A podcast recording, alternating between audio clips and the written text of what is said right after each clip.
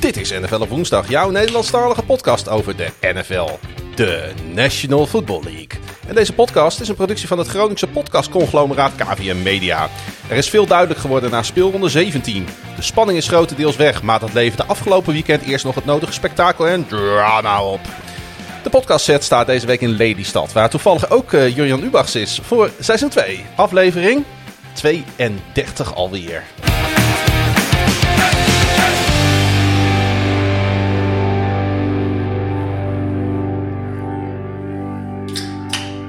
En laten we beginnen met het openmaken van een biertje. Want ik heb begrepen dat het zo hoort. Ook dat is NFL de Poesdag. Cheers, uh, Ja, proost Klaas. En uh, fijn dat ik welkom ben in uh, Lelystad. Ik neem even Altijd. een slokje. Ja, zeker. Altijd. Nee, fijn dat ik dit keer niet naar Groningen hoef te komen. Want inderdaad, wat was het? aflevering 13? Ja, aflevering 13. Zat ik, zat ik natuurlijk bij jullie. Volgens mij was het warm. En er stond een raam open op een zolderkamer. Dat is eigenlijk alles wat ik nog weet. Waren we aan het previewen. En, de rest ben ik vergeten. Want ik kreeg hele zware Poolse IPA'tjes aangeboden van een of andere lapstand die nooit meer bij de podcast is tegenwoordig. Ik weet dat je nog behoorlijk lam ging jij naar huis volgens mij, of niet? Volgens mij heb je alleen maar geslapen in de trein terug. Wel, nee, dat viel wel mee. Ja. Ik dacht, als ik nu in slaap val, dan word ik eens op Schiphol wakker. Dus dat gaan we maar niet doen. Nee, dat, dat ging nog wel redelijk goed. Nee, maar leuk dat, je, dat we nu hier aan mijn, uh, aan mijn eettafel zitten. Ja, want jij woont nog niet zo heel lang in Lelystad, hè? Nee, sinds juli. zijn in juli verhuisd. We woonden toen daarvoor in, in Amsterdam. flatje, klein balkon aan de drukke weg. En nou ja, Zeker gezien het feit dat uh, veel mensen in Nederland, waaronder ook ik, uh, hun werk tegenwoordig voornamelijk thuis uitvoeren, wilde ik graag wat meer ruimte om me heen. En dat heb je in Lelystad ten overvloede. Ja, en je hoort het misschien, we zitten niet in een podcaststudio, maar we zitten in een woonkamer. Dus het uh, geluid is, ja. is niet zo gedempt als normaal. Maar dat, uh, dat doet niks af aan de pret die we gaan hebben de komende uren. Want we hebben wat te bespreken. En uh, het is jouw tweede NFL-podcast al deze week. Ja, nee, ik uh, maak natuurlijk zelf altijd de Fantasy Show. Op ja. vrijdag nemen we die meestal op met, met Lars van, en met Jimmy van Sport Amerika. En deze week toevallig ook nog eens de recap gedaan samen met Toon. Dus nou ja, was een drukke week qua hoe, podcast. hoe was jouw fantasy seizoen? Volgende onderwerp? nee, de, de, shows waren leuk. We hebben leuke gesprekken gehad. Ja. Maar uh, de, uh, mijn, uh, het zat een beetje tegen. Heel veel van mijn, heel veel van mijn leagues die leunen toch wel zwaar op een bepaalde speler genaamd Christian McCaffrey. Dan is dit niet je jaar. Ja, ja, Moet ik, ik trouwens zeggen, ik ken zeker één iemand die wel zijn league gewonnen heeft, ondanks dat hij McCaffrey op zijn roster had. Dus dat vind ik extra knap. Maar... Ja, had hij Cooper Cup waarschijnlijk. Ik heb werkelijk geen idee, maar uh, Ton de Vries, uh, die normaal gesproken de, de podcast host, die mm. uh, won een, een Dynasty dit jaar. En wat was jouw quarterback in fantasy? Lamar Jackson op heel veel oh. plaatsen. Dus uh, je, ja. je, je, voelt nu een beetje waar het misgaat. Ik voel een beetje wat misgaat inderdaad. Nee, ik had één, één heel kansrijk team uh, met onder andere Debo Samuel, Cooper Cup, uh, Nick Chubb erin. Maar daar was ik dus ook, ook wel mede afhankelijk van Lamar Jackson. Ik moest terugvallen ja. op, de laatste twee weken terugvallen op Kirk Cousins en op Taysom Hill. Ja, dat, oh. dat werd hem niet. Ach ja, zo zijn er... gelukkig was de NFL zelf wel erg leuk. Ja, dat is ook zo. als de, en vaak is het zoals de NFL iets minder leuk is, dan is fantasy weer heel erg leuk om op terug te vallen. Hey, er is nogal wat engagement binnengekomen in de show voor onze show moet ik zeggen, op uh, zowel de Twitters als Instagram.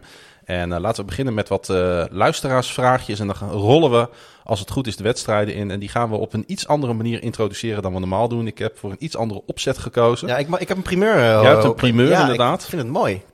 Ik heb uh, allemaal kekke muziekjes. En, jij, dacht, jij dacht, laat ik, laat ik de, de, het levendige hart van Lelystad verblijden met, uh, met een prachtige primeur. We gaan vol around the NFL. Waarschijnlijk ook meteen het grootste nieuws wat er deze week gebeurd is in Lelystad. Ja, dat, nou ja, er was een, een, een treinstoring. Oh ja, dat is een goede tweede. Waardoor heel station Lelystad opeens vol stond met mensen. Maar ik hoefde gelukkig dus in Lelystad eruit en hoefde niet verder. Ja, ja. Goed, um, maakt allemaal niet uit. Uh, Pieter, die vraagt via Twitter... Komt die lapswans van een Darth Hideous nog een keer weer bij die podcast? Of wat is dit? En dat is, heeft hij, uh, deze Pieter verstuurd vanuit uh, Seattle, Amerika... Want uh, natuurlijk mijn vaste co-host Pieter, die, hij landt vandaag weer. As we speak, terwijl we dit opnemen. Maar hij kon er dus nog net niet bij zijn. daarom zit ik hier natuurlijk met jou. En hij is volgende week gewoon weer terug. En dan gaan we de laatste speelronde gaan we behandelen. En vooruitkijken naar de playoffs. Dus wat dat betreft heeft hij een goed moment gekozen om weer terug te komen. Want dan begint natuurlijk het snoepje van het seizoen. In Ja. de vorm van de playoffs. Zeker. En eh, nou goed, hij heeft, hij heeft zichzelf niets tekort gedaan volgens mij met zijn eh, tripje naar eh, Amerika. Nee, hij zat natuurlijk eerst al met ons twee weken in Amerika. Twee keer de Bears zien spelen. één keer zien winnen, één keer zien verliezen. Natuurlijk van de Ravens. Maar hij zag de, zijn Bears nog een keer winnen. En dat is best wel knap in dit seizoen. Dat hem dat lukt. Dat hij meer overwinningen dan nederlagen ziet. Want die wonnen natuurlijk in Seattle vorige week. En over de Bears gesproken. Die wonnen deze week natuurlijk ook. Maar daar komen we nog weer op terug. Kwando. Zegt via Twitter, de Jacks zijn echt wel het camping-elftal van het jaar. Hè? Vorig jaar waren dat de Jets voor ons. Maar eh, die hebben zich echt wel een beetje opgericht, zo gedurende het seizoen. En eh, laten hele aardige dingen zien. Maar de Jaguars, het is echt... eh, ja, jij hebt ze natuurlijk eh, eh, de vier kwarten zien spelen tegen de Patriots afgelopen weekend. Nou ja, ja dat, dat niet alleen, maar ik heb ze ook nog vier kwart zien spelen gewoon met mijn eigen ogen in Londen. Ja, En ik moet heel eerlijk zeggen, toen waren ze nog niet, nou toen waren ze ook niet Bulls. Het was, het was Dolphins tegen de Jaguars was, dames en heren, niet de allerbeste wedstrijd van dit NFL-seizoen. Maar daar zat nog wel een of ander idee in. Het werd niet altijd uitgevoerd, maar het, goed uitgevoerd. Maar ik, ik begreep op zich wel wat ze probeerden te doen. Ehm, ik, nou, wat, ik, wat ik tegen de Patriots heb gezien, en dat zal vast ook voor een deel eh, de credit zijn voor de Patriots defense, die eh, zoals bekend eh, lastig is om tegen te spelen, zeker voor een rookie quarterback. ja. Maar dit was zo slecht. Dit was echt. Ik, ik, ik kon, ik, na tien minuten in de wedstrijd kon ik eigenlijk al stoppen met kijken en gewoon mezelf op Red Zone gaan focussen, want de, de wedstrijd was al afgelopen. Ik twitterde het ook deze week. Als je kijkt naar bijvoorbeeld de Texans, die er iedere keer toch weer proberen een wedstrijd van te maken. De Detroit Lions, die met een leeuwenhart die wedstrijden iedere keer aangaan. Mooi. Het mooi. lukt vaak niet, maar er zit wel eh, eh, eh, een ongelofelijke dosis vechtlust in. Bij de Jaguars is er echt helemaal niemand meer die erin gelooft. Hè? Zowel bij de coachingstaf als de spelers niet. Nee, ja, nee, goed. Je hebt natuurlijk het, het moment van het seizoen daar is natuurlijk dat Urban Meyer op een gegeven moment weg wordt gestuurd. En dan, dan hoop je toch met z'n allen van, nou, dit zal eh, goed nieuws zijn, hopelijk. Voor, Een van de meest terechte ontslagen van de Ja, nee, afgelopen... zeker. Hè. Eh, Robin- het, het wegvallen van Robinson helpt natuurlijk niet. Nee. Eh, dus er zijn heus wel wat mits Dat was de enige sparkle nog in dat team. Ja, hè? en ook als je een hele goede running hebt, dan, dan wordt de druk op, op Lawrence natuurlijk wat Ja. minder. Kan hij misschien iets meer ruimte vinden voor zijn passes die hij ook echt wel nodig heeft, want hij heeft het echt wel moeilijk mee. Ehm, maar ja, niets van dat alles is aan de hand. Eigenlijk alles wat tegen kan zitten, zit tegen daar. En ja, klassiek gevalletje van eh, de campingstoelen maar weer opklappen en volgend jaar opnieuw proberen. Ja, ik heb wel een beetje met de fans te doen. eh, eh, als Michael luistert, sterkte jongen. Henk die begint over de draft van volgend jaar. Dat snap ik wel als je een team hebt wat, wat vroeg mag pikken. En in dit geval zelfs twee picks heeft. Hij is namelijk fan van de New York Jets. Hij zegt Aiden Hutchinson en Kayvon Thibodeau, volgens mij spreek je het zo uit, zijn de gedoodverfde nummers 1 en 2 picks. Hoe groot achten jullie de kans dat ze door de Jaguars en de Lions worden gekozen? Ja, ik moet heel eerlijk zeggen, ik heb mij hier nog niet heel erg in verdiept. Nee, hetzelfde. Ik weet dat eh, Lars, die is de, de, onze in-house eh, eh, rookie college expert, Ja. die zit er al redelijk in. Dus ik zou zeggen, als je het echt graag wil weten, tweet Lars Leeftink even, die kan het je vast vertellen. Maar ik, ik ben er zelf nog niet helemaal ingedoken. Ik paas hem gewoon even door naar Lars. ja. Lars, doet Lars ook eens een keer wat zeg. over Lars gesproken en over Sport Amerika. Ik heb het niet eens heel benoemd, maar dat is natuurlijk de podcast waar je normaal gesproken tegenaan bemoeit. Ja, Bij, bij, bij, bij Sport Amerika al, al heel wat jaartjes, hè? Ja. Ah, de podcast zelf nog niet zo heel lang, want dat doen we natuurlijk ook nog maar. eh, we, hebben, we deden hem eerst, Ah. nog, eerst nog live in de studio, dat hebben we natuurlijk nog een paar jaar gehad. Waar jij Ja. natuurlijk ook nog een keer eh, volgens mij te gast bent geweest. Zeker.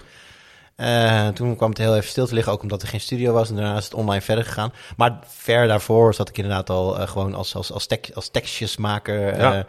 Ik denk 2012, 2011 is moet dat. eh, ik weet Ja. wanneer ik denk Sport- dat wij zelfs ongeveer gelijktijdig eh, bij Sport Ja, Amerika dat zou zijn begonnen. kunnen, ja. Ja, maar dat, dat, dat, Tien jaar geleden. Het eh, digitale Sport America Magazine natuurlijk nog, nog gemaakt. Ja, onder de bezielende leiding van Darch. Ja, die, ze- die ze nog steeds af en toe even doortweet. Gewoon met en ik oude moet, issues. en ik moet eerlijk zeggen, ik kan het vaak niet laten om ze even Ik door ook. te Het- het bladeren. blijft En leuk om te er, lezen. Het ziet er awesome uit, hè? Wie, wil, wie wil er anno 2022 nou niet een volledig artikel over Tim Tebow lezen?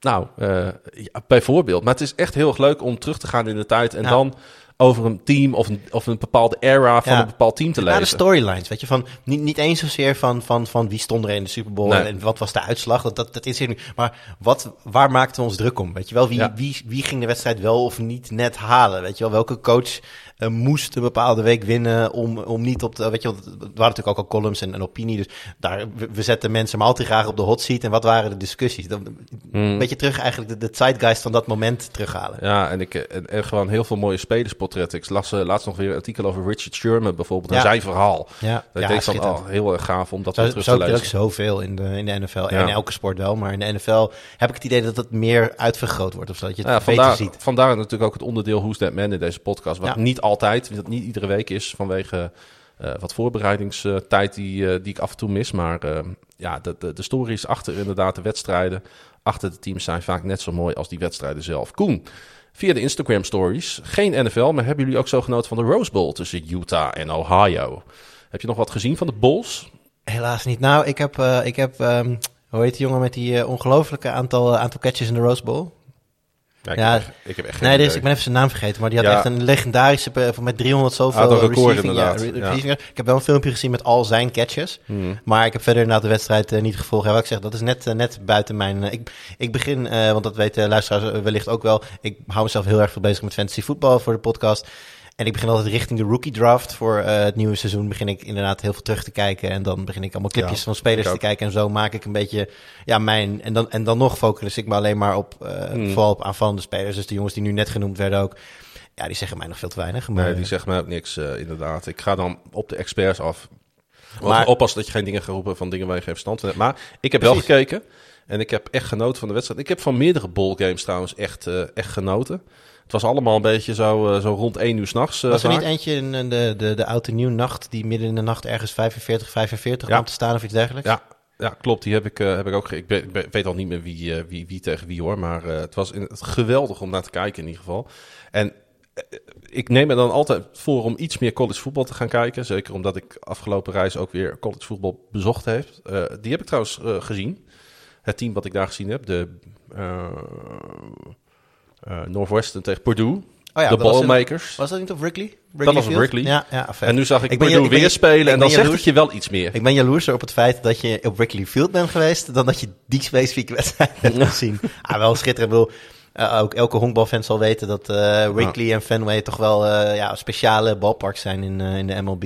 Ja, en als je dan in de winter de kans krijgt om Ja. binnen de poorten Ja. van Wrigley een wedstrijd te zien. Ja, bij Fenway kan het ook. Eh, als daar weer een, eh, in de winter een hockeygame wordt gehouden. Die, Oh Ja. eh, die, die, winterse, die winter, volgens mij is dat de Winter Classic of Ja, zo noemen ze Winter dat. Classic. Ja, dan, eh, dat heeft eh, Fenway ook al een aantal keer gedaan. Dat Ja. dan eh, de Bruins daar een wedstrijd spelen. En, eh, maar ja, ik, ja, je moet dan niet voor het hockey gaan. Want je zit ongelooflijk, vergeleken met een normaal hockeystadion, zit je natuurlijk heel ver weg van de actie. Want Ja. een, een, baseballstadion is vrij. Het is eigenlijk een soort van pic- picknickplek waar toevallig ook nog mensen met een bal bezig zijn en, en, en, en- en daar dan tegenaan gaan slaan en zo. En ondertussen zit je gewoon lekker bier te hakken en een beetje te eten.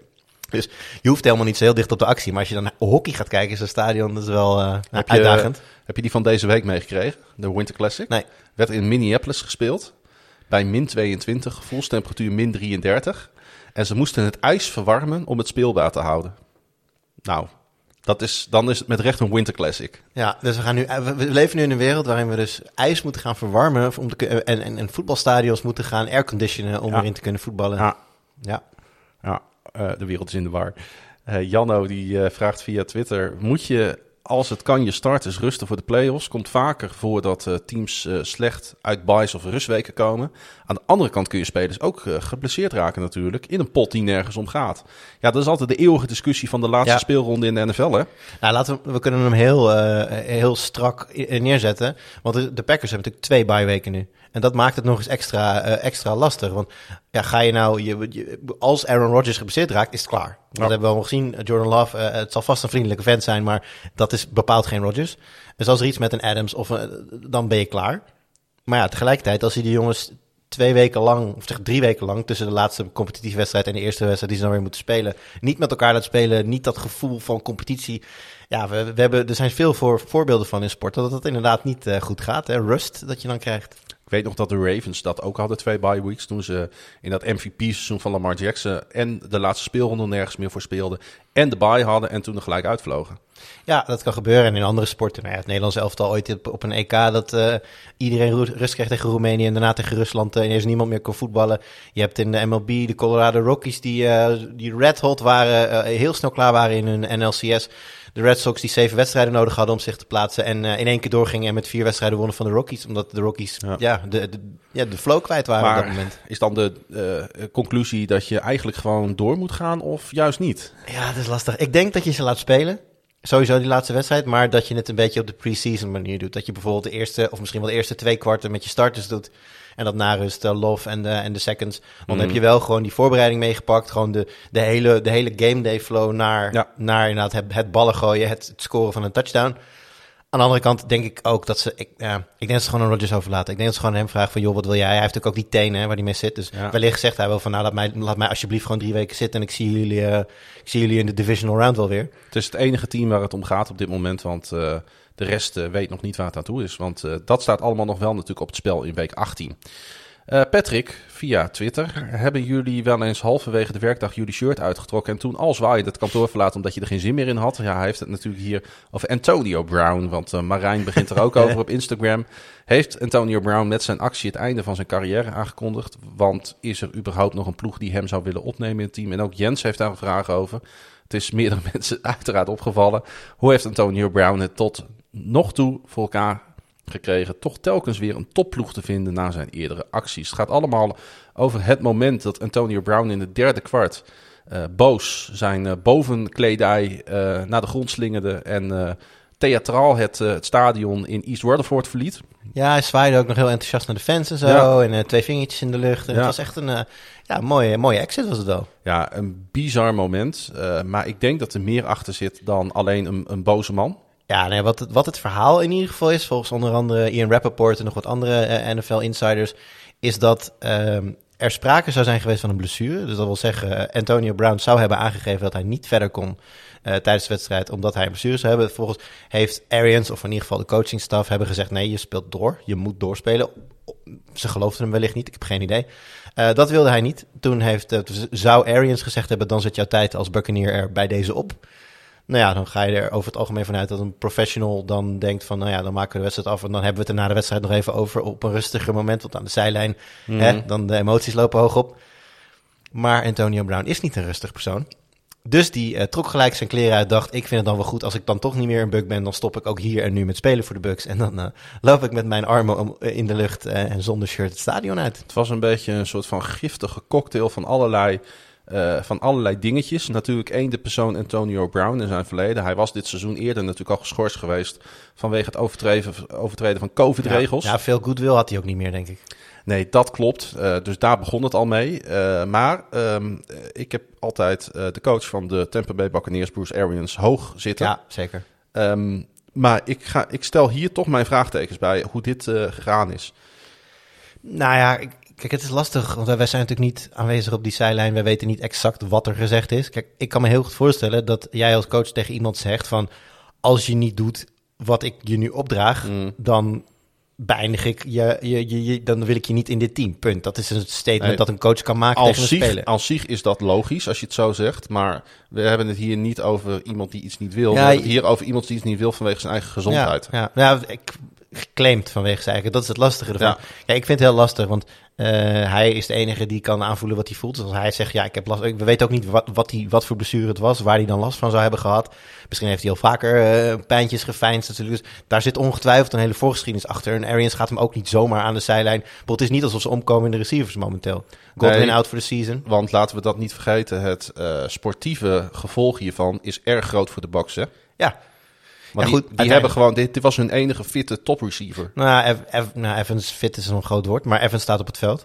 Dus, maar voor Ja. de rest is het, eh, is het al heel snel. Hangt- is het maar hangt ook tegen, tegen, Ja. tegen het eind van het seizoen aan. Tegen Ja. blessures aan. Eh, ik, ik, ik denk dat dit... eh, maar dit, dit zal... ja, heeft dit impact op het team? Heeft dit impact op een Tom Brady? Hij leek wat, wat, wat ondanks de overwinning, wat neergeslagen ook, vond ik in de persconferentie na afloop. Nou ja, Heeft toch Ik- wel impact gehad, denk ik hoor. kijk, om, eh, eh, welke, iemand die vroeg het net ook. eh, hoe slaagt Antonio Brown er steeds weer in om een topploeg te vinden? Dat is natuurlijk vriendjes worden met Tom Brady. Ja. En hij is op voorspraak van Tom Brady is hij naar New England gehaald. Hij is op voorspraak van Tom Brady naar Tampa Bay gehaald. Dus dat Ja. is vrij duidelijk.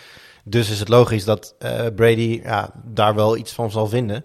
Maar ja, voor het team, kijk, uiteindelijk is Antonio Brown op het moment dat hij niet op het veld staat en zorgt voor opschudding rond het team, niet goed voor je, voor je succes. Nee. Dus ik denk, ja, ik heb wel zoiets als, als, als, het, als het vat dat daar staat kennelijk zo makkelijk kan exploderen. Ja, doe dan maar lekker in week 17, laat hem weglopen en probeer met wat je overhoudt dan maar hè, een, een enige cohesie te vinden. En laten we wel wezen, uh, Tom Brady kan van iedereen en zijn moeder een, een NFL-receiver maken. Dus het is niet dat hij Brown nodig heeft. Maar eh, goed, wat je zegt, hè, Godwin out, uh, Evans niet fit, Brown Ja. nu dus weg. Ja. Ja, dan blijft er niet super veel talent open. Hun mazzels wel, ze hebben op tight end in mijn ogen echt een hele goede groep. Ik denk dat we veel meer van Howard gaan zien bijvoorbeeld. Die eh, zien we heel weinig. hè. Gronkowski en, eh, en Braid zijn daar van de tight ends natuurlijk de mannen die de ballen krijgen momenteel. Nou Braid die speelt eigenlijk al anderhalf jaar eh, geweldig bij de Tampa Bay maar, maar toch in de schaduw van Gronkowski. Uiteraard. Maar, maar goed, Gronk die, die neemt natuurlijk ook wat coverage met zich mee. In, in zijn schaduw denk ik dat je Braid wellicht misschien wel als... misschien gaat, gaan ze Braid wel naar wideout schuiven. Kijk, hij is niet topsnel, maar wel groot. Dus ja, ik, eh, ik denk dat ze heel veel die tight ends toch nog, eh, nog gaan gebruiken. Genoeg eh, gepuzzel voor Arians om een nieuwe Super Bowl run in ieder geval te maken.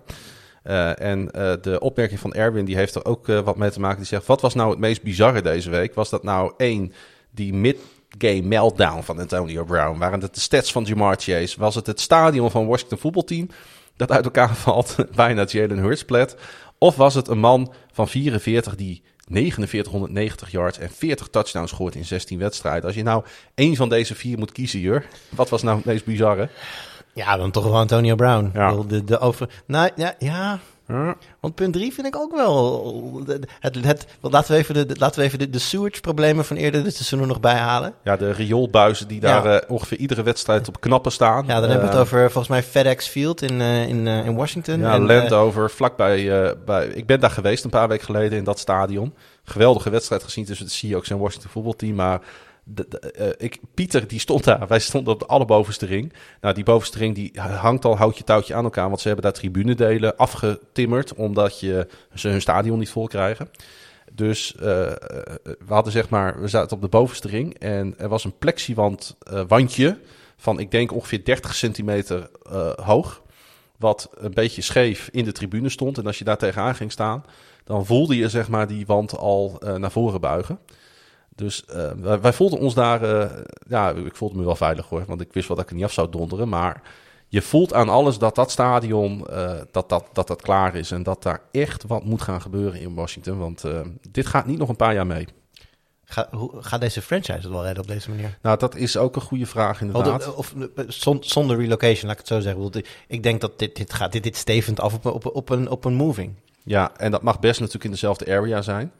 Eh, ze kunnen best een stadion Ja. ergens anders bouwen. Maar, Ja, maar ook de, de animo in de Washington area. Ik bedoel, het, is, het is natuurlijk ook een lastige regio. Hè? De regio daar is natuurlijk behoorlijk verzadigd met veel andere sterker, sterkere voetbalteams. Ja, met het is- veel fans. Het is heel dicht bevolkt daar. ja, dus, eh, maar- dus ik, ik zie ze ook zomaar gewoon aan een heel ander deel van het land. eh, met, met alle puzzels eh, voor de divisies van dien die je dan weer moet gaan leggen het natuurlijk. zou wel echt een, eh, echt een hap zijn uit de historie van de NFL Ja, hoor. ja, ja, de NFL zal, zal het misschien tegenwerken. Maar ik, ja, weet je, je hebt een leeg stadion. Of het is grotendeels toch leeg stadion. Een stadion dat aan vervanging toe is. Een team dat ja, zijn identiteit min of meer kwijt is. Niet Ja. weet wat het aan moet met een nieuwe naam. eh, zijn eigen reservebanken meeneemt naar andere stadions. De, de, er, wordt, er gebeuren allemaal rare dingen. Het is een heel, heel, heel raar team. Het is, ik, stel dat jij nou general manager was. Maar En-. Ik, ik, dan wordt, en jij wordt gebeld. Je zegt ja, we willen graag een nieuwe Ja. GM in Washington.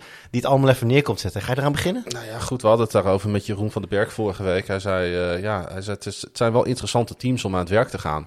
Want er moet zoveel gebeuren. Er moet Ja, kan zoveel het niet slechter gebeuren. Nou kan ja, het niet slechter doen. Eh, het belangrijkste vergeet je nog wel. Er ligt natuurlijk een eh, soort van MeToo-geschiedenis over deze Ja, eh, ook nog. franchise heen. De afgelopen tien jaar zijn hier dingen gebeurd die absoluut het daglicht niet kunnen verdragen. Er is misbruik gemaakt van cheerleaders onder andere. Ja, maar dus dat, dat Vrouwelijke medewerkers. Maar dat komt nu toch mondjesmaats naar buiten. En dus dat, er schijnt nog een hele beerput open te gaan. Dit- het is nog lang niet klaar. Nee. Nee.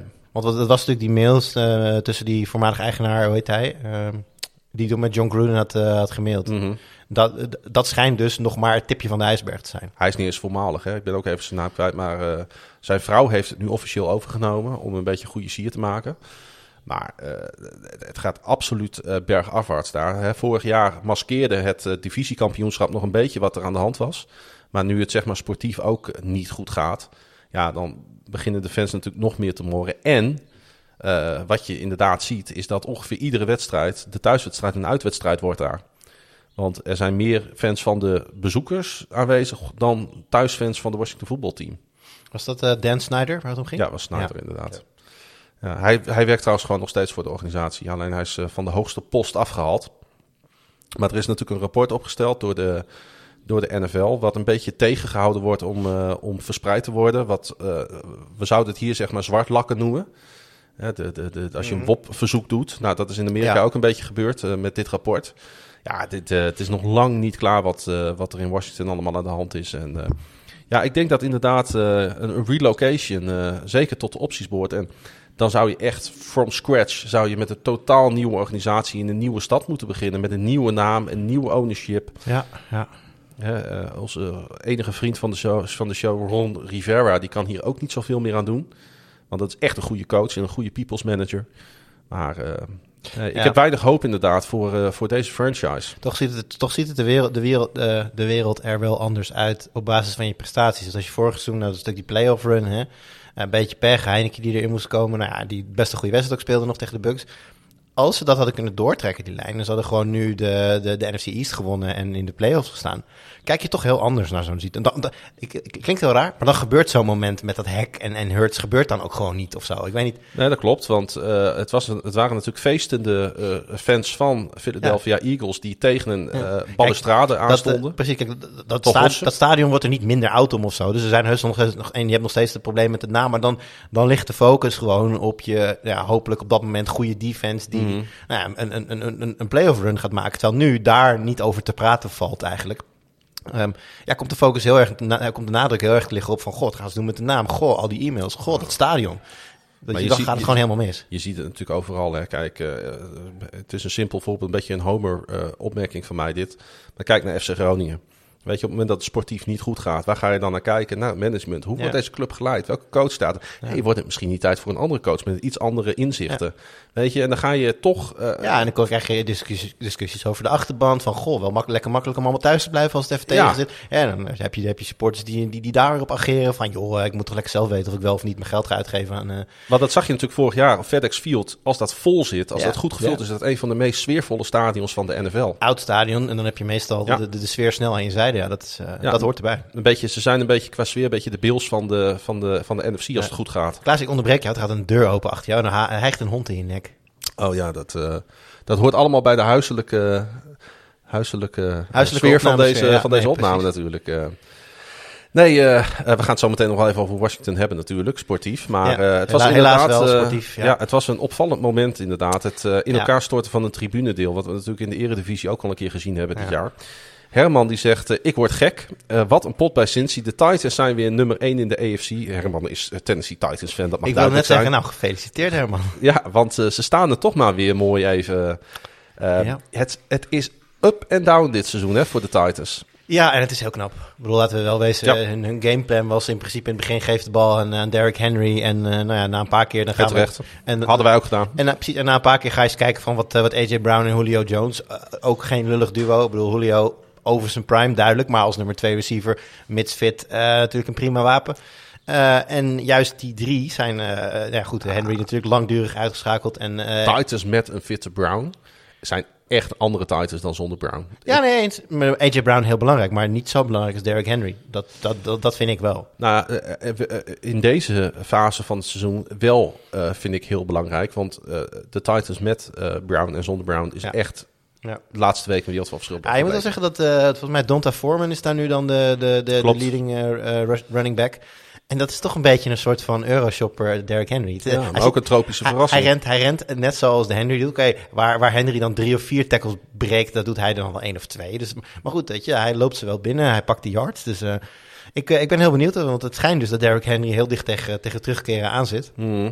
Dus dat kan nog heel interessant worden voor de Titans. Nog een laatste opmerking van Frank.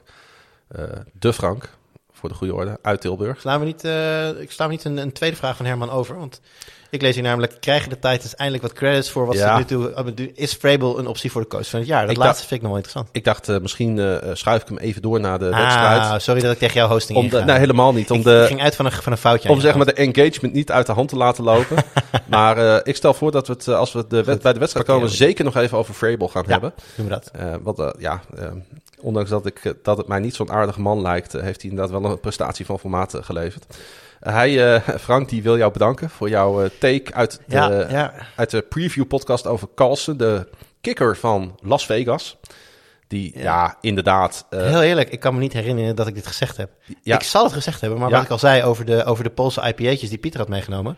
Die hebben mij beroofd van... eh nou ja, ik, eh, ik, ik weet nog redelijk veel van die avond, maar niet meer dat ik eh, Carlson heb getipt Ja, het als, was, jouw als tip, kicker voor fantasy. absoluut. En hij heeft het helemaal waargemaakt dit jaar. Ja, die is een soort van automatic. En, Het is, de, het is de meest stabiele factor, denk ik, in de, in de NFL onder de kickers. Nou, wat ik, ik denk dan dat ik geredeneerd heb dat ik voorzag dat de Raiders niet veel drives zouden gaan afmaken met touchdowns. Mhm. Waardoor ze maar wel relatief makkelijk yards zouden gaan pakken. Ook met Waller natuurlijk. Ja, ze Waardoor hebben ze- twee waardoor van de laatste drie wedstrijden op die manier gewonnen. Ja, dus dat ze veel kicks kunnen gaan maken en Ja. dan het Carlson doen. Nou goed. Jammer dat ik niet naar mijn, naar mijn eigen advies heb geluisterd. Wellicht had het dan anders afgelopen in mijn, eh, in mijn leagues. Ja.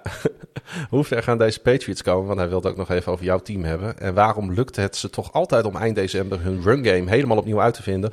Is dat bewust of is misschien ook een sprankje geluk bij? Nou, het is heel simpel. Het is de beste franchise van, van de... Nee, Eh, ik zal het... eh, heel, heel, simpel, heel simpel is het niet, maar ook weer wel. Ehm, het is een franchise die heel goed geleid wordt. Het is een hele... Al, al Ja. jaren natuurlijk eh, Belichick vooral eh, eh, geroemd om zijn, om zijn defensieve in, eh, inzichten. Maar, met, maar met, met McDaniels natuurlijk een hele ervaren offensive coordinator.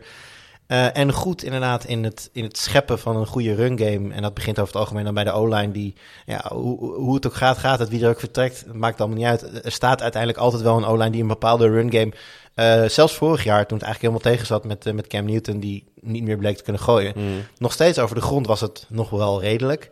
En ja, het blijkt toch dat ze Nou, daar... Zo hebben jullie van de Ravens gewonnen in de regen. Ja, nou goed, dan, eh, zo zie je maar. eh, in de NFL kan altijd iedereen van iedereen winnen. Nou, wat mij opvalt, ik denk dat het vooral ook de kwaliteit is van Bill Belichick om zich altijd aan te passen Ja. naar de situatie en omstandigheden. Ja, maar je ziet wel dat hij altijd wel naar een goed werkende running game toe wil. Ook hè, als je terugdenkt aan eh, de Patriots die dan uiteindelijk van, de, van Seattle, of nee, van, eh, ja, van Seattle eh, Seahawks won. In dat, in dat jaar was bijvoorbeeld LeGarrette Blunt heel belangrijk.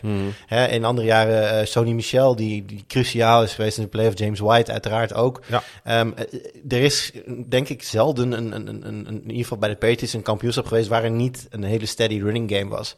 Wat ook een van de geheimen was om- waarom Brady zo, tussen aanhalingstekens, veel en makkelijk wint. Ja, en dat het, laat denk komt, ik- het komt nooit helemaal alleen maar op Brady aan. En dat laat denk ik ook zien dat je niet per se een top running back nodig hebt om een Nee. goede running game te hebben. Nee, maar dan, en, dan, dat moet ik wel zeggen. En dan is het ook een beetje geluk, uiteraard. Ik bedoel, hè, Ramondre Stevenson was even uit mijn hoofd een sixth round pick of iets dergelijks. Mhm. In ieder geval geen first rounder. Ehm, en eh, ja, blijkt gewoon een hele capabele running back te zijn. In ieder geval een hele goede tweede viool achter Damian Harris, die denk ik boven ieders verwachting speelt. Ja. Ja, dan, eh, wat je toch wel veel ziet in de NFL nu, is dat eigenlijk alle teams een, een one-two punch willen hebben. Je ziet eigenlijk heel weinig meer die echte three down, weet je wel, bell cow. Nou ja, wat Najee Harris dus wel doet bij, bij Pittsburgh. Ja.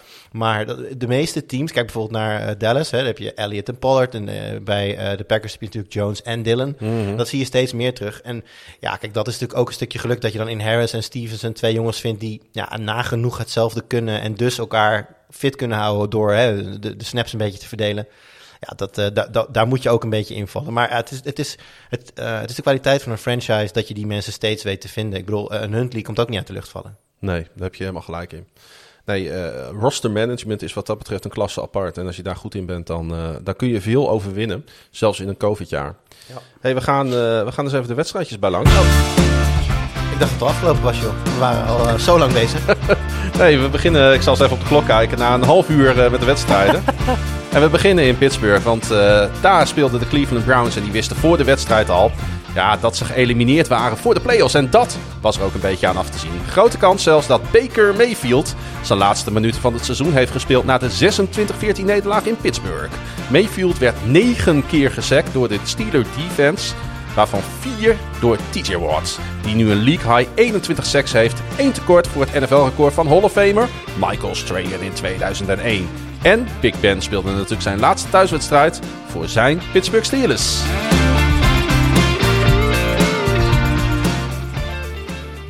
Ja, de Browns en de Steelers. Wat vind je trouwens van eh, om dit eh, zo'n beetje met muziekjes te doen? Ik, eh, ik denk dat als ik net eh, een half uur lang slap geluld ben door een stukje engagement, dat ik hier wel even, uh, Juist, dat, even oplet vooral. was ook mijn gedachte. Ik Mensen weet- moeten af en toe even wakker Luister, geschud je worden. luistert zelf ook veel podcast? Wat Misschien. Ik, wat ik heel vaak zelf merk aan mezelf, dat ik op een gegeven moment eh, merk dat ik al tien minuten zoned out was en eigenlijk helemaal niet heb gehoord waar het nou over ging. En ik denk dat dit een heel goede reminder is voor mensen om even te denken, oh ja, ik zit een podcast te luisteren. Dat is waar ook. Dat uh, was ook mijn uh, idee. Hey, uh, de Monday Night Football, traditiegetrouw natuurlijk altijd de wedstrijd waar wij NFL op woensdag mee aftrappen. Um, ja, dat was um, niet zo'n hele goede wedstrijd, maar er speelde natuurlijk iets anders. En dat was Big Ben Roethlisberger, die zijn laatste thuiswedstrijd, nou ja, mogen we allemaal aannemen, heeft gespeeld voor de Steelers. Hè? Er is een theoretische kans dat ze de playoffs nog halen. Dan moeten ze in die playoffs een flink aantal wedstrijden winnen. Nee, ze komen niet meer thuis. Ze, Nee. zullen, ze zullen nooit een hoog seed worden, dus ze komen dan ook niet meer thuis. Dus dan zou die... De, stel, kunnen alleen de zevende stel seed nou, halen. Stel nou dat Ja. Ben ineens zijn tweede... Nee, dat hij zijn tweede jeugd, der, vierde jeugd vindt. En hij leidt ze naar de Super Bowl en hij wint hem. Dan kunnen ze niet anders. En, en, hij, en, hij, en hij zegt, oh, dan, dan denk ik nog steeds dat hij met de Lombardi trofee in zijn handen zegt: Jongens, ik ga met pensioen tot, eh, te- tot een andere keer.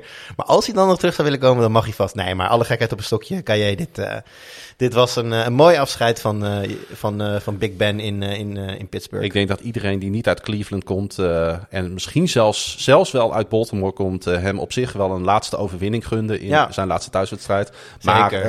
Nou ja, ze- vergeet Patriots ook niet, hè? Want dat is natuurlijk een van onze vaste rivalen als het gaat om, net zoals de Ravens dat zijn natuurlijk, maar voor de, in, in de AFC. kijk, Ajax, PSV en Feyenoord kunnen ook respect voor elkaar hebben, ondanks dat je elkaar haat. Nou ja, kijk, toevallig had ik het hier dan met eh, Toon, ook een Patriots-fan, over in, eh, in de eh, Sport America podcast. En Mhm. we zeiden al, een rivaliteit is maar zo leuk als je, tegen, als, als je rivaal. Als je rivaal. Ik bedoel, nee, Ajax Feyenoord is eigenlijk nu best wel een goed voorbeeld. De, de lol van die wedstrijd is, we- is weggevallen voor een belangrijk deel. Bij, in ieder geval onder de Ajaxiden. Omdat het niet meer zo spannend is als vroeger. Het Nee. is veranderd in een wedstrijd die Ajax op papier gewoon moet winnen. Terwijl je wil eigenlijk met angst en beven naar het stadion als je grote Ja. rivaal lang. Je, je wil, en je, pas dan voel je ook die enorme blijdschap als je gewonnen hebt. Kijk ook naar het record van Big Ben tegen Cleveland over de hele carrière. 26-3-1. ja, daar, daar is van spanning gewoon... Nou, hij, hij heeft natuurlijk wel... Nee. Vorig jaar was Ja. er natuurlijk dat, eh, dat verlies tegen Cleveland. Een van die zeldzame verliespartijen in de playoffs. Ja, ja die deed wel pijn, ja. Die deed pijn, die heeft hij een beetje goed gemaakt. Eh, maar goed, hij is nu 39. Ehm, eh, ik, ik denk dat, dat het een mooi moment is om, om gewoon te stoppen met een winning season. Trouwens, eh, hè, Mike Tomlin, alle seizoenen bij de Steelers een winning season gedraaid. Nog wel. Eh, nog wel, inderdaad. Kan natuurlijk, eh, nee, kan het- hij, kan, hij kan het niet meer. Hij kan tegen de Baltimore Ravens niet meer verspelen, want ze hebben die tie. Ah ja, dus dan komt hij op een... hij komt altijd op 0-5 te staan. Ja, oké, dat is waar. Ja, maar dat is niet winning. Telt jawel. het? Ja, Ja, dat sta telt als winning season. Oh jezus, want dat, Ja, dat, je- gelijke- dat halve puntje van die gelijkspel, dat, dat krijg je dan eh, als Dan ben je, dan ben je season 8-8-1, hè? Ah, ja, ja, ja, ja. Ja. Goedkoop, Mike, goedkoop. Hey, Mayfield, eh, moeten we het even over hebben. Want eh, eh, eh, ik denk dat weinig quarterbacks dit seizoen zo geplaagd zijn. En zo, eh, eh, ja, zo veel besproken ook als Baker Mayfield bij de Cleveland Browns. Hij liet deze wedstrijd slechts 16 passes aankomen voor 185 yards. En dat is toch wel om te janken. Eh, had vorige week natuurlijk die eh, beroerde pot eh, bij Green Bay. Waarin hij vier intercepties maar liefst gooide. En ook deze wedstrijd kon die, ehm, kon die het op zich. ja, de Browns waren echt niet kansloos deze wedstrijd. Maar het zit er Moet niet in. Hij niet- als je kansloos bent tegen de Steelers momenteel. Ja, dat is ook wel weer waar inderdaad. Hij speelt al sinds week 2 natuurlijk met een schouderblessure. Moet ook geopereerd worden. Hebben de Browns het te veel doorgedramd om, eh, om, om Mayfield maar te laten spelen? Als het kon. Nou ja, kijk, als je eh, logisch nadenkend zeg je waarschijnlijk ja. Want het, het is in principe nog steeds het idee eh, dat het je franchise quarterback is. En ja, heb je een, heb je een playoff waardig roster? Aan de andere kant, de Browns hebben hoe vaak de playoffs gehaald, Klaas, in de laatste 18 jaar? Eén keer. Precies. Zo, ik denk dat je als Browns coach, zolang je erin zit, eh, alles moet doen om het te halen. En eh, ik denk dat je in die zin dan niet kan zeggen dat ze te hard gepusht hebben. Ik denk als je, het is, het is een topatleet. Ik denk als je dan hem vraagt, wil je spelen? Volgens mij elke speler zegt ja, behalve Antonio Brown. Maar elke speler zegt die verder zegt, zegt ja. Ja. Nee, ik, ik vind niet dat ze hem te hard hebben gepusht. Natuurlijk is die jongen niet fit. Maar eh, ja, zijn de Browns beter met, met, met een van de andere eh, back- backups die daar nog rondlopen? Case Keenum en wat daar nog verder achter zit? Ik denk het niet. Dus Nee. eh, als hij aangeeft te kunnen spelen, als de dokter zegt dat het kan, dan is er no such thing als te hard pushen, wat mij betreft. Laten we dan, als dat het geval is, wel even naar de gameplan van de Browns gaan kijken. Want weet iemand waarom de Browns ehm, eh, voor rust negen keer gingen rennen? Terwijl zij de nummer 3 ranked rushing attack in de league hebben en de Steelers de 32e running defense van de league. Snap, je, laag, ja? Ja. Oh, wauw. snap jij dan iets van een gameplan? Zoals deze? Eh, nee, zeker niet. Aangezien niet. zij in eh, Nick Chubb een van de betere, in mijn ogen betere running backs in Mhm. de league hebben. Dus eh, nee, dat snap ik niet. En Mayfield, je merkt ook aan alles dat hij gewoon niet lekker in zijn vel zit. Hè? Want ik weet niet of je die interceptie nog hebt gezien op Kilo Witherspoon. Terwijl hij een open receiver had op dat moment. Um, het was echt beroerd. Hij had op een gegeven moment had hij tien op één volgende incompletions. Nou, dat is knap, hè? Dat, dat lukt zelfs Lawrence dit seizoen niet. Om tien keer achter elkaar een bal niet naar een medespeler te gooien. Ja, Lawrence, die, ja, goed, laten, we daar, laten we daar niet te veel op doorhameren. Nee, dat, we gaan, ik ga, maar ik, om even zeg maar, nee, wat tegenover te zetten. Ik zie je punt. Ja, hey, uh, de run game was dus een non-factor tegen deze Steelers. Nou, ik snapte daar echt helemaal niets van. Um, en het heeft wel tot gevolg gehad dat de Steelers nog een kans maken om de playoffs te halen. En dat hebben ze natuurlijk voor een groot deel te danken ook aan rookie Najee Harris. Want hij rende voor een career best 188 yards en een touchdown. Um, hij is wel echt het lichtpuntje in het seizoen van de Steelers, hè? Ja, en misschien, zeker. en misschien zelfs wel een lichtpuntje voor überhaupt de NFL-kijker. Uh, gaat wat ver, maar uh, nee, voor de Steelers zeker. Ik denk nou, dat het, is, ik... het is echt, hij, is, hij is de moeite waard om een wedstrijd van de Steelers aan te zetten. Oh, je bedoelt voor de NFL-kijker die een wedstrijd van de Steelers Ja, gaat bekijken? Ja, oké. wil ik wel zeggen, ik, ik, ik Nou, dit, wel- was, dit was een primetime ik, game, hè? Ik ken wel andere spelers die ik nog leuker vind om naar te kijken Nee. dan, dan Najee Harris. maar, Maar, goed, als je dan... eh, je hebt geen keuze, hè? Want Monday Night Football Nee, is één eens. wedstrijd. nee, dan is Najee zeker... Ah, hij, heeft, hij heeft wel zijn mindere periode ook gehad dit seizoen. Maar goed, het is Ja. een rookie. Dat, eh, zeker ook een rookie met die workload mag je van verwachten dat het niet elke week even eh, explosief zal zijn. Ja, dit is wat Najee Harris kan. Dit is de, de reden dat eh, hij in veel fantasy drafts in ieder geval als, eh, als, als eh, eerste werd gekozen in rookie drafts. Dus Ja. ja, dit is de speler waarvan we allemaal hoopten dat hem zou zijn. En we weten in, in- bij de Steelers, Mike Tomlin is dus nog wel zo'n ouderwetse coach die het liefst gewoon één running back aanwijst als zeg maar, jij bent de guy en als je echt niet meer kan rennen, heb ik eentje nog op de bank zitten die Mhm. af en toe voor je invalt. Maar dat was het dan ook. En volgens mij in het begin van het seizoen had die wedstrijd dat hij 99% van de snaps speelde en weet ik het wat. Dus eh, ja, die, eh, die eh, is, zeker een lichtpuntje. Met zo'n jongen maakt het dan ook niet heel veel uit wat voor quarterback daarnaast komt te staan volgend jaar. Minder uit in Hmm. ieder geval. Dat is een interessante vraag. Want eh, als we het daar dan toch over hebben. eh, de Steelers moeten nu gaan doorschakelen. Er is in de draft denk ik weinig opties zijn er voor hun. Zeker omdat ze natuurlijk aan de onderkant van het, van het kiesschema zitten. Ehm, moeten zij in eh, free agency gaan kijken wat er elders in de league rondloopt. Ja. En ik heb overigens geen eh, zicht op de, op de cap space die zij hebben. Dus ik weet niet wat er realistisch is voor de Steelers. Nee, Maar ja, kijk, het is een, het is een, eh, het is een franchise met een enorme achterban, met een enorme historie. Het is, ik bedoel, ik denk, er zijn maar heel weinig, als je zeg maar als speler carte blanche krijgt en je zou een soort van zekerheid hebben dat je competitief zou zijn, dan denk ik dat de Steelers voor heel veel spelers heel hoog gaan staan. Ja. Net zoals dat, er zijn een aantal franchises die gewoon zo, eh, zo klassiek zijn, daar wil je voor spelen. Zou het je heel erg verbazen als, als bijvoorbeeld een Aaron Rodgers voor de Steelers zou willen spelen? Gewoon in, in, in- zeg maar in, eh, als uitgangspunt. Hè? Ik, Ja. weet- ik weet wat ik zeg. Ik weet niet of het, eh, of het realistisch is. Ik weet ook niet of Rodgers inmiddels bedacht heeft dat hij misschien niet gewoon beter bij de Packers kan blijven. Want dat gaat best goed. Ehm, ja, nee, maar om een antwoord te geven op je vraag. Ja, zeker moeten die iets gaan doen in free agency. Er zijn natuurlijk een aantal opties. Ehm, ik, Ja, zag, Baker May- Oh nee, die, is, eh, die heeft nog een contract. ik zag ergens natuurlijk uiteraard weer de naam van de John Watson voorbij komen. Nou ja, de ene verkrachten voor de andere. Dat zou op zich in Pittsburgh wel passen. Oké, een beetje flauw dit. ja, het gaat, eh, Ja. het gaat, er hard, gaat er hard een keer. Nou ja, er is een. eh, de- de- dat- ja, het is flauw om te zeggen, maar. Nee, het is niet flauw om te zeggen. Het is gewoon zo. Er ligt natuurlijk ook een MeToo-dekentje over deze quarterback heen. Ehm, wat natuurlijk wel vervelend voor hem is, maar het hoort wel bij de legacy helaas voor hem. Ja. Ehm, ja, het is natuurlijk, eh, we gaan dat in de gaten houden. Het is interessant om te kijken wat Pittsburgh gaat doen. Want dat is eh, voor de hele AFC natuurlijk. eh, Ja, Een belangrijke. Nou ja, kijk, de, de, de, aanval, de, de aanval is wel zo dat je, maar, dat je in principe één quarterback verwijderd bent van competitief zijn sowieso in de zouden divisie. ze meer voor een pocket pass of voor een mobiele quarterback moeten gaan? Pocket passer. Ik denk niet dat je, dat je, ik denk ook niet dat Mike Tomlin zijn hele, zijn hele idee wil gaan veranderen. Nee. Ik denk dat ze, dat ze afhankelijk zijn van iemand die heel goed kan gooien. Nou, Eh, dan is Aaron Rodgers natuurlijk. eh, ja, dat, dat is in principe een, een, Ja. een goede match. Maar zij zullen zeker niet de enige, eh, ook niet de enige storied franchise zijn. Ik denk namelijk dat, dat, dat meneer Elway vanuit, vanuit Denver ook wel wat telefoontjes richting Green Bay zal sturen. Ik weet wel zeker. Ja, dus ze zullen de enige niet zijn. En wat ik zeg nogmaals, ik weet niet of Pittsburgh überhaupt de mogelijkheden heeft om hem, om hem te halen. Eh, maar als je een, als je elke franchise waar Rodgers voor gaat spelen, wordt in één klap eh, natuurlijk goed. Maar Ja. ja. als al hun wapens fit zijn, bedoel, ze hebben zeker niet de lulligste wide receiver receivergroep van de league. Ze hebben in mijn ogen in uh, Pat Fryermuth een van de, ja, misschien wel minst besproken, maar meest, in mijn ogen meest opvallende tight ends. Want iedereen had natuurlijk als rookie over Kyle Pitts. Dat was natuurlijk de grote blikvanger in, de, in de league op tight end.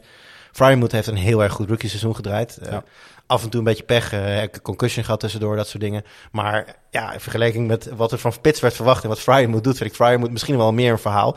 Die, dat is een jongen die de komende vier jaar nog onder contract hebt staan. En waar je gewoon heel veel uh, mee kunt doen. Goed in blokken, goed in, in passes vangen. Zeker. Nou, als, als Claypool en Johnson en allemaal, als die allemaal fit zijn. Als, uh, uh, God, hoe heet hij? Ik ben vergeten een eentje die ook al uit is voor de season. Juju, Juju Smith-Schuster. Uiteraard. Ja. Ik denk, volgens mij loopt zijn contract wel af. Ik weet niet zeker of ze die terughalen. Maar goed, stel dat ze dat wel doen, dan heb je ook gewoon een, een, een prima slot receiver. Nou, kijken nog wat ze gaan doen. In de, ik denk dat ze de, de draft vooral gaan gebruiken voor defense. Ik denk dat, eh, dat is, de Steelers zijn natuurlijk wel een franchise die een bepaalde trots hebben. Hè, ooit de Iron Curtain natuurlijk. Ja, er zijn wat spelers die ook op leeftijd aan het raken zijn ja, natuurlijk. maar het is altijd wel een, een, een, franchise geweest die, die in principe begint bij, bij een hele stugge defense. Dat hebben ze zelfs met bedenkelijk materiaal nog steeds wel redelijk overeind gehouden. Ik denk dat ze dat vooral gaan, gaan versterken. Ja, en als dat lukt, zet er één goede quarterback bij. En ik denk dat de, dat de Steelers volgend jaar zomaar ineens weer uh, heel gevaarlijk kunnen zijn in de AFC. De AFC North blijft een interessante divisie wat dat betreft. Ja. Roethlisberger, die... Uh, Rufflesburger, die speelde natuurlijk voor een uitverkocht Heinz Field. dat zich ook liet horen toen hij voor de 135ste keer het turf oprende als starting quarterback. En ja, de, de, de Pittsburgh Steelers reizen volgende week dus af naar Baltimore om de Ravens wellicht voor het tweede seizoen op rij te sweepen en uh, uh, hopen op hulp elders in het land. En de Browns, die spelen nog een wedstrijd tegen AFC North, kampioen Cincinnati. Ja, en als we straks gaan voorspellen, dan durf ik die uh, in ieder geval alvast wel in te vullen. Ik weet niet hoe het met jou zit. Ja, dat denk ik ook wel.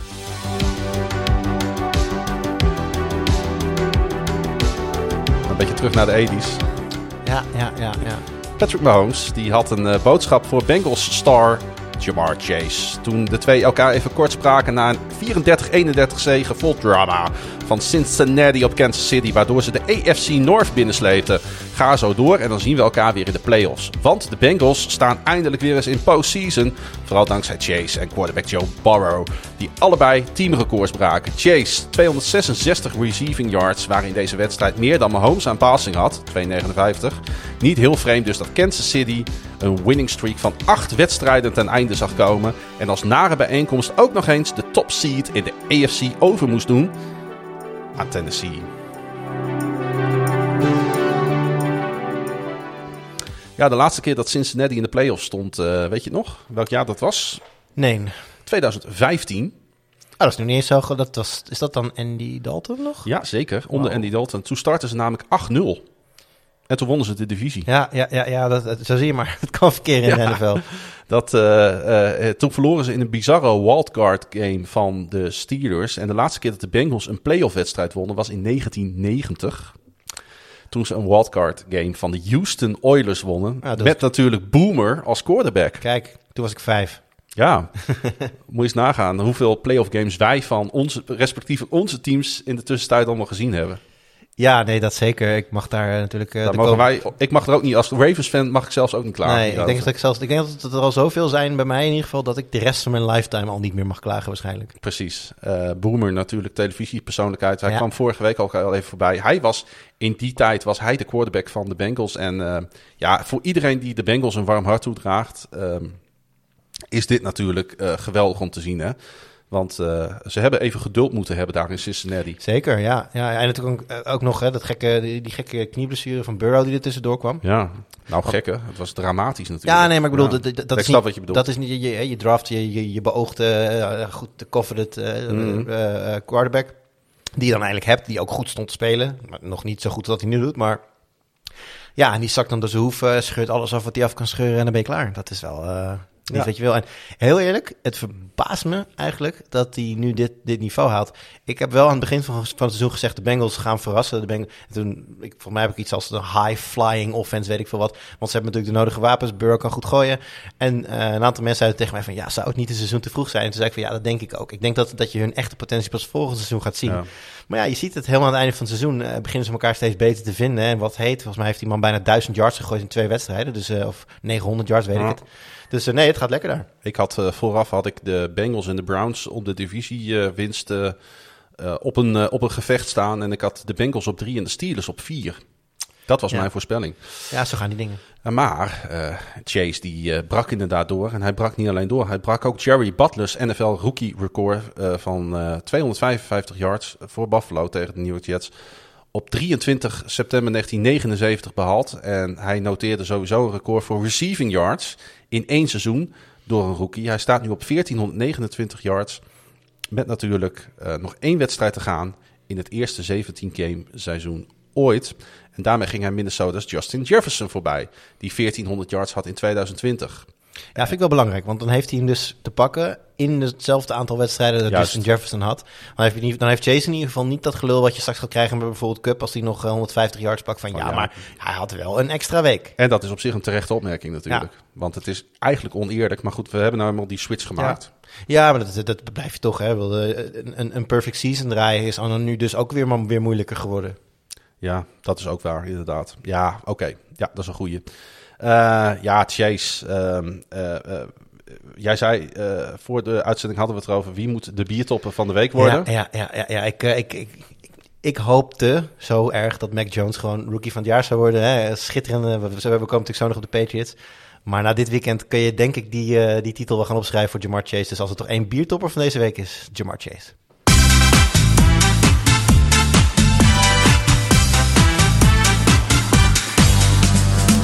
Ja, Chase is de biertopper van de week, week, week, week, week, week, week, pa, pa, pa, pauw. Ja, ik zou willen dat ik een wat spannender biertje aan hem kan opdragen dan een eh, blikje Hertog Jan. Maar het is, eh, soms, soms, soms zit het mee in het leven en soms heb je Hertog Jan. Nee, dat is prima bier trouwens. Nee, het is inderdaad een heerlijk biertje. Nou, hij smaakt nog beter als je lekker over de NFL kan lullen ondertussen. Absoluut. Maar Jamar Chase is inderdaad een absolute ster aan het worden in de NFL. En kijk, iedere keer moet ik weer terugdenken zeg maar, aan dat moment in de eerste ronde van de draft... dat ze niet voor die offensive lineman gingen, maar dat ze voor Chase gingen. En dat iedereen zei van ja, dat is wel heel makkelijk. Ja. En het is natuurlijk helemaal niet gezegd dat eh, eh, teamgenootjes op college automatisch connecten in de NFL, bla bla bla. We hadden er eigenlijk allemaal had- wat over te zeggen. We praten elkaar ook allemaal een beetje na, had ik het idee. Tuurlijk. Maar here we are. Ja. Nou ja, je had natuurlijk nog, eh, in het seizoen had je dat rare verhaal aan het begin dat hij aangaf dat hij moeite had met de NFL-bal, omdat er dus op de college-bal zit een soort witte streep, Mhm. maar die heb je in de NFL niet. En die witte streep, zei hij, die hielp hem om de spin van de bal te, beter te lezen. En hij had dus moeite, want hij had dus heel veel drops ook hè, in het, eh, in het preseason. En eigenlijk vanaf game 1 eh, was het aan. En, en nou ja, toen heeft hij, volgens, mij de eerste paar weken van het seizoen, was hij echt al meteen ontketen. Nou, toen had hij wel een klein beetje een terugval. Kwam ook omdat Higgins toen op dat moment echt een stuk beter ging spelen. Maar ehm, ja, nee, eh, hij is weer eh, helemaal terug. En ik denk op het juiste moment. Ja, kijk, dit gaat natuurlijk niet, niet heel snel nog een keer gebeuren. Een wedstrijd van deze orde. Maar dat die potentie er is, is, is goed om te weten, denk ik, voor Bengals en voor, voor cornerbacks die tegenover ze staan. Ja, en het, eh, ik, ik, ben, ik heb heel veel zin in, in de playoffs en dan de Bengals gaan kijken. Want het wordt een beetje pick your poison. Hè? Ik bedoel, aan de ene kant heb je Higgins, aan de andere kant heb je Chase. Dan heb je Boyd natuurlijk nog als, als slot receiver. Mixon eh, vanuit backfield die zowel Ja. kan rennen als kan vangen. Dus dit is een, eh, een, een zeer potente aanval. Blijkt ook wel, want eh, laten Een we- goede rookie kicker. Een goede rookie kicker ook nog, ja. Die was volgens mij eh, Special Teams Player of the Month geworden Ja, vorig jaar. Of, Mac- de, of, Mac- de, of de mond. Le- lekker Mac- lekker Engels weer. Lekker Engel, Engels hier weer in Ja. eh, NFL woensdag. Maar eh, nee, eh, heel veel potentie. En dat blijkt ook wel natuurlijk. Want ja, winnen van, van de Kansas City Chiefs, ook al is het dan thuis, is niet makkelijk. Nee, het was eigenlijk een playoff game. Zo moet je hem ook... Zo voelde het ook wel. Ja, zo voelt het ook. Ook qua atmosfeer. Maar eh, eh, ja, Joe Burrow, jongens. Gooide... eh, kijk, dat hij tegen die brakke Baltimore defense veel yards gooide... Dat heeft heel weinig mensen verrast. Maar dat hij hier even voor 466 yards en vier scores gooide... Ja, en, en dat is natuurlijk nog veel belangrijker, de Bengals drie keer terugbracht uit een achterstand van 14 punten maar liefst. Tegen de AFC West kampioen. Ja, dit was, ik denk, een van de meest indrukwekkende prestaties van het hele seizoen. Ja eens. eens. Ehm, ik eh, denk wel dat de Chiefs defense, die de laatste weken toch beter begon te spelen, dit, dit weekend niet per se zijn beste. eh, er, is iemand, er is iemand die Chase moest verdedigen. Ga ik vanuit. Volgens mij was dat Sorensen die, eh, die op hem stond. Ja, Ja. die werd natuurlijk aan alle kanten eh, kapot gemaakt. En, Ja. eh, dus dat, dat, dat, dat. Maar goed, aan de andere kant, dat, is, dat is altijd een beetje give take. Is, is de aanval zo goed of is de verdediging zo slecht? Ik denk dat het vooral de aanval is die gewoon echt heel goed. De ballen van Burrow waren allemaal perfect. Op, precies op maat waar alleen Chase kon vangen. Ehm, Ja, het was, het, was, het was impressive. Wat je zegt, het was, het was een playoff wedstrijd van beide kanten. Ja, Cincinnati bewerkstelligde daarmee ook een worst to thirst turnaround met divisiewinst een jaar nadat ze nog laatste werden in de AFC North. Daarmee is het de zeventiende keer in de laatste 19 seizoenen dat tenminste één team de divisie wint die het jaar daarvoor laatste of gedeeld laatste werd. Wat zegt dat over de NFL en over dit spelletje? Ja, dat het concept werkt. Ja. Want dit is natuurlijk by design. Dit is als je, het idee is dat als je je franchise goed leidt, looking at you Texans, Mhm. dan uh, heb je kans om inderdaad, als je heel slecht bent, binnen een x aantal jaar, doordat je steeds de beste talenten mag oppikken, uh, ja, er weer bij kan komen. Ja, en dat zie je dus nu. Hè? Burrow, Burrow natuurlijk uh, hoog gepikt. Chase, first rounder. En zo kun je nog even doorgaan, ook met een aantal andere spelers daar. En nou goed, als dat, als dat bij elkaar past en goed geleid wordt, dan, dan sta je er. Ja, absoluut.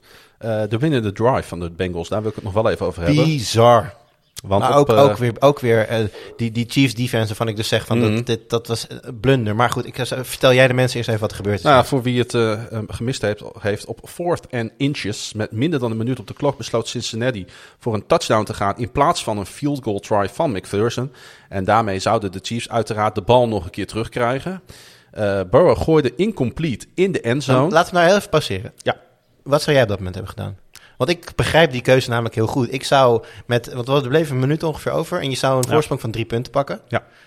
Ja, vertrouw jij die situatie met Mahomes aan de overkant in de wetenschap hoe, hoe potent? Ze komen sowieso in field goal range dan. Dus, dus je, je, je speelt, je hebt dan die, je hebt dan eigenlijk op zijn best het gelijk spel en wellicht doen ze meer pijn dan een eh, field goal. Ja, je moet ook de wedstrijd een beetje aanvoeren op zo'n moment, want er zijn al meer dan 60 punten gemaakt. Hè? Ja, Dus je weet gewoon, makkelijk. je defense ligt op apengapen. Ja, En heeft al heel veel punten opgegeven. En je speelt tegen Patrick Mahomes. En tegen natuurlijk al die wapens die daar staan. Ik ben het helemaal eens met de keuze. Net zoals ik bijvoorbeeld het ook eens was met de keuze van de Baltimore Ravens... om twee keer voor een two-point conversion te gaan om die wedstrijd te winnen... en hem niet op overtime aan te laten komen. Eh, dus ik snapte hem hier ook. Maar de Bengals zijn wel verdomd goed weggekomen. Hè? Want hij gooide dus incomplete in de endzone. Maar eh Chiefs cornerback Legarius Sneed kreeg een eh, vlag tegen voor illegal use of hands... waarmee de Bengals een verse set of downs kregen. ja Er zat een, ook eh, nog een eh, off- offsetting penalty zat er ook nog tussen. Ja, ja. dat, dat, dat gebeurde eerst. Toen moest het inderdaad fourth down over. Ja. Toen gingen ze er weer voor. Toen kreeg je inderdaad de bal in de endzone, waarbij er dus iemand, ja, die sneed, die pakt dus iemand soort van in zijn nek. Dus het werd, het werd of, of, achter zijn helm in ieder geval. Ja. Dat was inderdaad illegal hands to the face. En dat is een, een automatic first down. Ja, en dan heb je volgens mij geen, eh, volgens mij had Kansas City op dat moment al geen timeouts meer. Geen timeouts meer. Burrow die raakte geblesseerd. Dat Hinkelde naar de zijlijn. Dat zat er ook nog in. Ehm, eh, Ja, nou, ik zag die flag. Ja. Ik dacht dat roughing the passer was. Want Burrow laat die bal los en wordt Ja. dan nog vrij hard geraakt. Dus ik dacht, dit is roughing the... Had, hetzelfde, had hetzelfde uitslag geweest trouwens. Dat was ook gewoon een automatic first down. Ja. Dus het maakt, maakt het eigenlijk niet uit. Maar ik dacht dat ze daarvoor voor, voor, voor, eh, voor, voor de flag gooiden. Ik dacht het ook, maar inderdaad, het was deze overtreding. En eh, dat was ook de game-winning Ja. eh, flag, was dat voor de, voor de Bengals. Want Kan jij nog iets met... eh, met want dit is dan een call die heel duidelijk tegen de Chiefs gaat. En eigenlijk, wil- je zou hem op meerdere manieren kunnen callen. Eh, kan jij nog iets met de storyline dat de refs in deze wedstrijd wel erg op de hand van de Bengals waren? Er waren een aantal dubieuze calls, onder andere een, eh, een eh, defensive pass interference die wordt gegeven Ja. op een moment dat, volgens mij was het ook Snead, die eh, ja, even contact maakt met Chase. Wordt uitgelegd als een, als, als een duw, als hem uit balans brengen. Wordt in ieder geval gekald. Ik vind hem, kijk, ze maken op twee, manieren, op twee momenten contact. Nou, je weet als cornerback zijn dat als je ver voordat de bal komt eh, contact maakt, dan heb je altijd een bepaald risico. Maar ik vond dit toch wel erg binnen de lijntjes hoor. ik vond het zeer dubieus eh die call. Ja. En dat was inderdaad niet de enige. Aan de andere kant, eh, we hebben nu 17, eh, we hebben 17 weken achter de rug. Ik heb zoveel dubieuze calls gezien dit seizoen. Het begint wel een soort van rode draad Ja. door, dit, eh, door dit jaar te worden. We kunnen ook niet zeggen dat de Chiefs hem nooit hebben meegehad natuurlijk. Nee, eh, precies. En eh, ehm, ehm, ja, heeft ze dat de wedstrijd gekost? Nou, dat denk ik op dat moment niet. Het is nooit, het is nooit één drive, Ik, één weet, ik, vond, ik vond in ieder geval de illegal use of hands call vond ik wel een terechte call. Ja, nee, en wat, wat, wat, wat ik dus al zei, als ze hem niet daarvoor geven, konden ze voor roughing the Ja. passer ook gewoon geven. Ja, daarom. Eh, het was dus uiteindelijk quarterback Brandon Allen die twee keer kon eh, knielen. Ja, het is toch heel knap trouwens. Ik weet niet of je het hebt gehoord, maar Romo die legde dat dus nog uit. Het, het is echt niet makkelijk om als Ja. backup onder die druk, dus die snap te krijgen en dan ook meteen eh, te moeten, te Dat, moeten eh, knielen. dat zei hij, hè? Die, eh, ja, het- ik kan me dat wel, maar ik, ik denk dat dat wel waar is. Ik denk dat Ja. als je die En, jongen en, een, verwacht... en een klein fumbletje en die klok die stond op een paar seconden. Hè? ja, En, je, en dan scoor je dus niet. en je scoort niet, precies. Maar het gaat natuurlijk Ja, hij moest hem de laatste, hij moest één keer knielen volgens mij en om, de, om de klok te starten. En dan de tweede snap moest hij hem op de Juist. grond gooien. Ja. En dan spiken en dan de kick. Ja, de laatste keer dat een kneel-down misging is volgens mij nu zes jaar geleden. Ja, maar zo'n zo'n eh, zo'n spike. En je kan ook nog even... De quarterback is uiteindelijk ook verantwoordelijk voor het moment dat je de play start. Iedereen moet ook goed, goed, opgeleid zijn. Ook dat is verantwoordelijkheid van de quarterback. Dus dat komt allemaal ineens even op, op het bord van een jongen die nooit van zijn leven had verwacht dat hij daar op dat moment eh, naartoe moest. Eigenlijk is eh, Brandon Eller gewoon de biertopper van de week. Ik vind dat Chase hem kan delen. Precies. het was uiteindelijk natuurlijk een game winner van die McPherson, die rookie kicker die misschien ook niet weet wat hem overkomt dit jaar.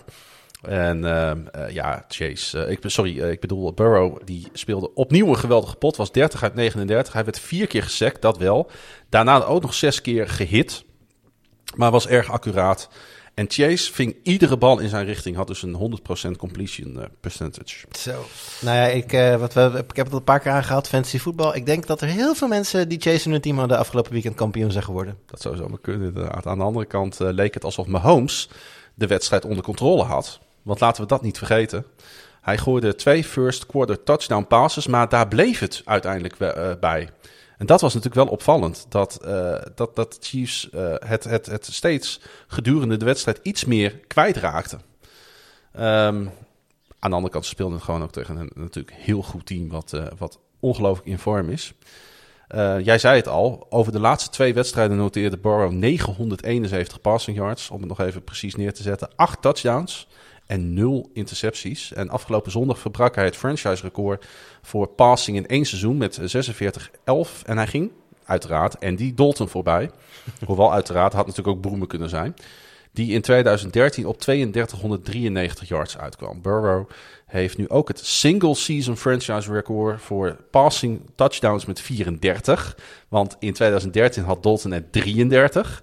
En hij paaste voor 300 plus yards zes keer dit seizoen. Ook een Bengals record. Hij heeft nu vier career games met 400 plus yards. De meeste van iedere speler in zijn eerste twee seizoenen sinds Hall of Famer Dan Marino. Er drie had in zijn eerste twee jaren. Ja, als je dit zo een beetje achter elkaar zet en opnoemt, dan gaat het je wel een beetje duizelen wat voor eh, ca- carrière deze jongen op dit moment doormaakte. Hij is, eh, hij is goed in voetbal. Hij is heel goed in Ja, voetbal. ik denk ik analyseer dit even voor je. Dan, eh, Dank je. dat, eh, dat lijkt mij een goede, mooie ik vind conclusie. het trouwens wel mooi dat de Red Rifle hier nog even een eh, shout-outje krijgt. eh Andy Dalton. ik, weet nog, ik weet nog heel goed, jaren geleden toen ik inderdaad net bij Sport Amerika Mm. begonnen was, dat ik in, in Coco's Outback samen met, eh, met Len, vriend van op de show, het Torbek op Bekkenplein. het Torbekkenplein in Amsterdam. eh, en eh Lennart, natuurlijk vriend van de show, die was daar ook. En toen zaten we, hadden het met z'n tweeën over Andy Dalton. En dan waren we aan het discussiëren over hoe... en we, eigenlijk waren we het met elkaar eens over wat een goede quarterback we dat eigenlijk best wel vonden. Dus nou ja, hij, hij heeft lang in de boeken gestaan bij de Bengals. Maar er, er, er is een nieuwe sheriff in town, zullen we maar zeggen. Ja, en zo is het. De Chiefs die spelen hun regular season finale in Denver. En bij een zege en een nederlaag van Tennessee kunnen ze de AFC's topseed weer terugpakken. De Titans spelen in Houston. En de Bengals spelen hun laatste wedstrijd van het reguliere seizoen in, eh, in Cleveland. Die gaan wel veel mensen rust geven, denk ik.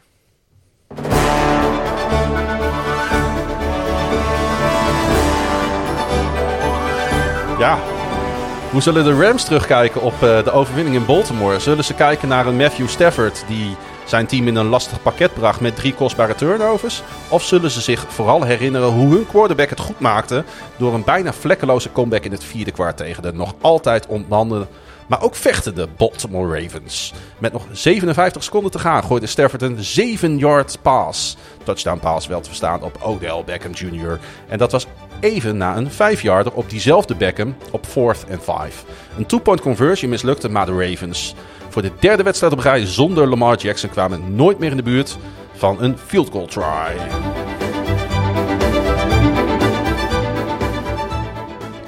Ja, Jur, voor de Rams was het alweer de vijfde overwinning op rij. En een eh, ja, uitstekende uitgangspositie voor een back-to-back NFC West title. Die nog niet helemaal binnen is natuurlijk door de winst van Arizona in Dallas. Maar eh, eh, het was met hangen en wurgen in Baltimore. Ja, ja, zeker. Maar ik wil toch even heel even terug naar een stukje uit jouw tekst. Want dit, eh, dit kunnen de mensen thuis niet zien. Maar jouw lichaamstaal, op het moment dat jij je klaarmaakt om de woorden Baltimore, Raven, Baltimore Ravens uit te spreken, dat is kunst.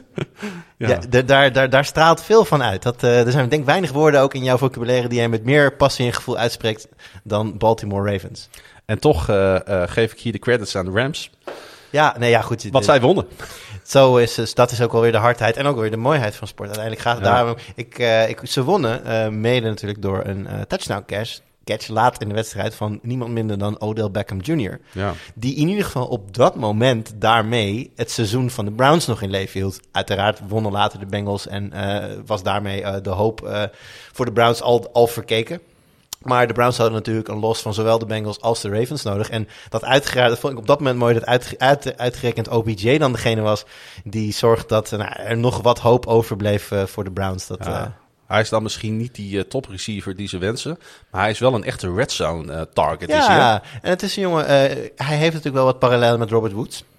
En eh, een, jongen die heel ge- gekend is om zijn routes. Die, die, hè, eh, als je een, een lijntje zou tekenen op het, op het veld, het weg zou halen, dan kan die jongen er één keer gekeken te hebben, exact die lijn volgen. Odell Beckham heeft dat ook min of meer in zich. Is op deze leeftijd inmiddels misschien wat, wat minder explosief. Maar hij blijft natuurlijk met zijn handen een, een, een absolute, eh, ja, wat je zegt, niet top, top wide receiver, maar een hele goede nummer twee, denk ik. eh, of misschien wel nummer drie, want Van Jefferson begint ook Ja. steeds meer door te breken. En natuurlijk ideaal voor eh, het, het, de- die plek op het veld waar het moet gebeuren. De Rams namen het natuurlijk op tegen een qua mankracht eh, ja, uitgeputte defensie... die vorige week tegen Cincinnati natuurlijk al tik op tik kreeg. Dat viel deze week mee. Stafford werd in de eerste helft twee keer geïntercept door Chuck Clark... die een geweldige wedstrijd speelde. De eerste pick werd voor 17 yards teruggerend zelfs naar de endzone... voor een, de enige touchdown uiteindelijk van Baltimore. Daarmee hebben we het gelijk ook het probleem te pakken natuurlijk. Stafford verloor ook nog een sack fumble in het eh, derde kwart... Ja, Maar- Stafford was sowieso niet heel goed. Nee, maar toen het er echt op aankwam, zette Stafford ehm, eh, natuurlijk zijn Rams, zijn unit, wel eh, ja, goed neer voor uiteindelijk een touchdown drive, waar Baltimore dat net niet deed. Het zat hem in de details, hè? Ja, ja, en dat is nou net, eh, dat is nou net waar het, op, waar het op misgaat. Op het moment dat je heel veel spelers mist. Als, eh, wat, we hebben het bijvoorbeeld over Huntley gehad. Die komt er Mhm. goed in. Maar ik kan me heel goed voorstellen dat bepaalde details, bepaalde organisatiedingetjes met Lamar op het veld anders gaan dan met Huntley op het veld. Hè, dingen als eh, blocking assignments, dat soort dingen. Mhm. Het, het, wer- het werk van een quarterback gaat veel verder dan alleen maar naar wie ga ik de bal toe gooien of geef ik hem aan mijn running back. Ehm, we hadden het er ook nog over diezelfde avond nog. Kijk, het, siert de Ravens enorm dat ze in deze wedstrijd zo goed eigenlijk toe-to-toe gaan met de Rams. Maar ja, ze dat natuurlijk een paar weken geleden bijvoorbeeld ook al tegen de Packers deden. Ja, maar je, maar je weet wel dat op, op het moment dat je gehavend bent, dan mag je dus geen fouten maken. Nee. Nou ja, en eh nou ja, goed, we- jij, er was een bepaald moment dat jij op, op Twitter al, al aanhaalde. Er komt op een gegeven moment een vrij dubieuze call om voor een pass te gaan. Volgens mij op second and one. Ja. Eh, terwijl je gewoon balbezit moet houden. Je speelt tegen een potente offensie. wil die offensie Nee, niet op ik snap ook niet waarom ze hun gameplan zeg maar ver- verlieten op dat moment. Want hoe kun je van de Rams winnen? Hoe kun je van de Packers winnen? Door 15, 16, 17 play yard, Ja, eh, eh, drives neer te zetten. Ja, dus ze gaan, eh, Huntley gaat voor een diepe bal, wordt afgevangen, interception. En nou ja, ik geloof vier of vijf plays later staat Cooper Cup met de bal in de endzone. En sta je in plaats van 10-0 en de bal Ja. in je handen, sta je 10-7 en heb je wel de bal weer terug. Maar ja, dat is niet wat je... Nou ja, en dat, kijk, dat is een, eh, een moment een, een, ja, in de wedstrijd die niet per se beslissend zal zijn als je met de, met, met de Ravens op volle sterkte, hè, als, daar, als daar gewoon Lamar Jackson en, en J.K. Dobbins en alle ontbrekende pieces in de defense, als die er allemaal zijn, dan kan je dat prima leiden. Je steeds 10-7 voor, maar je hebt gewoon een hartstikke goede offensie. Je bent, je bent misschien wel minstens zo sterk, misschien sterker dan de Ravens. En dan scoor je wel weer. Maar ja, op het moment dat je gehavend bent, je weet dat je niet zomaar even 40 punten gaat maken. Ja, dan zijn dat soort, eh, dat soort keuzes kunnen fataal zijn. Absoluut. Er was namelijk een moment dit seizoen, kun je even nagaan, hè, dat Baltimore 8-3 stond en de top seed in de AFC in handen had. Nu zijn ze 8-8, vijf nederlagen op rij dus. Hun langste negatieve streak sinds een nine-game run in 2007 onder Brian Billick. En de run eh, betekende overigens toen, hè, die slechte run van Brian Ja. Billick, Ik weet het de komst van Ja. John Harbaugh Ja. in 2008. Het zal je verbazen, maar dit hebben wij dus ook in de podcast aangehaald. En Oh. toen zei ik al van, ik mag hopen voor Harbouw dat het nu niet dezelfde consequenties heeft, maar ik denk dat het meevalt. Ik ken John. Persoonlijk vriend, toch? Gaat niet gebeuren. Eh, wel opvallend is dat vier van de vijf nederlagen van de Ravens werden geleden met een gezamenlijke vijf punten. Dat geeft wel aan natuurlijk hoe, hoe, hoe dun de lijn is hè, in, de, in de NFL. Ja, en uh, door de nederlaag waren de Ravens niet alleen uh, gelijk kansloos voor de AFC North titel. Maar playoffs zijn ook zo goed als onmogelijk. Hè. Er moet echt een uh, gigantisch wonder gebeuren. Willen de Ravens nog in de playoffs komen? Ja, we hadden het er voor, voor, de opname even over. Maar volgens mij, het is op zich vrij simpel. in ieder geval moeten de Colts verliezen van de Jaguars. Ja, hou maar op. Er zijn nog wel twee dingen die dan ook nog moeten gebeuren. Ja. Maar dan, uh, en, en uiteraard moeten Ze moeten zelf winnen. zelf winnen. Uh, de Colts moeten dan inderdaad uh, verliezen van de Jaguars. Volgens mij um, moeten de Raiders verliezen van de Chargers. En er zit er nog eentje tussen, maar die ben ik even vergeten. Ja, de verliezen trouwens heeft nogal wat consequenties voor de Ravens. In positieve zin, want dan gaan ze de waarschijnlijk derde worden. Dat heeft consequenties natuurlijk voor drie tegenstanders volgend jaar. Uh, en, uh, en, de, en natuurlijk de draftpositie. Ja. Dus verliezen is, niet, uh, is natuurlijk niet het einde van de wereld voor Baltimore als je die playoffs toch niet haalt. Tyler Huntley inderdaad verving wederom Lamar Jackson. Was 20 uit 32 voor 197 yards in zijn derde NFL-start. Mark Andrews, moeten we daar nog heel even over hebben? Geweldige speler. Ja, hij pakte namelijk het Ravens single season record ja, ja, ook nog. voor yards receiving en ging daarmee Michael Jackson voorbij. Niet de, de overleden zanger, maar de overleden speler die het record in handen had sinds het eerste jaar in Baltimore. Na de relocation uit Cleveland. Hij overleed trouwens in 2017, heeft dit dus niet meer meegemaakt. In 1996 was Jackson ook de NFL receiving touchdown leader. Jackson was in 1989 en 1990 teamgenoot van Brett Favre. Dus dat is waar de ballen van Favre heen gingen. Hij overleed bij een motorongeluk, waarbij ook de bestuurder van de auto waar hij tegenaan botste overleed. Ja, dan ga ik toch een, altijd even op onderzoek uit en dan ja, dan kom je dit soort uh, dingen tegen op de diverse Wikipedia-pagina's. Maar Mark Andrews, ja. Um, ja, verdrietig man. Ja, dat is wel weer een verdrietig verhaal, hè? Ja. ja. Nou ja, je hebt, je, hebt, je hebt af en toe wel van die momenten uh, dat, dat er inderdaad een record ergens gebroken wordt. En dan heb je altijd een soort van, vaak op social media of zo, een bepaalde gesture. Of soms staat zelfs de persoon, de, Ja, de, de, de, de ouder staat dan aan de zijlijn om inderdaad dan, nou ja, goed, en hand, handdruk.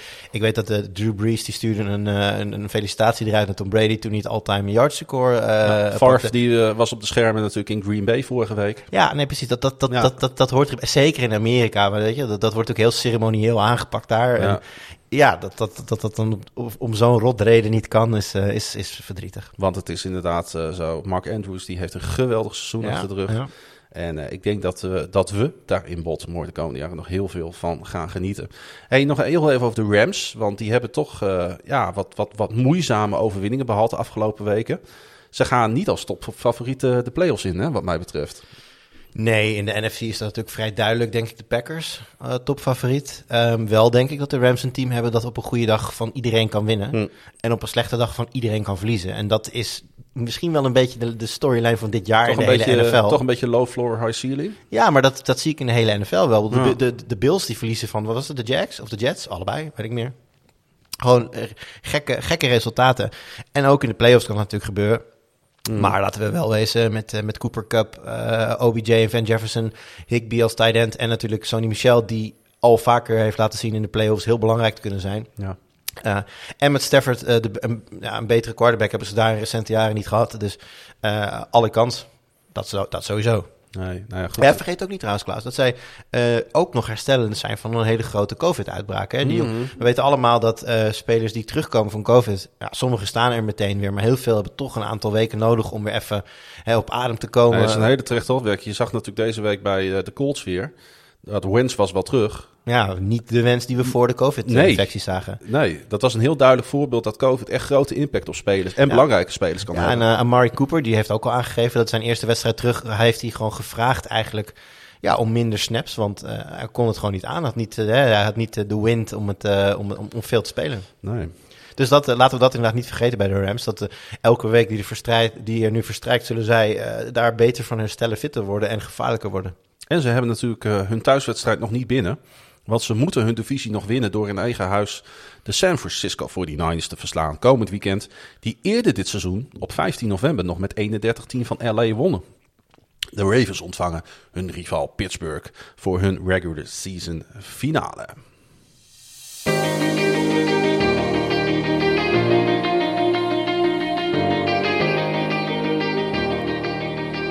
Ja, de problemen van uh, Kyler Murray en de Arizona Cardinals de voorbije weken waren serieus. Maar een tripje naar het favoriete stadion van de star quarterback bleek een flinke pleister op een dreigende wond.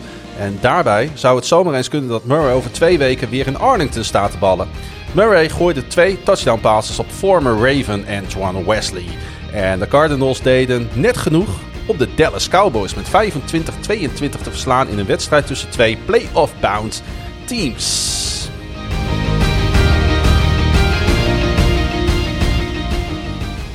Ja, de uitkomst veranderde weinig aan de race uh, wat dat betreft om de NFC's number one seed. En ook de NFC West. Maar het zorgde er wel voor, uh, Jur, dat beide teams nu op een uh, 11-5 record staan. En Arizona beëindigde een streak van drie nederlagen. En stopte een four-game winning streak van de NFC East kampioen Dallas. Ja, opvallend wel, vond ik. Ik uh, had op voorhand ja, toch wel meer verwacht van, van, van, van de Cowboys. Was toch wel een goede wedstrijd uiteindelijk dit, hè? Ja, maar... in de zin van... Nou, ja en nee, want de, de running game van de Cowboys is op geen, geen seconde van de grond gekomen. Nee. Wat ik heel raar vond, want ik heb dus naar een stukje gekeken, niet alles, maar um, de, wat ik zag van, van Zeke Elliott, dacht ik op dat moment... Mm. Hier zit meer kracht en snelheid Ik wil eigenlijk achter. zeggen, een goede game zeg maar, om te zien waar deze twee teams op dit moment staan. Oh, dat, ik, ik, ik, ik was weer ongeduldig. Dat, nee, dat geeft niet. Heb ik vaak. vaak. nee, maar dat was een beetje mijn opmerking. Want ik, ik heb wel weer wat geleerd zeg maar, over deze ja. teams. Ik had de Cowboys vorige week, moesten we onze Super Bowl voorspellen. Had ik de Cowboys, uh, heb, ik, heb ik gepikt over de Green oei. Bay Packers. Oei, oei. En dan zit je fucking een week later te kijken. En dan word je gewoon weer keihard met je neus op, uh, op vervelende feiten gedrukt. Ja, ja dat is wel een. Uh, dat is niet dat doet dit seizoen, hè? Dat doet dit seizoen. Nee, maar terecht ook. Uh, ik denk dat, dat, dat vooral op het moment dat de Cowboys hun, hun running game niet aan de praat krijgen, dat Mm. je ziet dat toch de, de hele machine wat, wat stokt. Terwijl ze inderdaad de week daarvoor eigenlijk ja, firing on all cylinders. Ik snap heel goed dat je op dat moment zegt van nou, Cowboys goede kans. En dat viel gewoon tegen dit keer. Ja, dat uh, viel mij ook op, op, op, de, op mijn beurt dan weer tegen van de Cowboys. Ik had, ik had ze verder ingeschat. Ze zijn op dit moment de vierde en de vijfde seed in de playoffs. Dat zou zomaar eens ook uh, na week 18 kunnen zijn. Wat een first round ontmoeting zou betekenen. En wederom in AT&T Stadium. Ja. De wildcard ronde is al gegarandeerd omdat Green Bay van Minnesota won. Daarom is er ook geen kans meer voor deze teams op de first round bye. Ja, Murray is nu al starter 8-0 in dit stadion. Dat is een ongelooflijke stat, hè? Ja, voor een, uh, voor een inderdaad uitwedstrijden is dat uh, vrij opvallend. Moet wel bijgezegd worden dat de meeste van die zegens waren als Texas High School Playoff Star in de Dallas area. Maar de laatste twee waren toch echt als pro. Vorig jaar wonnen de Cardinals namelijk nog met 38-10 in Arlington. En dat was natuurlijk een heel ander seizoen voor de, voor de Cowboys. Was, uh, dat moeten we er wel bij Prescott er natuurlijk al af toen. Nou, sterker nog, volgens mij was dat de eerste wedstrijd... Uh, uh, ik weet het wel zeker. Dat was de eerste wedstrijd na de season-ending enkelblessure van Dak Prescott, inderdaad. En wie stond er toen in de center? Bij de Cowboys. Was dat toen al Andy Dalton? Ja, of hebben ze die toen nog daarna nog gehaald? Uh, dat zou ook die uh, Gucci oh, kunnen zijn. Oh ja, ja, ja. Hoe heet die nou? Nou ja, doet ook niet. Ze hebben op een gegeven moment... Danucci. Die ja, niet zo Gucci is. Danucci. Die, uh, ze hebben op een gegeven moment Andy Dalton toen gehaald om, uh, om, om het dan maar ja. om de ik, lakens te redden. Ik zeg denk maar. dat dat Danucci was, uh, die wedstrijd. Uh, Murray zei, coming home, I can't lose, I can't lose coming home. That's just how I feel. I'm not worried. About two weeks from now, we got Seahawks next week, divisional game at home. The guys will come ready to play. Ja, dat uh, praat toch even heel wat anders, hè? Nadat je drie wedstrijden verloren hebt en opeens de overwinning uit het vuur sleept in de, ja, ik denk een van de allerlastigste uitwedstrijden die je in de NFC kunt spelen op dit moment. Uh, ja, met de uitzondering van Green Bay, denk ik. Maar, uh, Eén van de. Ja, ja. nee, eens. Uh, het zeker. En ik vind het ook knap, want ja. ze missen natuurlijk het een en ander. Hè. Hop, Hopkins, die natuurlijk gewoon uitgeschakeld is. de running game, die, nou ja, Connor heeft natuurlijk uit, uiteraard goed gedaan. Speelt al twee weken nu niet mee. Gelukkig Chase Edmonds wel net terug, dus dat, dat redt ze dan. Maar ja, daar, daar zijn ze natuurlijk ook op hun sterkst als ze gewoon allebei hebben. Edmonds voor de yards en Connor voor de touchdown, zeg ik altijd. Dus uh, nee, heel knap hoe ze deze, deze wedstrijd uit het vuur ja. slepen. En belangrijk voor hun kans inderdaad ja. nog op, uh, op divisiewinst. Van Nijn zat hem wel een beetje in de staart. Want uh, de Cowboys kwamen natuurlijk net niet toe aan die absolute comeback in het vierde kwart.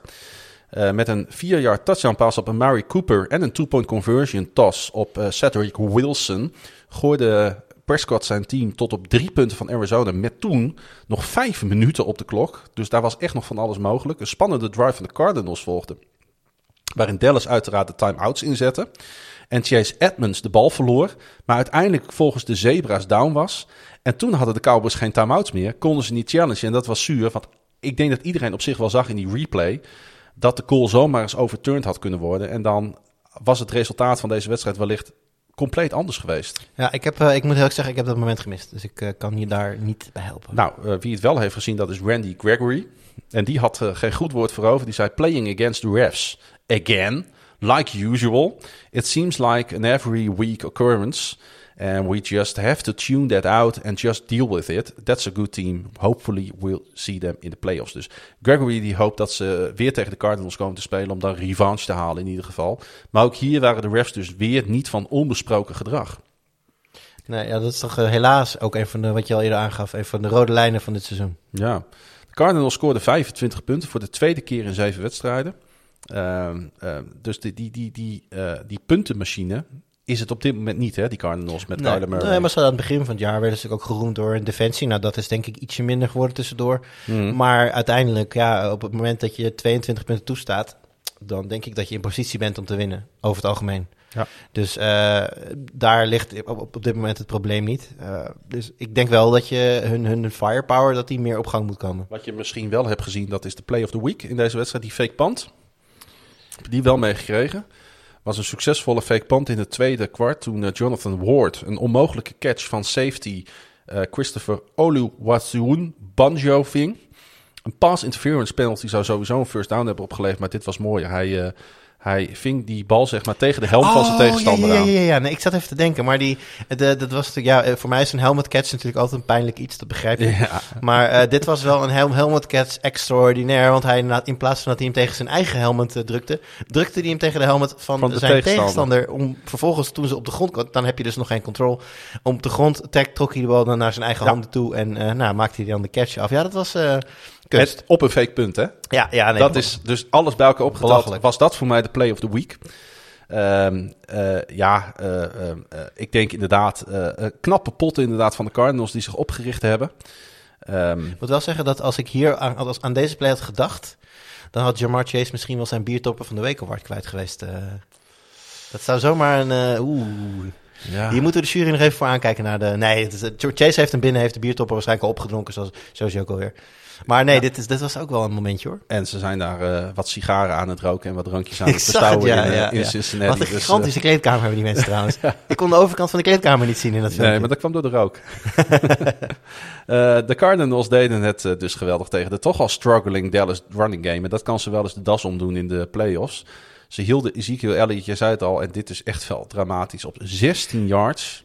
Echt belachelijk. Ik, toen maar ik zelfs Prescott was dus uiteindelijk de leading rusher van de ja, Cowboys. Ja, ja en ik, ik, wat ik zeg, die paar runs die ik dan uh, ziek heb zien maken, dacht ik van, oh, hier zit wat meer power en wat meer uh, kwaliteit achter dan ik vorige week van hem heb gezien. Maar uh, ja, statistieken liegen niet. Uh, dus ik zal dat zeer waarschijnlijk verkeerd gezien hebben, want dit slaat nergens op. Nee, Arizona speelt thuis tegen Seattle. Dallas bezoekt Philadelphia voor, dat is goed om even in de agenda te zetten, een Saturday night game. Ja, we hebben er twee, hè?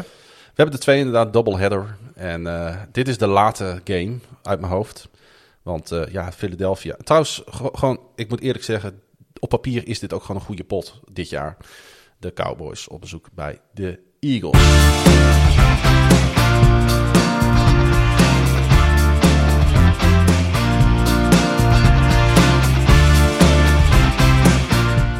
Ja, toen 49ers coach Carl Shanahan de kleedkamer inliep na de overwinning van zijn team, kreeg hij nog net een staartje mee van de Saints die hun thuisoverwinning behaalden, een paar duizend kilometer verderop. Het betekent dat de Niners nog een week moeten wachten voor het eventueel clinchen van een playoff spot. Rookie Trey Lance gooide twee touchdown passes in de tweede helft van zijn tweede career at start. En daarmee heeft San Fran dus nog kans op postseason naar een 23-7 overwinning op de Houston Texans.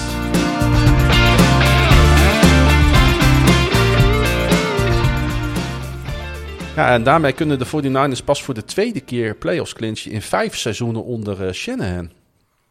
En, dan is, en het is nog niet binnen, hè? Nee, nou ja, goed, wat, hen, wat hem dan wel helpt, is dat één van die seizoenen ook pas eindigt in de Super Bowl. Dus dat, dat, dan heb je in ieder geval iets om mee thuis te komen. Dat, uh, ik denk dat dat redelijk wat goodwill oplevert in de Bay Area. Mhm. Maar uh, belangrijker nog dan die stad. Je zegt net, hè, ze winnen met 23-7. Als ik, die uit, als ik naar de wedstrijd keek, zeker de eerste helft, en ik Ja. zie die uitslag, dan denk ik, dit is niet dezelfde wedstrijd. Nee, want het was... Ik Het twitterde, was, ik, het was moeizaam. ik twitterde daar over. Ik had, ik had al voorspeld eigenlijk dat de Houston Texans best wel eens eh, een, eh, een redelijke pot zouden kunnen neerzetten in San Francisco. San Francisco dat sowieso weinig makkelijke wedstrijden Ja. speelt. Ja, je zei het ook net over de Lions al, hè, en, Ja. en daar haalde je ook Houston al aan. Dat zijn twee, twee teams die momenteel gewoon ja, met hun, hun beste voetje voor, vooruit zetten en gewoon het maar proberen. Er zijn er gewoon maar. spelers die allemaal voor hun toekomst knokken. hè? Ja, ja, zeker. Dus eh, nee, het was, het, was, eh, het was mooi om te... Ja, mooi is misschien niet het goede woord, want het was niet het toonbeeld van een mooie NFL-wedstrijd. Nee. Maar ja, het is allicht leuker dan een wedstrijd waarbij de, de Niners er met, eh, met 50-3 overheen walsen, zeg maar. Het moet ook gezegd worden, Lens die speelde voor het eerst sinds week 5 met Jimmy Garoppolo natuurlijk veroordeeld tot de zijlijn met een duimblessure. Ja, en het duurde echt wel even voordat de rookie in zijn spel kwam. Eh, heb jij het idee dat de 49ers heel veel vertrouwen hebben in deze jongen?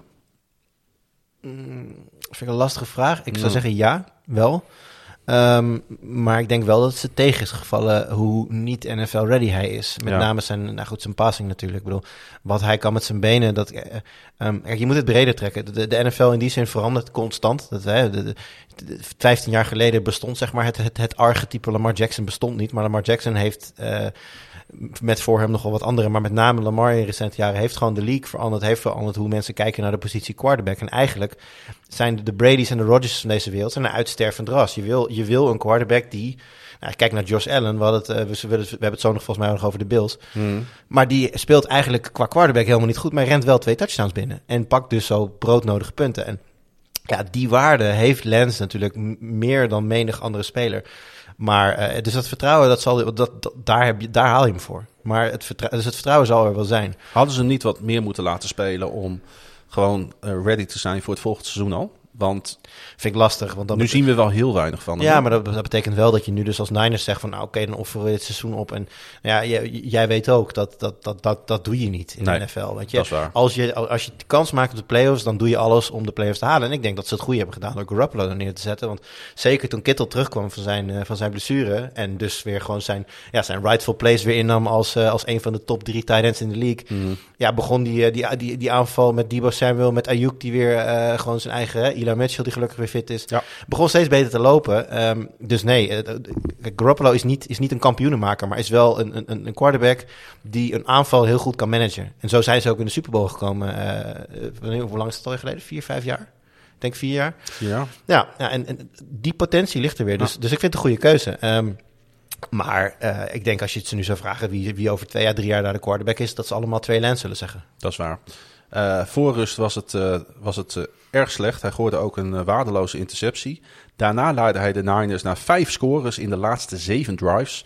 Wat hij begon met drie, drie passes voor 56 yards in de laatste 38 seconden van de eerste helft. Toen kondigde het zich dus al een beetje aan. Dat was de setup voor Robbie Goulds 37 yard field goal op de laatste play voor rust. En uiteindelijk ging Lance, en dat was best wel keurig, 16 naar 23 voor 2, 49 yards. Hè, De Texans die konden het ook allemaal niet meer bolwerken op verdediging op een gegeven moment. En zijn biggest play kwam in het vierde kwart toen hij een roll-out naar rechts deed. Een diepe bal over de middel gooide op Debo Samuel. Die hem ving voor een 45 yard touchdown. Waardoor de Niners op 17-7 kwamen. Toen wist iedereen al wel, dit gaat waarschijnlijk naar de 49ers. Maar dat vond ik wel een bepalend moment. Ja, dat is exact wat ik bedoel. Dit is gewoon Ja. de, de- zeg maar de, de fysieke cap- cap- eh, capacity hebben om uit de pocket te gaan. Die rollout En- was erg goed En dan onder, zeg maar, rennend ook Ja. nog gewoon echt een, een streep te kunnen gooien. Ja. Er zijn maar heel weinig quarterbacks die daar überhaupt gewoon de fysieke kwaliteiten voor hebben. Dat zie ik Garoppolo niet doen. Dat kan Garoppolo niet. Nee, zeker niet. Nee. En dat is ook niet de quarterback die hij is. Maar hij zal veel makkelijker, hè, de, een backshot. Kijk, maar eh, vraag, eh, vraag twee Lance, zeg maar, een, een, een wide receiver op een outroute op zijn back shoulder te raken. Vind ik risico. Hm. Maar ik weet van Garoppolo dat hij hem 100% eh, goed gooit. En als hij hem niet goed gooit, dan komt die bal te ver aan de goede kant. Kan er in ieder geval de receiver er niet bij. Terwijl, of de, de, de verdediger er niet bij. Nee. Terwijl ja, bij twee Lens is dat dan weer niet wat hij doet. Dus hij zal, hij zal die tijd moeten gaan vinden om te zorgen dat hij open mensen heeft om op te gooien. Want ja, hij gaat niet ballen in een halve meter kunnen, kunnen plaatsen. Dat is wel het lastig ook voor de 49ers. Hè? Kijk, als je bij de Ravens heb je met Huntley en Ja, Lamar ja, ja, redelijk vergelijkbare quarterbacks. Voor deze twee quarterbacks moet je totaal verschillende packages neerzetten. Ja, ik ben er totaal ander brugje, maar ik ben er ook van overtuigd dat dat de reden is dat Cam Newton niet hoeft te blijven bij de Patriots. Hm. Omdat ze zoiets hebben van ja, Mac Jones is zo anders. Je bent een totaal onlogische backup. Wie is de backup bij de Patriots eigenlijk? Hoyer. Oh ja. Niet Goed. dat, kijk, dat, Hoyer is gewoon de, de backup die je wil. Want die is, Ja. die is, hij kan niet rennen, maar ja, die doet gewoon wat hij moet doen. Moord niet. Is, schijnt heel erg goed te zijn met de wedstrijden lezen en eh, de hele analyse, analyse die hij als backup moet doen. Maar goed, dit is een uh, ver, Nee, zijpad vanaf de Texans en 49ers. Niet in de NFL op woensdag mag dat. De Texans die kwamen natuurlijk naar San Francisco voor hun eerste three-game winning streak sinds 2018. Maar ze kwamen niet alleen uiteindelijk defensief, defensief, maar ook offensief zwaar tekort. Davis Mills ging uiteindelijk 21 uit 32 voor 163 yards, één touchdown en één interceptie. En Houston kwam uiteindelijk op 222 totale offensive yards uit. Raar moment nog in deze wedstrijd was een moment in het vierde kwart toen een kind het veld oprende. In de richting van Shanahan. De beveiliging haalt het kind snel weg. Maar Shanahan was even van de kaart, letterlijk. Want hij bestudeerde natuurlijk zijn call sheet. En hij zei van, ik vond het heel... Hij zei, ik dacht even dat het mijn eigen zoontje was. Die eh, naar me toe Ah. rende. Ja, dan snap ik dat je van de kaart bent. Want die, die security die neemt natuurlijk zijn joch mee. En dan Ja, hij was even helemaal Eigen- eraf, zeg maar. Eh, is dat je eigen show. Als je, als je denkt dat het je eigen zoon was, dan snap ik dat je even... Ja, was even iemand van de tribunes afgesneakt. Eh, hij zei trouwens later in de persconferentie nog... eh, ah, ik, eh, ik wou dat ik op dat moment even iets voor hem had. Dat ik hem wat kon geven, zeg maar. Dus eh, nou, hij eh, kon het ook wel weer eh, eh, vergeven en vergeten. Maar goed, het veld oprennen, dat hoort natuurlijk bij geen enkele sport. Eh, de Texans die hosten eh, Tennessee. En de 49ers gaan dus op bezoek bij de LA in, eh, in beide gevallen belangrijke wedstrijden, Klaas. Laten we daar, moeten we daar nog even de nadruk op leggen? Of, eh, of Eh, hebben we dat al voldoende gedaan in beide dat hebben we op zich voldoende gedaan, maar het is absoluut waar. Eh, ja, dit, dit, gaat, eh, dit kan hele grote playoff impl- implicaties hebben. Ja, Texans die natuurlijk eh, Tennessee eventueel in de weg kunnen staan op weg naar de one seed. En de 49ers tegen de Rams.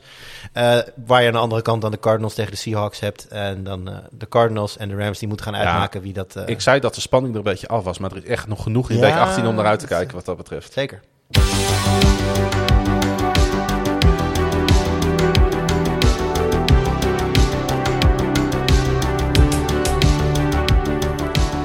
Russell Wilson was de laatste die het veld verliet. Hij zwaaide uitgebreid naar het publiek en deelde enkele handtekeningen uit aan de Seahawks-fans die na vorige week in de sneeuw nu in de stromende regen stonden.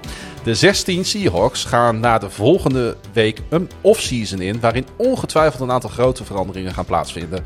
En daar zou de, en daar zou de franchise quarterback ook bij kunnen horen. In het teleurstellend seizoen liet hij nog één keer op Lumenfield zien hoe het moet. Het werd 51 29. Ja, aan uh, score is geen gebrek uh, in deze wedstrijd. Dit zo je afscheid neemt. Ja. Niet met 46 worpen voor 123 yards. Maar met 51 punten tegen, oké, de Lions. Maar wel de Lions die de laatste, ja, uh, laatste weken... Nou, niet meer de Lions zijn van de eerste week in ieder geval. Zeker niet. Dus het is niet meer, maar dat de Seahawks hiervan moesten winnen, dat maar is dit evident. voelde toch in alles als een afscheid. Hij, uh, het schijnt zelfs dat hij voor, voorafgaand, uh, en dit heb ik volgens mij uit uh, Around the NFL. Daarin vertelden ze dat in de persconferentie voorafgaand aan de wedstrijd, Wilson, of op donderdag is dat dan het persmoment, zei hij uit zichzelf dat hij niet wist of het zijn laatste wedstrijd in Seattle zou zijn.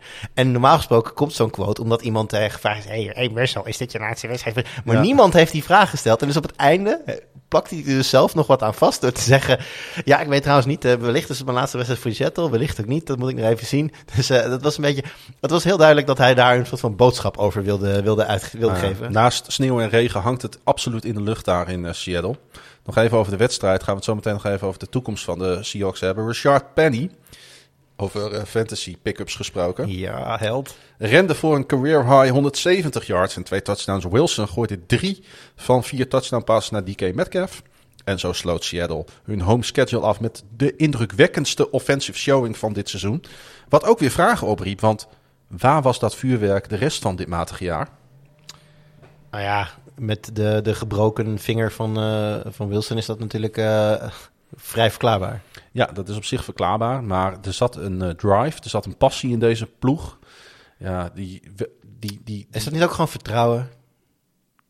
Ja, welk vertrouwen? Ze hebben vorige week nog van de Bears in eigen nou ja, vertrouwen en fitheid ook. Ik bedoel, uh, iedereen zei wat... Uh, Wilson kwam terug in week 10, 11, zoiets. En iedereen zei toen al van ja, maar hè, die pin in zijn hand, dat wordt lastig. En dat gaat echt wel wat tijd duren voordat het weer, uh, voordat het weer, weer goed gaat. Ik denk dat Wilson zich tot deze week, of misschien tot vorige week, niet echt fit heeft gevoeld. Nee. Ja, en op het moment dat het goed gaat met je quarterback, dan, dan, dan, dan, dan komt de rest vanzelf. Maar dit kan toch niet anders dan dat er in het offseason... Dit wordt natuurlijk een van de storylines, denk ik, Ja. uh, in het offseason. Wat gaat er met de Seahawks gebeuren? Ik denk dat Pete Carroll uh, stopt. Stopt. En ik denk ook, hij is de oudste coach in de NFL op dit moment. Dat hij helemaal gaat stoppen. Tenzij hij het niet kan laten. Maar als ik hem was, zou ik lekker zijn legacy in Seattle laten. En een blokhut kopen. En, ja. En, ja, er zijn, er zijn wat analisten die al langer kritiek hebben op de calls van Carroll. Maar daarbij wijzen dat Wilson heel erg goed is van niets iets maken. En dat dus Carroll zijn, zijn, zijn, zijn tijd in Seattle voor een belangrijk deel gered is door, door Russell Wilson.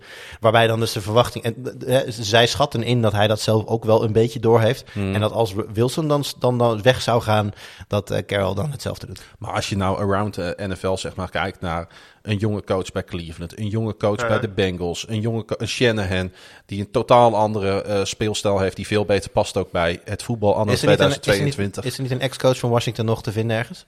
Want ik, ik heb geleerd inmiddels dat je een ex, eh, iemand uit de coachingstaf van Washington van een jaar of zes geleden moet hebben. Dan, eh, dan zit je geramd. Die zijn allemaal, eh, de Mc, McVay zat in de... In Ja. En nou ja, goed, Klopt dus mij, volgens mij zijn er nu vier head coaches die, die toen in de, in de crew daar zaten.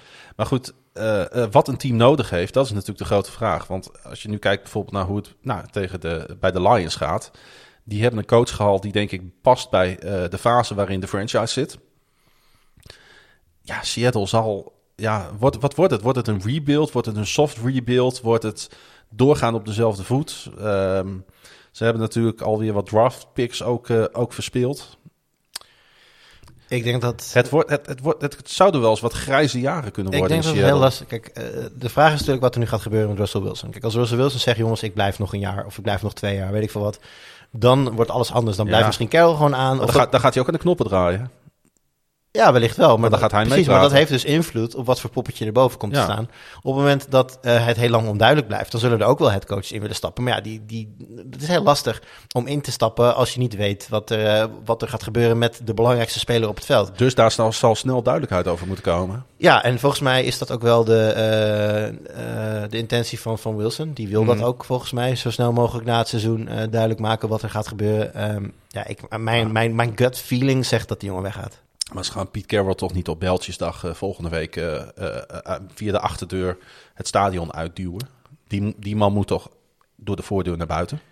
Ja, ik denk dat, nou ja, laat ik het anders zeggen. Ze zullen niet op maandag, op maandag het persconferentie Nee. of een persmoment doen en zeggen: We hebben hem ontslagen. Hooguit dat ze hem bellen en zeggen: Joh, wij willen niet met je verder. Ehm, kies een mooi moment ergens in het off-season om, een, om de aankondiging te doen Ja. en je stopt. Precies. Dat, en dan denk ik dat ze allebei groot genoeg zijn van weerskanten om dat dan wel... eh, of Carol moet gewoon heel, heel boos zijn en zeggen... nee, gooi me er dan maar uit en eh, eet, de, eet de haat die dan over je heen komt als franchise. Want dat gaat ze niet in dank afgenomen worden. Eet dat dan ook maar op, hè. doe het dan maar op jouw manier. Nou ja, heel lastig, eh Klaas. Ik, is nog een speler die, die daarbij genoemd moet worden. We hebben het over Wilson gehad, we hebben het over Pete Carroll gehad. En natuurlijk Bobby Wagner, die het eh, trio wat dat betreft compleet maakt. Eh, zij zijn met z'n drieën voor een significant deel verantwoordelijk... voor de enige Super Bowl eh, titel van de Seahawks.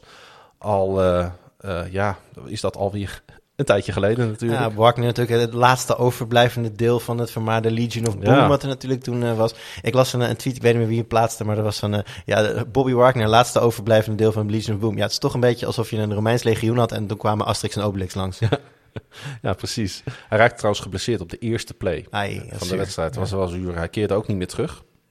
Was natuurlijk ook erg eh, glad op het veld. Ja, en waar ik dan eh, eh, tijdens eh, Red Zone wel van genoten heb... dat was natuurlijk Amon Ra St. Brown... die eh, geweldig in vorm is. Hij rende voor één touchdown en ving er één. De voorbije weken was Detroit natuurlijk vaker competitief dan niet... maar deze week uiteindelijk niet. Drie van de vorige vier nederlagen van de Lions... waren namelijk met vier punten verschil of minder. Maar goed, met Tim Bol onder center. Ja, sorry. eh, eh, ik wil Jared Goff hier niet op het eh, schild hijsen. Maar met Tim Bol als startende quarterback in Ja. Seattle, Nou ja, toch 29 punten gemaakt. Het is niet leuk. dat is waar.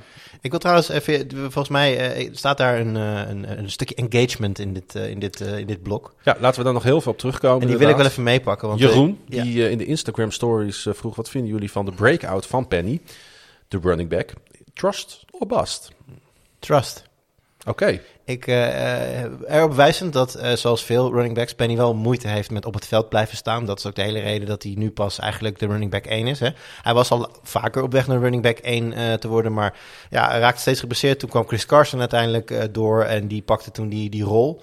Maar wat veel van mensen vergeten is dat Rashad Penny in, 2000, Penny in 2008... ehm, de 28ste pick overall was, of sorry, 27ste pick overall was in de first round van de NFL draft. Hmm. Wat natuurlijk wel iets zegt over hè, de potentie van zo'n jongen. Hij is, al, hij is gedraft om de running back 1 te zijn voor de, voor de Seahawks. Alleen ja, door een samenloop van omstandigheden is dat tot op heden nog niet gebeurd. Maar ik denk absoluut dat hij er de kwaliteit voor heeft. En als ze iets kunnen verzinnen om die jongen fit te houden, het zij een gedeelde rol, whatever, dan denk ik dat deze prestaties geen uitzondering hoeven zijn. Dus als je volgend jaar gaat draften eh, voor je Fantasy League, dan moet je hem in de gaten houden als, eh, Als, eh, als een van de... ja, als, als Dark Horse. Kijk, het, Dark is, Horse het, is niet, het is niet een jongen die ik in de eerste twee, drie rondes op, op zou willen pikken. Want dan moet je mensen hebben die zeker weten gaan scoren. En wat ik zeg, ik, zie, ik, zie, ik voorzie een situatie dat ze hem absoluut gaan afwisselen met iemand. Mm. Want dit is niet een jongen die het aan kan om alle, alle plays op het veld te staan. Maar hij zal de running back 1 worden. Ik verwacht namelijk dat Chris Carson stopt. Ja. Ik denk niet dat hij terugkomt van zijn eh, degenerative neck eh, problems. En heel eerlijk, hij zal wel gek zijn. Ja. Ik bedoel, eh, kies lekker voor de rest van je leven en niet voor een, een, een, een balspelletje. Ook al levert je heel veel geld op. Maar nee, Rashad Penny is duidelijk de, de meest getalenteerde running back die ze daar nu aan boord hebben. En ik denk dat hij dat, dat backfield zal leiden ja, volgend jaar. Eens. Toch was de, de highlight wat mij betreft niet weggelegd voor, voor een play van de Seahawks. Nee, voor een play van Tim Ball. Die namelijk ehm, een 6-yard touchdown pass in huis had op left tackle Taylor Decker in het eh, derde kwart. En ik hou altijd van big man touchdowns. En eh, zeker deze Taylor Decker, dat is de left tackle van, eh, van Detroit al vele jaren. Een zeer gewaardeerde speler daar ook. En waarom is de left tackle ook alweer zo belangrijk, Klaas-Jan? Omdat hij de blind side heeft voor de quarterback. Ja, je, wil- je, in- de quarterback staat natuurlijk met zijn werparm naar achteren. Dus als je rechtshandig bent, dan zie je niet wat er links van je gebeurt. Ja.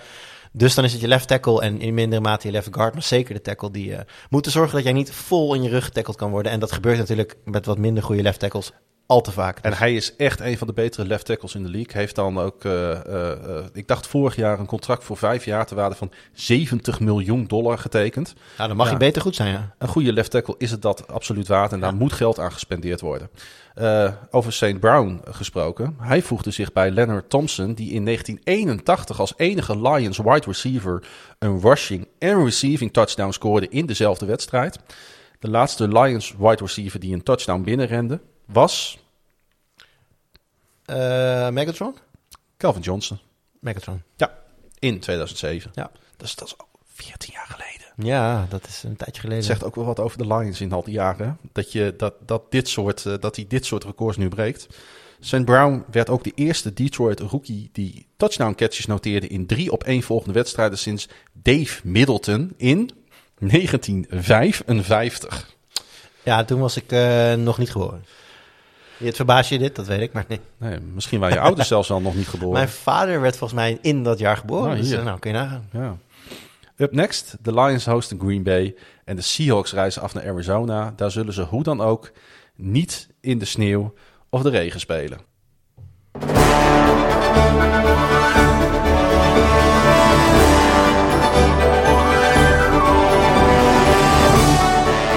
Een beetje Disneyland dit, hè? Ja, maar het, het heeft ook wel wat van die Lombardi-muziek, weet je wel? Die, eh, de, de, de, de trophy-muziek.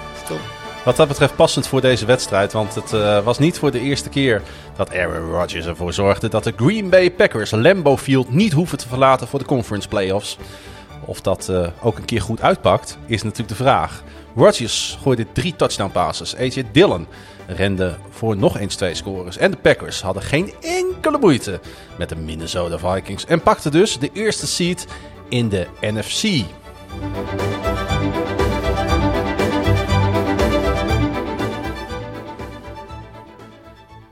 Ja, Green Bay, het enige team eh, dat thuis ongeslagen is. En eh, ze hebben nu dus ook nog eens de kans de Super Bowl te bereiken zonder Green Bay uit te hoeven.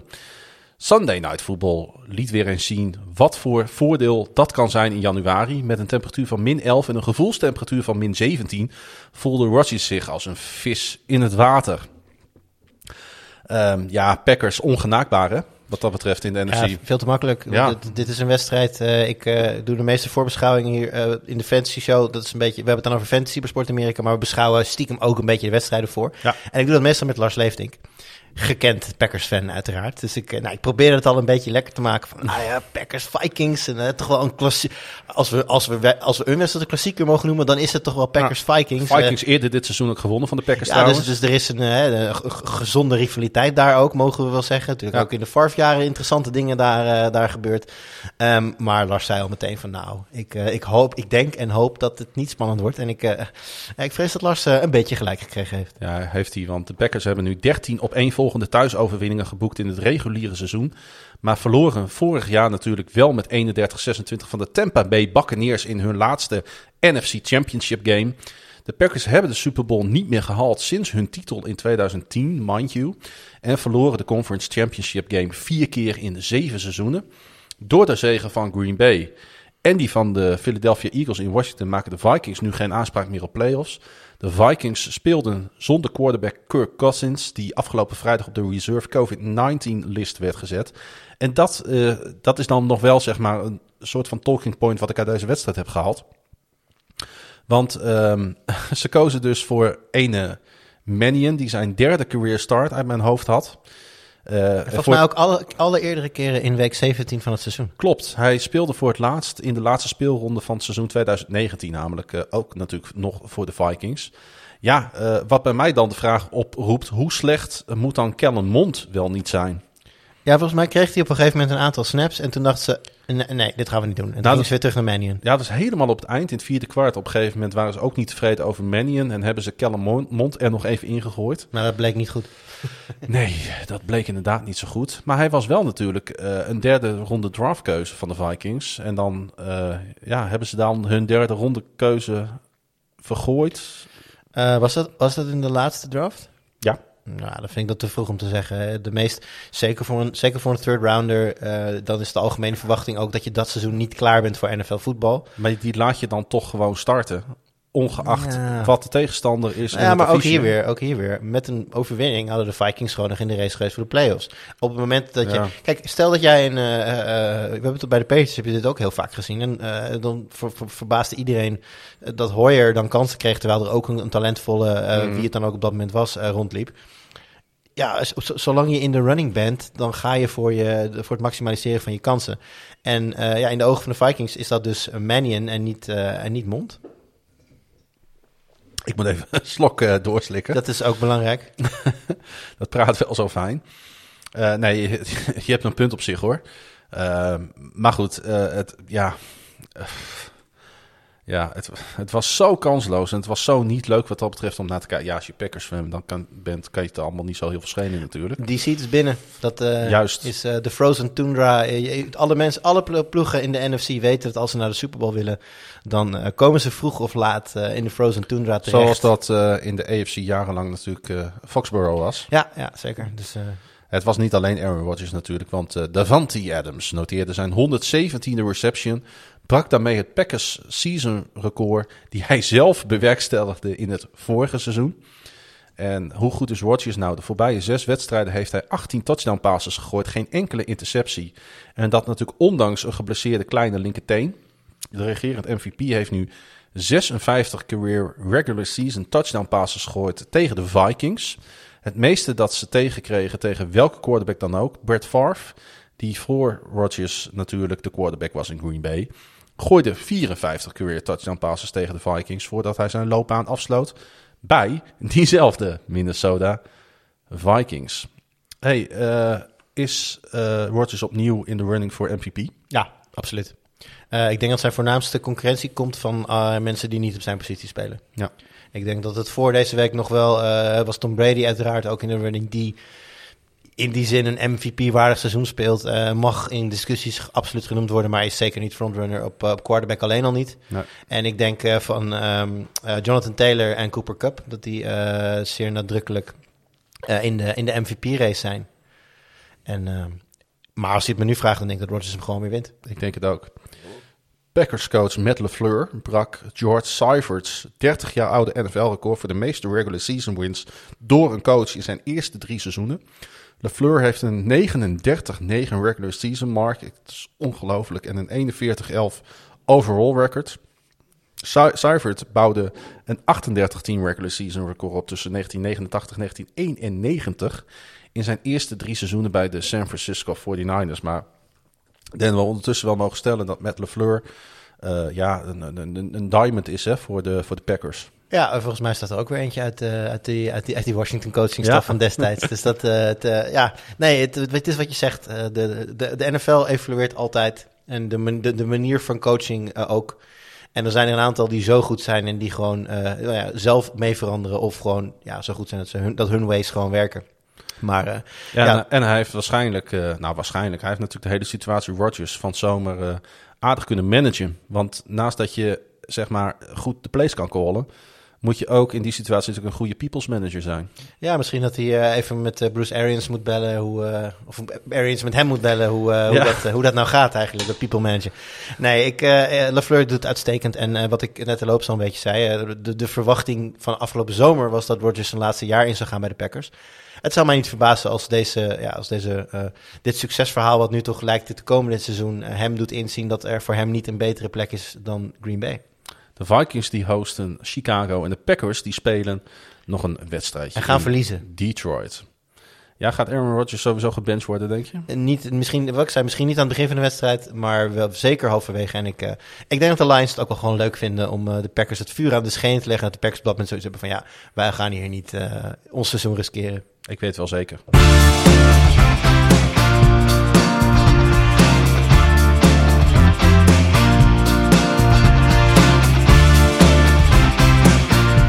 Ja, alle ogen die waren gericht op Robert Quinn en hij stelde niet teleur. Quinn brak Hall of Famer Richard Dance franchise single season mark met zijn 18e sack. Ondertussen lieten de Chicago Bears met een 29-3 overwinning zien dat ze net even beter zijn dan de dit jaar zwaar tegenvallende New York Giants. De Bears voegden zich bovendien bij Green Bay als enige franchises met 800 overwinningen inclusief de playoffs. En ze schonken de veelbesproken Matt Nagy een zegen in wat hoogstwaarschijnlijk zijn laatste thuiswedstrijd als hun coach was. Fire Nagy. Ja, nou, ik, heb het al, ik heb het allemaal gehoord natuurlijk in ja, Chicago. Ja, was uh, in de arena volgens mij die avond dat er bij de Bulls uh, werd gescandeerd Fire Nagy. Nou ja, als toch bij een uh, andere, ja. ander team, een andere sport in een totaal ander stadion geroepen wordt om het vertrek van de hoofdcoach van, van de Bears, dan dan ben ik bang dat uh, het, het lot bezegeld ik is. Ik moet uh, daarbij wel bij zeggen dat dat de aller, aller, aller slechtste wedstrijd van de Bulls van dit seizoen was. Die eerste staan natuurlijk in de conference op dit moment. En ik was bij die ene pot tegen de Indiana Pacers dat ze me lieten lopen. Ai. En uh, ja, het publiek was er in het vierde kwart helemaal klaar mee. Ja. En die begonnen inderdaad een dag nadat natuurlijk de Ravens met hun backup quarterback op Soldier Field wonnen... te roepen om het ontslag van Matt Nagy. Maar één ding moet ik hem toch nageven. De spelers blijven voor hem door het vuur gaan. Ja, ja zeker. En uh, nou goed, het, uh, gisteren viel er ook weinig op aan te merken. Of eergisteren moet ik zeggen. Nee, zondag. Zondag. Ja, sorry. Ik, ik, vergeet soms dat uh, NFL op woensdag, op woensdag wordt, wordt gepubliceerd. Quinn die brak Dance record, ik zei het al, hè, van 17,5. Neergezet in mijn geboortejaar, 1984. Met het neerbrengen van Mike Glennon in het vierde kwart. De Bears scoorden zelfs een time-out om hem zijn moment te geven. Op dat moment was de wedstrijd overigens al lang gespeeld. De 31-jarige Quinn zorgt daarmee voor een opmerkelijke turnaround. Na in totaal slechts twee sacks vorig seizoen. Zijn eerste jaar in Chicago. Hij staat nu op 100 en een half sacks over zijn hele carrière. En heeft volgende week nog eentje nodig om zijn career high van 19 te evenaren. Neergezet in 2013 bij St. Louis. Trouwens, over die Quinn gesproken. Uh, ik zat even uh, wat uh, over hem op te zoeken. Toen hij 17 was, uh, werd een hersentumor bij hem geconstateerd. Hij kreeg te horen dat hij niet zou overleven. En afgelopen weekend was hij gewoon een recordsetter voor ja. zijn founding NFL-franchise. Hoe is dat? weet je ook hoe dat, hoe dat gegaan is? Is hij wel behandeld of zit die tumor er gewoon nog en is het gewoon... Ja, ik neem aan dat dat behandeld is. Dat heb ik verder niet opgezocht. Maar hij heeft, uh, nou ja, ja god, god, ik kan me dat zo voorstellen. Ik heb dat helaas ook wel eens mee, in, in mijn leven meegemaakt. Ja, dat je ja. in zo'n dokterskamertje zit. En dan zegt zo'n dokter van... één, je hebt kanker. En twee, je gaat het niet overleven. En we zijn, we zitten in 2021 en deze gast heeft gewoon meer dan 100 seks geproduceerd in de NFL. Dat is echt, als je, ja, ik, ik wil niet helemaal op die Amerikaanse tour gaan of zo. Maar het is natuurlijk wel een krankzinnig verhaal. Ja, nee goed, we, we hadden natuurlijk een Sherman al aan... waar ook een prachtig verhaal aan vast zit. Ja. En dit, dit zijn... Um, Niet, niet eens sport, dit is denk ik wat de mensheid mooi maakt. Mhm. Eh, de, de, de, de, de verhalen waarbij alle, alle odds verslagen worden Ja. en de, dingen. Eh, toevallig een goede vriend van mij, die zou zijn vader eigenlijk al eh, voor volgens mij de reboot van de Star Wars fans, zijn allebei grote Star Wars fans, zou, maar die vader zou de, de, de eerste film al niet meer meemaken, is er nog Mm. steeds, heeft, zijn, heeft zijn kleine kinderen eh, geboren zien worden, et cetera. Soms loopt het leven op, op, op manieren die anders zijn dan, dan voorspeld, Ja. gelukkig. Ja, absoluut. Dat is ook zo hoor. En daarom ehm, ja, wou ik hier sta ik hier toch wat uitgebreider bij stil ook bij dit moment. Want ja, dit zal voor Quinn natuurlijk ook geweldig. Trouwens, het zal ook goed aanvoelen dat het in 16 wedstrijden gebeurde. Ja, ja zeker. Net als Dent in 1984. Was Dent er ook bij trouwens? Of, eh, Ehm, nou, of is die ook dood? dat weet ik niet. Ehm, volgens mij was eh, Dent er niet bij. Volgens mij, oh, dan moet ik dit zeg ik uit mijn hoofd hoor. Ik heb, ik heb begrepen dat de twee namelijk contact hebben gehad voor deze wedstrijd. En Quinn gaf aan dat Dent er eigenlijk niet op zat te wachten dat zijn record gebroken zou worden. Hm. Die vond het eigenlijk wel fijn dat, eh, dat hij dat record nog steeds in handen heeft. Dat heb je, hè? sommige oudspelers hebben dat, hè? dat ze eigenlijk liever het niet willen. Is niet Amerikaans, is niet hoe natuurlijk eh, eh, met, de, met sport wordt omgegaan in dit land. Maar eh, nou goed, hij pakt hem waarschijnlijk, eh, gaat hij eh, de volgende week nog wel meer voor. Ik zit even te kijken. Er is wel, er is wel een bericht uitgegaan van Dent naar Quinn. Ja, klopt. Maar ik kan zo snel niet, niet vinden of hij ook daadwerkelijk aanwezig was. Ik denk het niet. Nou. Anders, anders doe je dat niet via social media, denk ik. Even terug naar de wedstrijd. Travis Gibson, die had een strip sack op de eerste play from scrimmage. En Tashawn Gibson, senior, die onderschepte, Mike Lennon bij het volgende balbezit van de Giants. En die twee takeaways leidden tot een scoring run van David Montgomery en een touchdown catch van Darnell Mooney. Trouwens ook niet een hele verkeerde speler. Oh, wacht, er is drama. Er Wat? is, er is drama. Ja, toch wel? Jawel, jawel, jawel. Bears outside linebacker Robert Quinn said he talked to Richard Dent yesterday, and the Hall of Famer reminded Quinn that he set the original record in 1984, having started only 10 games. Oh. Dus hij was, het is wel klein hoor. Zie je, het klopt dus wel wat ik zei. Dat er een soort van, dat, dat, dat, dat, dat er wat eh, Ja. animositeit was tussen de Ja, twee. eh, maar ja. het, is, het is gewoon, hij, hij liet hem dus wel even weten dat hij maar 10 wedstrijden gestart heeft en, eh, en Quinn dus Ja, 16. oké. Maar, dat, maar dat weet je toch klein? Je staat in, je staat in de, hall, in de, voetbal- in de Pro Football Hall of Fame. Je bent decennia heb je dat record gehad. Eh, de, alle grote spelers zeggen records zijn er om gebroken te worden. Ze geven elkaar de hand, ze geven elkaar een schouderklopje en... En, en, en, en de NFL gaat door. En dan Ja. ga je toch niet zo'n opmerking plaatsen van... ja, nee, Nee. maar ik heb minder wedstrijden gestart. Dus eigenlijk... Wat, wat je dus zegt is... eigenlijk is mijn prestatie nog steeds knapper. Ik vind dat heel klein. Ja, het is ook heel klein. Zeker voor iemand die de enige Super Bowl in de geschiedenis van de Chicago Bears gewonnen heeft, natuurlijk.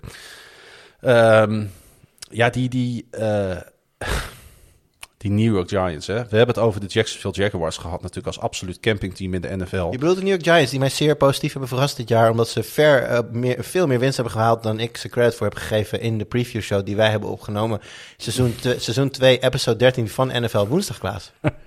ik, ik, wil- ik weet nog dat we toen het aantal winst moesten gaan voorspellen. Ja, Toen zei ik in eerste instantie, ik wil eigenlijk nul zeggen. Maar ik zal maar aardig zijn en twee zeggen. Ze hebben er vier. Dus ze zijn mijn verwachtingen ver ontstegen. Ja. Ze hebben een fantastisch seizoen gedraaid eigenlijk... als je het afzet tegen de verwachtingen. Ik denk, eh, ik denk dat dat eh, puur enkel en alleen komt omdat eh, Jones een redelijke quarterback is.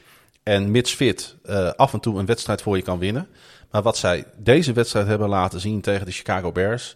was, mag het woord miserabel eigenlijk niet eens dragen. Ik vond het echt, echt schokkend. En ik vraag mij ook af... kijk, bij heel veel teams... Kijk, laten we eerlijk zijn. Hè, bij de Seahawks gaan Wilson gaat vertrekken, Carroll gaat vertrekken. Maar er zit potentie in die franchise. Er zit potentie in dat publiek. Er zit potentie in die stad. Er zit potentie in dat stadion. Er zit potentie in de divisie waar ze in spelen. Zit potentie in New York City? Is dat wat je zegt? Nou, als ergens potentie zit in New York City, dan is het bij de Jets en niet bij de Giants. Oh. Ik maak mij grote zorgen over de toekomst van deze franchise, die de afgelopen tien jaar al zich door de NFL aan het mo- heen modderen is werkelijk. Ze hebben volgens mij één winning season gedraaid in de afgelopen tien jaar. Eén keer de playoffs gehaald. En het zit niet goed daar. Nee. Ik heb Judge gehoord na de heel lang, wedstrijd. echt al heel lang niet. Hè, al daar. he nou precies, dat zeg ik. En dat gaat zo ver terug, en dat is wel grappig. Ja. Eh, je hebt, je- zeg Man in the Arena, jou iets? Hoe? Nog een keer? Man in the Arena. Man Dat is een eh, documentaire serie van ESPN, maar ook een podcastserie en gaat over de jouw zeer geliefde Tom Brady. ja. Maar daar wordt dus eh, in hoofdstukken teruggekeken op zijn hele carrière. En daar komen uiteraard ook de hoofdstukken voorbij waarin de Giants eh, grote spelbrekers zijn voor de Patriots. Niet één keer, maar twee keer. Twee keer. Ja. En daar komen dus ook een aantal mensen van dat team, spelers en ook coaches aan het woord. En daar merk je al aan dat daar een hele rare soort van druk wordt opgelegd van, van bovenaf.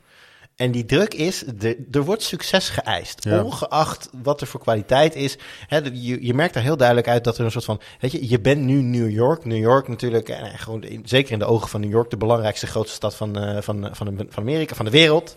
Ehm, succes wordt geëist. Het is, het is niet een, nou misschien kunnen we het niet. Nee, alles minder dan playoffs en eigenlijk alles minder dan de Super Bowl wordt, wordt in de ogen van de Giants gewoon gezien als een gefaald seizoen. En dat is nooit veranderd. Dat zit er nog steeds in. En zolang, volgens mij begint het daar al. Volgens mij moet daar een soort van reali- realiteitszin gaan ontstaan.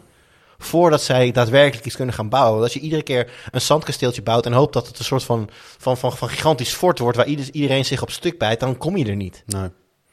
Dat moet Coughlin geweest zijn, denk ik, hè, die daarover sprak. Pff, dat weet ik niet meer. Dat is al een tijdje geleden dat ik Oh. geluisterd heb. Maar het is, het is, een- het is- hij noemde het zelf overigens niet per se eh, ehm, eh, ongezond of zo. Nee. Maar hij, hij legt gewoon heel duidelijk uit dat er gewoon... Zij, ze Ah. kwamen bepaald niet als favoriet de, de play-offs in. Volgens mij waren ze echt de, de zes seed in de, in de NFC dat jaar. Ja, klopt. Maar er werd gewoon van ze geëist van...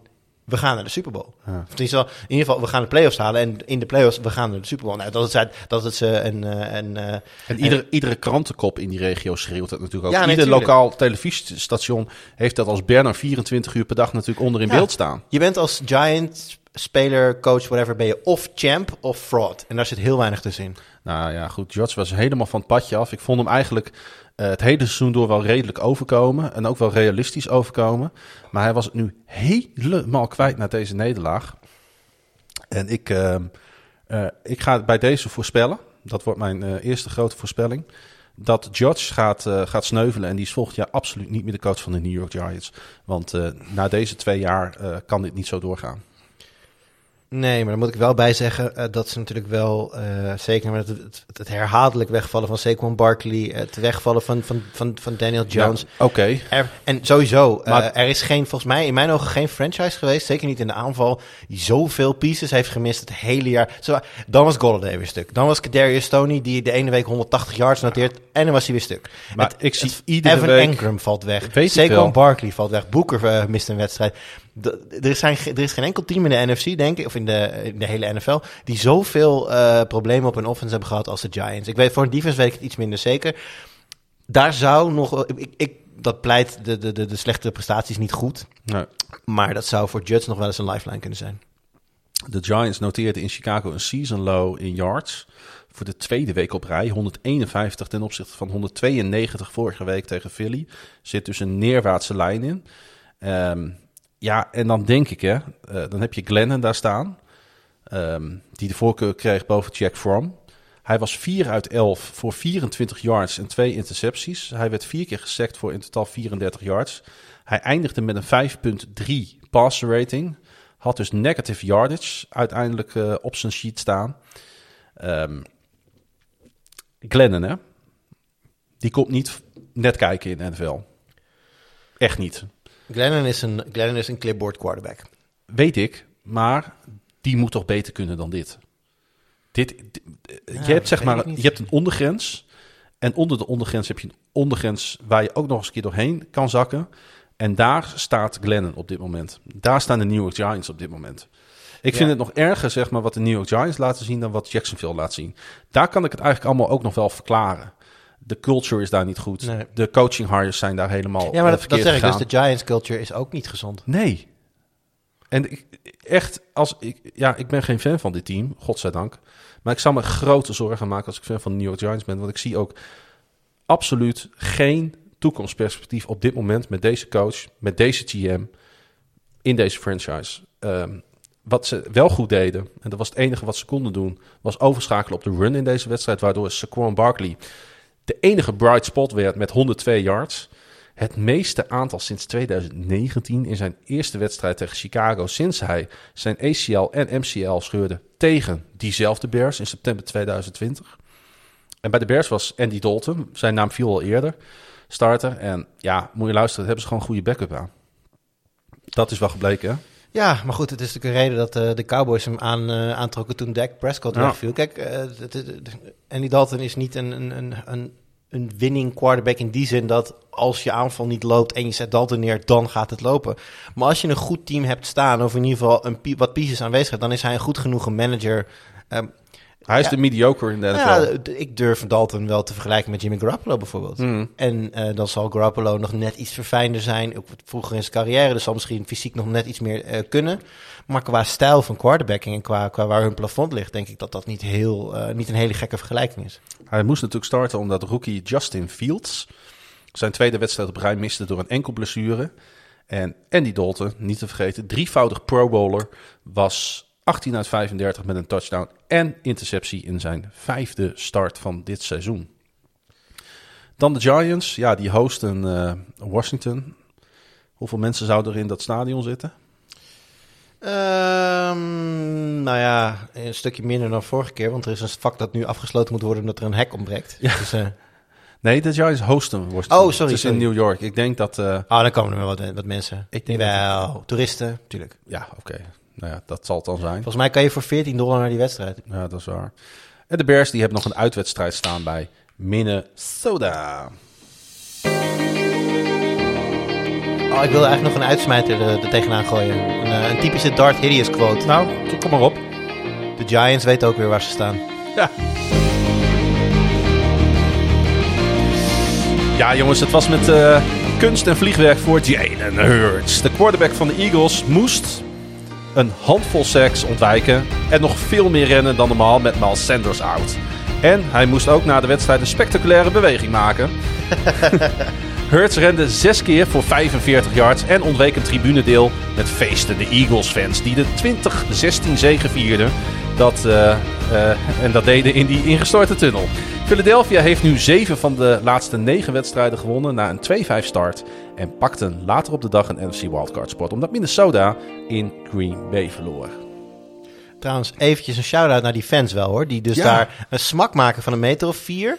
Opstaan, hun telefoon pakken en een selfie maken met Hurts. Ik wil niks meer horen over, over Bills fans die door tafels heen springen. Ik vind, vond dit wel echt heel hardcore.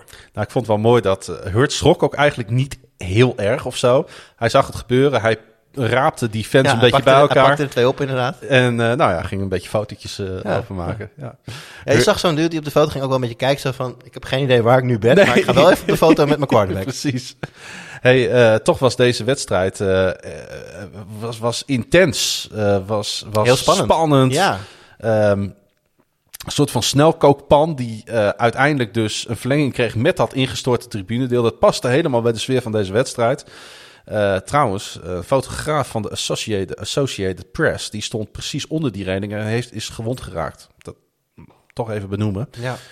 Uh, voetbalteam zei in een statement uh, over dit incident te onderzoeken wat er was gebeurd en liet weten, en hier komt absolute bullcrap, dat de veiligheid van fans en gasten hun hoogste prioriteit heeft. Ik, zou, ik zal er even op terugkomen. Nou, uh, iedereen die dat stadion kent en er is geweest, die weet dat dit uh, absoluut niet zo is.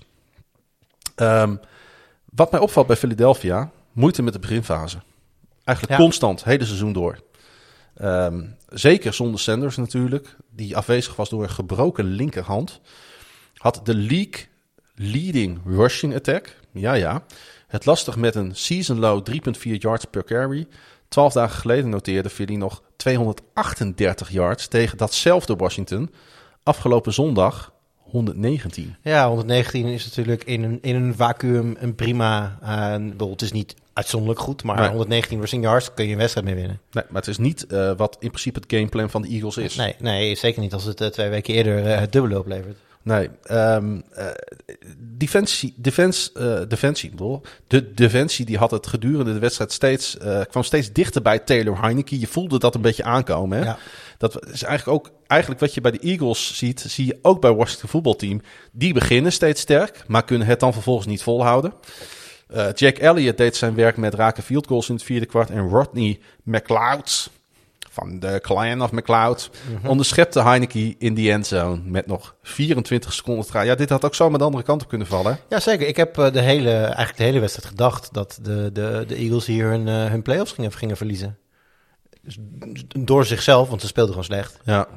ja, want Washington, die had natuurlijk ook nog die statistisch, statistische kans op playoffs. Ja. Maar ja, die, die, die, ja die, die miste natuurlijk het een en ander. Zo. Eh, m- miste trouwens, trouwens, je had het net over een cameraman die eh, geblesseerd raakte, van een fotograaf. Ja, Er was eerder eh, deze dag in, dit, op dezezelfde, eh, in ditzelfde stadion een cameraman die een, eh, een hachelijk moment beleefde. Toen Donovan Peoples-Jones eh, richting de, de zijkant vloog. En daar eh, de tight end van, eh, van Washington, die ehm, Hmm. Daar eh, vol tegen de camera aankwam. En zowel, eh, zowel als cameraman waren volgens mij voor de rest van de wedstrijd uitgeschakeld. dat zag er ook even heel spannend uit, hè? Ja, nee, kijk, hij komt met zijn helm vol op die camera. Als cameraman sta je natuurlijk met je ogen tegen een randje aan waar, eh, waar dan de camera begint. Hmm. Dus je krijgt ineens een volle massa van die camera, zo pok tegen boven je ogen. Dus ja, die, en, en een cameraman is ook niet getraind op het incasseren van, eh, van eh, dat soort hits. Ja, en een speler die loopt ineens tegen een massief object aan. Nou zijn, Ja. nou zijn sommige NFL-spelers zeer vergelijkbaar met massieve objecten, objecten. Maar dit is dan nog wel weer een stapje verder. En die is inderdaad ook gelijk eh out voor de rest of the game. Dus dat, het was niet een goede dag voor mensen van de pers in, in Washington. Nee, ik weet niet meer trouwens wat ik precies gezegd heb over de Eagles in de previews. Maar ik vind het echt ontzettend knap wat ze doen met Sirianni. Het was echt, eh, in- ook, want je moet niet, ook Philadelphia, dat is een grote franchise. Met ook veel druk. En het, de verwachting was denk ik laag aan het begin van dit jaar. Trouwens, ik zei Donovan Peoples-Jones, dat is een receiver van, van, Van- de Browns. van de ik Browns, bedoelde uh, zeggen, ja. Ricky Seals-Jones. Hoor, je de, hoor je de vergelijking? Ik snap hem. Excuses. we zijn ook alweer, Gerectificeerd. We zijn ook alweer meer dan twee uur bezig. Dus het is je vergeven. Eh, ik vind het erg knap wat Sirianni doet. Hij ging er twee keer voor, deze wedstrijd op fourth and goal.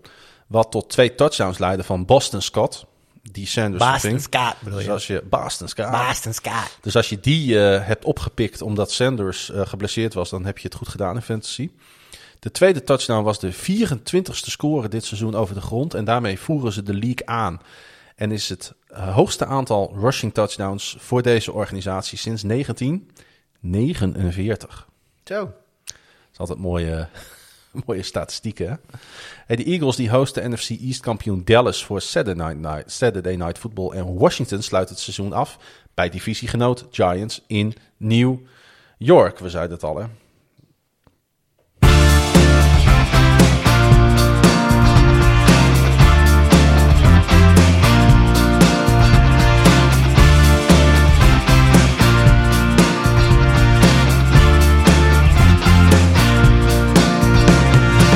Ja, zonder star quarterback is het Cameron Jordan die de show steelt in New Orleans. Hij noteerde 3,5 sacks en voerde daarmee zijn unit aan, die in totaal tot 7 sacks kwam. Eens te meer was het dus de Saints defense die cruciaal was. Dit jaar, dit keer in een 18-10 18-10 zege op de Panthers. En de Saints zijn nog altijd in de hand voor een playoff spot in week 18. En dat is alles wat de fans in New York, New Orleans, jemig, New Orleans zich kunnen wensen in het eerste jaar zonder Drew Brees. Je moet me niet zoveel bier voeren. Oh, sorry. Dat zijn nog niet, dit zijn nog niet eens Poolse IPA's. Nee, inderdaad. Ja, eh, je- door de manier waarop Jordan en co speelden, eh, eh, ja, maken deze Saints gewoon kans om mee te doen. Hè? Het is te belachelijk voor woorden, Ja. maar het is echt waar. Ja. Wat een verschrikkelijke wedstrijd was dit trouwens om te zien ook. Ja, erg hè? Niks ging goed, echt niet. Je hebt aan de ene kant Sam Darnold, die, die de, de hete nek van Cam Newton in zijn, eh, eh, de hete nek in zijn adem voelt. Tuurlijk, we gaan gewoon lekker door. de, de hete nek van Cam Newton. Alsjeblieft, titel voor je podcast. En ehm, aan de andere kant dan Taysom Hill, die natuurlijk terugkomt van zijn COVID-uitschakeling. nou ja, zeker niet de gevaarlijke eh, running back slash quarterback was die hij in zijn eerste weken di- dit jaar was. Ja, vermoeiend om naar te kijken. Echt Ja. heel vermoeiend. Het is, dit, is letterlijk wat je zegt net. Hè? De, de, de defensieve plays die gemaakt worden, die, eh, ja, dat zijn de highlights. En dat, dan weet je al als, als NFL-liefhebber dat dit niet een wedstrijd is om, eh, om terug te kijken. Nee, Brad Harris, wat dat betreft, is dat eh, de, de sterspeler in, in New Orleans de laatste weken. Ehm, hij schoot vier field goals raak voor een eh, 12-10 voorsprong. En toen wist eindelijk Elvin Kamara voor het eerst in 11 quarters een touchdown te scoren. Ja, als hij dat nou elf quarters eerder had gedaan, had ik misschien wel ergens een fantasy team met een eh, finale plaats gehad. Maar helaas. Ja, Taysom Hill was eh, 17 uit 28 voor 222 yards. Hij voerde zijn team aan in rushing met 45 yards achter een O-line die vier season opening starters miste.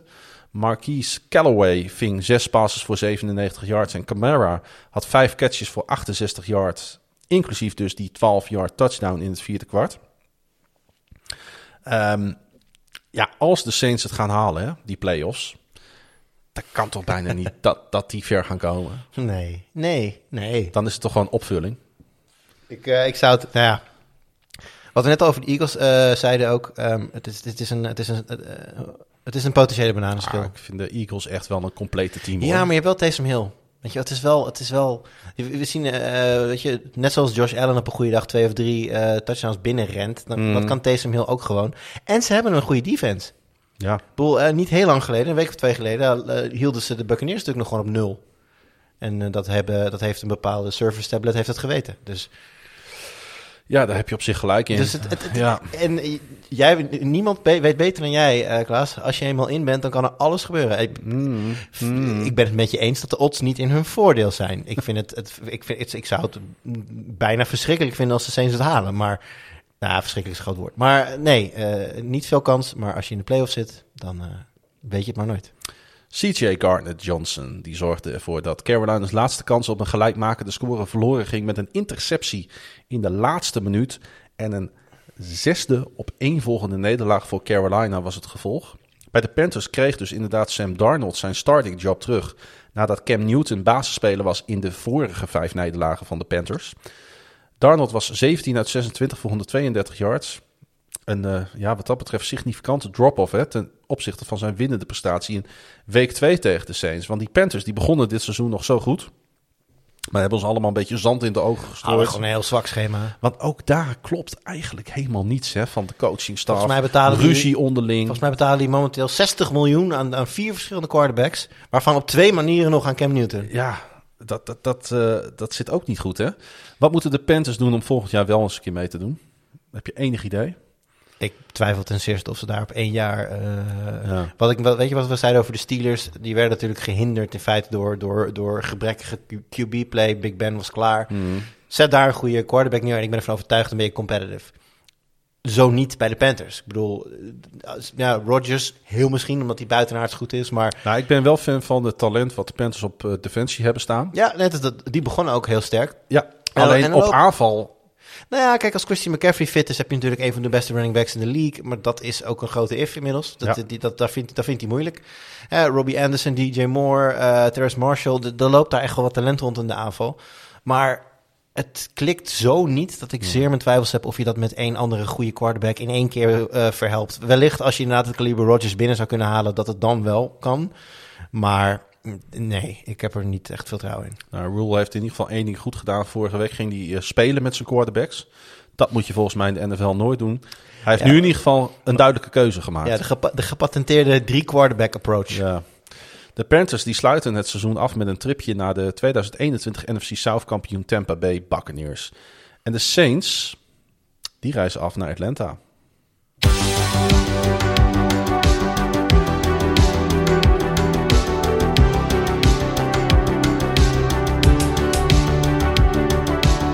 Ja, in een wedstrijd waarin het vooral over de weggelopen Antonio Brown ging, gebeurde natuurlijk nog veel meer dan alleen dit incident. Na zijn bizarre shirtloze exit gooide Tom Brady de Bucks nog even koeltjes naar een 28-24 overwinning. Door een 93-yard drive in de laatste minuut in East Rutherford. Vlak na het vertrek van Brown wist Brady op een fourth and goal te connecten met Cameron Braid. En de quarterback maakte het af met een 33-yard touchdown pass op Cyril Grayson. Met nog 15 seconden op de klok. Het was de derde touchdown pass van Brady deze wedstrijd en zijn 40ste dit seizoen. En daarmee voegde hij zich bij Drew Brees als enige speler die voor 40 touchdowns gooide in opeenvolgende seizoenen. Hij is vrij goed, hè, Brady? Ehm, het is waanzinnig. Ja, Het is we, echt waanzinnig. We hadden het erover van tevoren. Van, ja, goed, als er een achterstand is voor Brady's team, maar hij krijgt de bal nog in zijn handen eh, met een minuut of twee op de klok. Dan kan je de televisie uitzetten, want dan weet je dat Brady's team gaat winnen. Nou ja, eh, wat jij terecht aangaf, dat is een aantal keer dit seizoen ook niet gebeurd. Nee. Maar eh, ja, vintage Brady vooral. En dat, wat mij daarbij dan vooral opvalt, is het gemak. Het, het lijkt alsof de tegenstander ineens helemaal niets meer kan. Alsof maar elk van die drie passes die op dat moment 15 of 20 yards, of, of wat het ook was, eh over, Ja. overbrugd, is gewoon perfect. Elke bal is perfect. En eh, helemaal, hè, Brady gooit in deze fase van, zijn- van zijn carrière ook echt niet meer elke bal even perfect. Maar dit, dit, dit was weer een masterclass wedstrijdjes afmaken. Ik vond het sneu voor de Jets. Ik eh, ben het in die zin met je eens. De Jets, niemand had verwacht dat de Jets zo, zo goed voor de dag kwamen eh, tegen, tegen de Buccaneers. Nou ja, de Jets natuurlijk, eh, Brady ook wel bekend. Dus iedereen maakte zich al klaar voor nou ja, een ouderwetse Jets-spanking. Ja. Maar eh, dat gebeurde zeker niet. Het zat er heel lang aan te komen dat de Jets deze wedstrijd stiekem zouden kunnen gaan winnen. Nee, tot ik- inderdaad eh, Ik heb eigenlijk drive. het hele seizoen ook het idee dat ik... Ik heb dus veel meer vertrouwen in de toekomst van de Jets. Zeker met Saleh als, eh, als headcoach.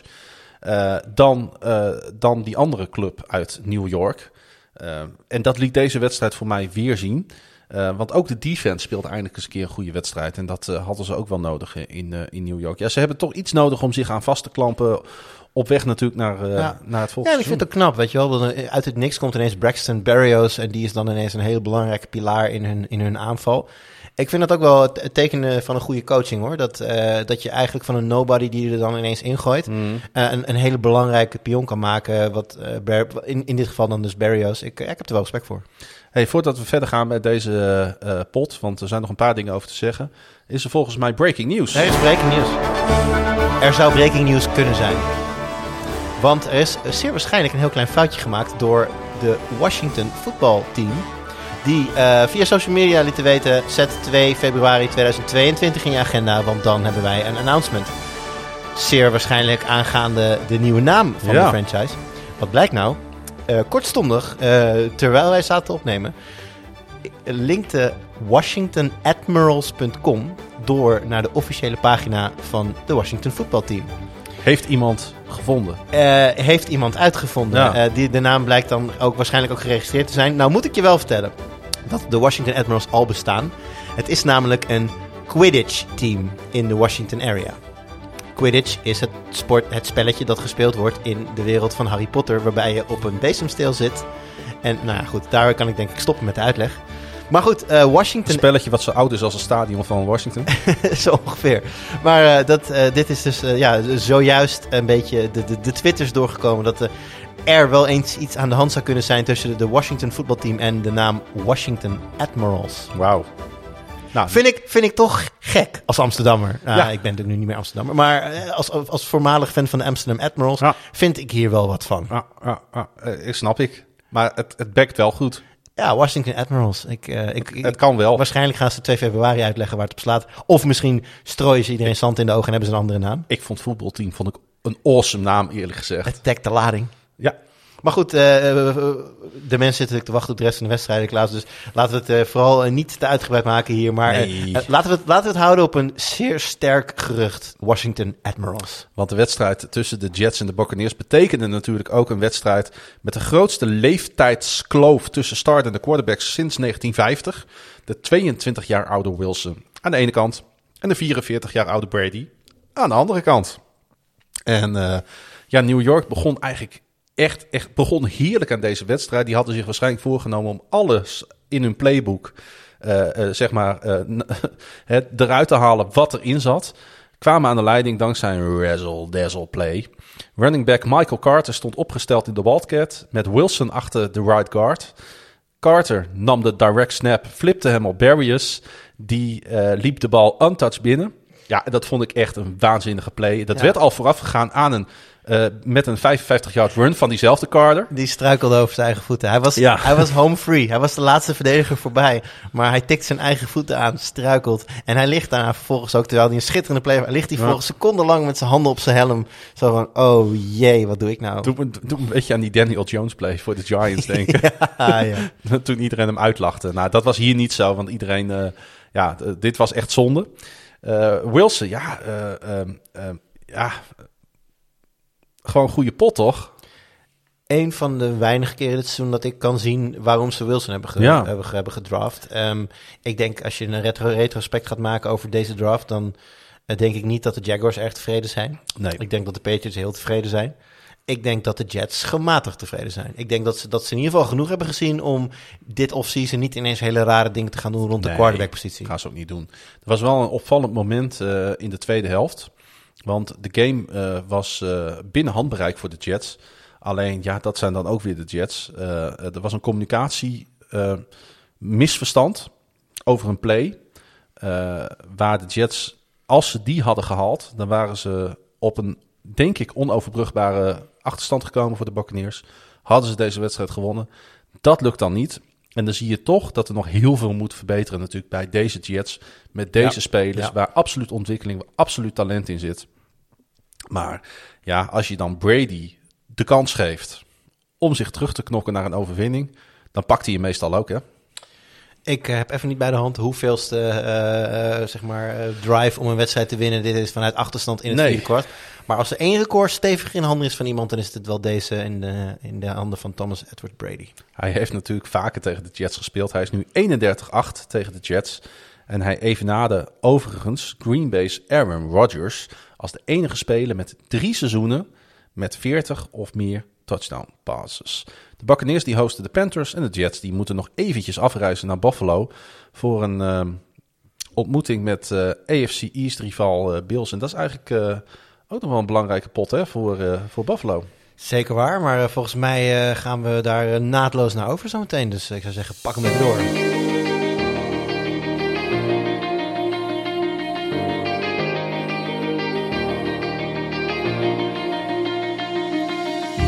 Ja, de Bills die terug moesten vallen op hun toch wat verwaarloosde running attack nadat Josh Allen intercepties ging gooien. Daardoor wisten ze een meltdown te voorkomen op een door sneeuw lastig bespeelbaar veld. Singletary scoorde na rust twee touchdowns in de sneeuw en maakte zo de drie intercepties goed die Allen in opeenvolgende drives gooide in een 29-15 overwinning op Atlanta, waardoor de Falcons gelijk ook wisten dat ze geen enkele kans meer maken op playoffs.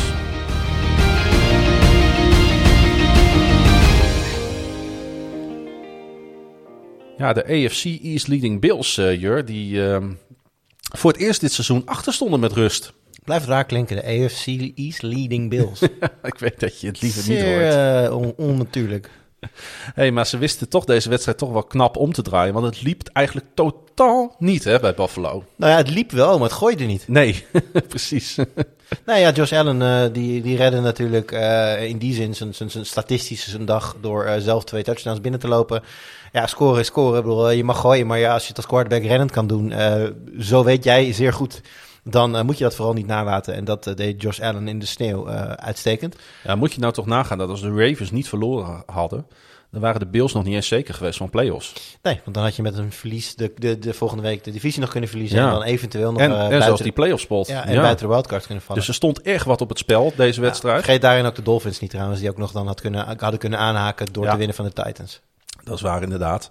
Eh, nou, het enige wat de Bills nu nog moeten doen volgende week is natuurlijk dus winnen van de Jets. Om hun tweede opeenvolgende divisietitel te pakken. En daarmee natuurlijk ook thuisvoordeel in de wildcard playoff ronde. Buffalo rende uiteindelijk voor 2,33 yards. Het hoogste aantal sinds de 244 in een 20-3 overwinning op Denver. 25 maanden geleden. Ehm, klopt het wat ik zei eh, in de intro dat de Bills hun running attack een beetje verwaarloosd hebben de afgelopen tijd? Ehm, ja, maar dat komt ook omdat zij eh, daarin toch een beetje een identiteitscrisis hebben. Je begon Ja. het seizoen met Singletary en Moss en eigenlijk wisten ze zelf toen al niet wie, wie, wie daar de, eh, ja, de hot hand in zou zijn. Dus, dus het werd ook een beetje een hot hand situatie. Ene week was het die, andere week was het die. Dat is niet ideaal in die zin. Je wil, kijk, wat ik al zei, elke ploeg wil een 1 en een 2, maar je wil het liefst wel weten wie de 1 en de 2 is. En dan kwam natuurlijk Matt Breida er ook nog bij, eh, een week of drie geleden. Dus dat maakt het natuurlijk ook lastig. En ehm, ja, qua design runs, eh, Allen heeft bijvoorbeeld tegen, tegen eh, de Buccaneers heel veel eh, design runs gedaan, omdat ze ook wisten van daar gaan we het tempo mee, moeilijk mee maken. Klopt Maar ja, ook. tegelijkertijd, dat klopt zeker. Maar tegelijkertijd wil je ook Josh Allen als zijnde je, star franchise quarterback niet te vaak in, eh, in, gevaar brengen. Dus het, eh, ja, nee, neglected zou ik niet willen zeggen. Maar dat het beter kan, staat vast. Ja, van de Falcons kunnen we zeggen dat ze strijdend ten onder zijn gegaan in de NFC-race. Het is de, het vierde op één volgende seizoen dat ze geen play-off spelen in hun eerste seizoen onder coach Arthur Smith. Los van het forceren van drie turnovers en een safety naar een fumbled punt van Marquise Stevenson. limiteerden ze Allen tot 11 passes voor 120 yards en een career worst 17.0 passer rating. Moeten Bills fans zich zorgen maken over Allen en deze Bills? Nee. Oké, want Allen blijft een van de betere quarterbacks in de league. Uh, Stephon Diggs blijft een van de beste wide receivers in de league. Uh, Knox wa was een non-factor gisteren, maar hij heeft zich ontpopt als een uh, zeer gevaarlijke threat in de endzone met name. Het sneeuwde. Uh, dat, dat is misschien wel een dingetje. Want dat begint natuurlijk... Hè, je had natuurlijk die sneeuwwedstrijd tegen de Patriots. Dat was een hele rare regen, wedstrijd. Regen, ja. Ook sneeuw volgens mij, toch? Ja, natte sneeuw. Ja. Oh ja, nou goed, ja. in ieder geval. En nu- wind. En nu Ja. dit weer. En dan, heb je toch, dan krijg je toch een beetje het beeld bij van... Oké, misschien is Josh Allen niet een hele goede slecht weer quarterback. Dat, Nou, ik, eh, dat is terechte opmerking. Eh, ik heb het eh, in die podcast eh, er toen ook over gehad met Pieter. Dat bijvoorbeeld de Patriots zich altijd voorbereiden op slecht weer. Hoe slecht het ook is. Ja. Belichick die stuurt zijn spelers in weer en wind het trainingsveld op. Want je verdient dusdanig veel centen dat je ook wel met een beetje regen een Ja. balletje kan gooien. Wat ze bij de Bills doen is over het algemeen binnen trainen. ja, dat, eh, wellicht, is, wellicht is het dat. Zou, Ik- het zou ik neem- daarin kunnen zitten Ik neem natuurlijk. aan dat Green Bay ook buiten traint. Eh, ik hoop het wel. Want, eh, nou ja, Volgens mij wordt het daar niet geaccepteerd je binnen. Nee, precies. En misschien moet er dan toch eh, een soort van kleine cultuuromslag nog plaatsvinden bij de Bills op dit gebied. Ja, ja, wellicht. Nou ja, goed, wellicht dat ze dat nu zelf ook zien. Nou, toch een, ja, een, een- uiteindelijk 29, eh 15, dat oogt vrij gemakkelijk.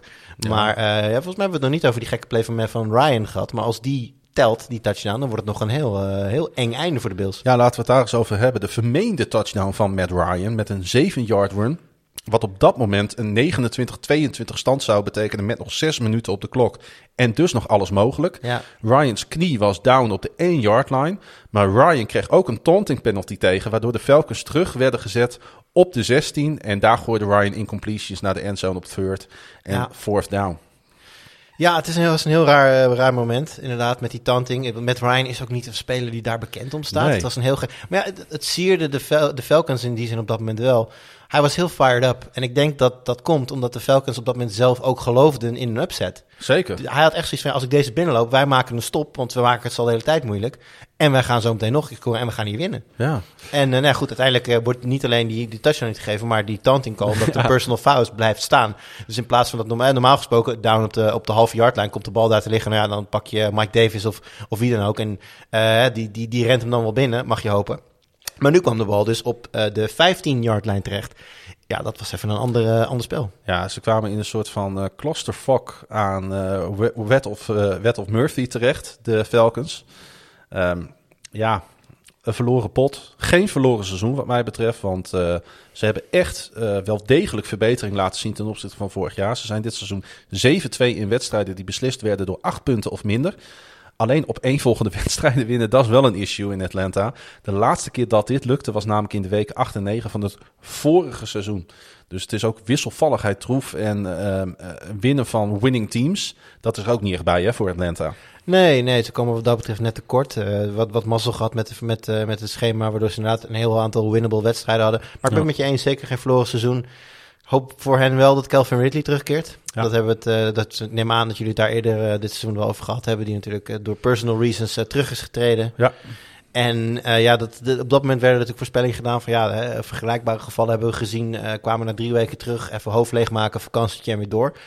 Het zit wat dieper, dat is al duidelijk. Ja, en dat was eigenlijk toen ook al gelijk wat Oké. duidelijk. Ja. nee, goed. Dat, Voor mij in ieder geval. en ehm, ja, de grote vraag is natuurlijk, denk ik ook voor deze franchise, wat gaat hij doen? Want een, hij was natuurlijk een, een aanstormend talent. Een hele mooie nummer twee naast Julio natuurlijk tot, eh, tot afgelopen offseason. Ja.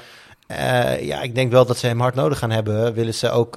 Want je merkte namelijk ook dat op het moment dat Ridley wegviel, werd de coverage op, eh, op Kyle Pitts werd, werd verdubbeld. Wil hij kreeg nu, hij- dat was in één klap ja, de man om uit te schakelen. Mm. En daar had hij het gewoon moeilijk mee. Eh, wat zijn prestatie, eh, die hij natuurlijk gisteren natuurlijk nog, wel- nog wel wist te noteren, eh, extra knap maakt. Ja, want Atlanta's Kyle Pitts die noteerde een franchise rookie record voor yards receiving en werd NFL's tweede rookie tight end die 1000 yards receiving noteerde. Pitts had eh, twee catches voor 69 yards in deze wedstrijd voordat hij na rust gelimiteerd was door een hamstringblessure. Met 1018 yards receiving brak hij het teams rookie record van, jawel, Julio Jones, die 959 yards had in 2011. En Pitts heeft nog 58 yards nodig om het NFL-record voor rookie tight ends te evenaren. Een record van ene Mike Ditka uit 1961. Ja, ja die eh, zou wel eens kunnen blijven staan. Want volgens mij ging Pitts niet fit namelijk naar huis. Nee, dus het is sowieso de vraag, sowieso de vraag of hij speelt uh, komend weekend. Ja, en ik, ik, weet, ik, ja, volgens mij, uh, pro-athletes geven over het algemeen wat minder om dit soort records. Wel meer om de end of, mm. end of career uh, all-time records. Maar ja, zo'n eerste seizoen aantal. Het, ik, heel eerlijk, het zal hem gestolen worden als, uh, als, er iets, als er een blessure is die gewoon rust nodig heeft. Een legende als Mike Ditka, die verdient het eigenlijk nog wel om uh, dit nog even met zich mee te dragen. Nou ja, dat is dus een goed voorbeeld. Mike Ditka die heeft dus wel aangegeven dat hij het prachtig zou vinden ja. als Kyle Pitts zijn, zijn record pakt. Die zegt ook records zijn. Zo moet dat. Ja, goed. Uh, Mike Ditka sowieso natuurlijk, uh, als, tenzij het om de Bears gaat, natuurlijk een reasonable guy. De Falcons die spelen zondag thuis tegen NFC South rival New Orleans. En de Bills sluiten het seizoen af tegen AFC East rival New York Jets. Go Jets!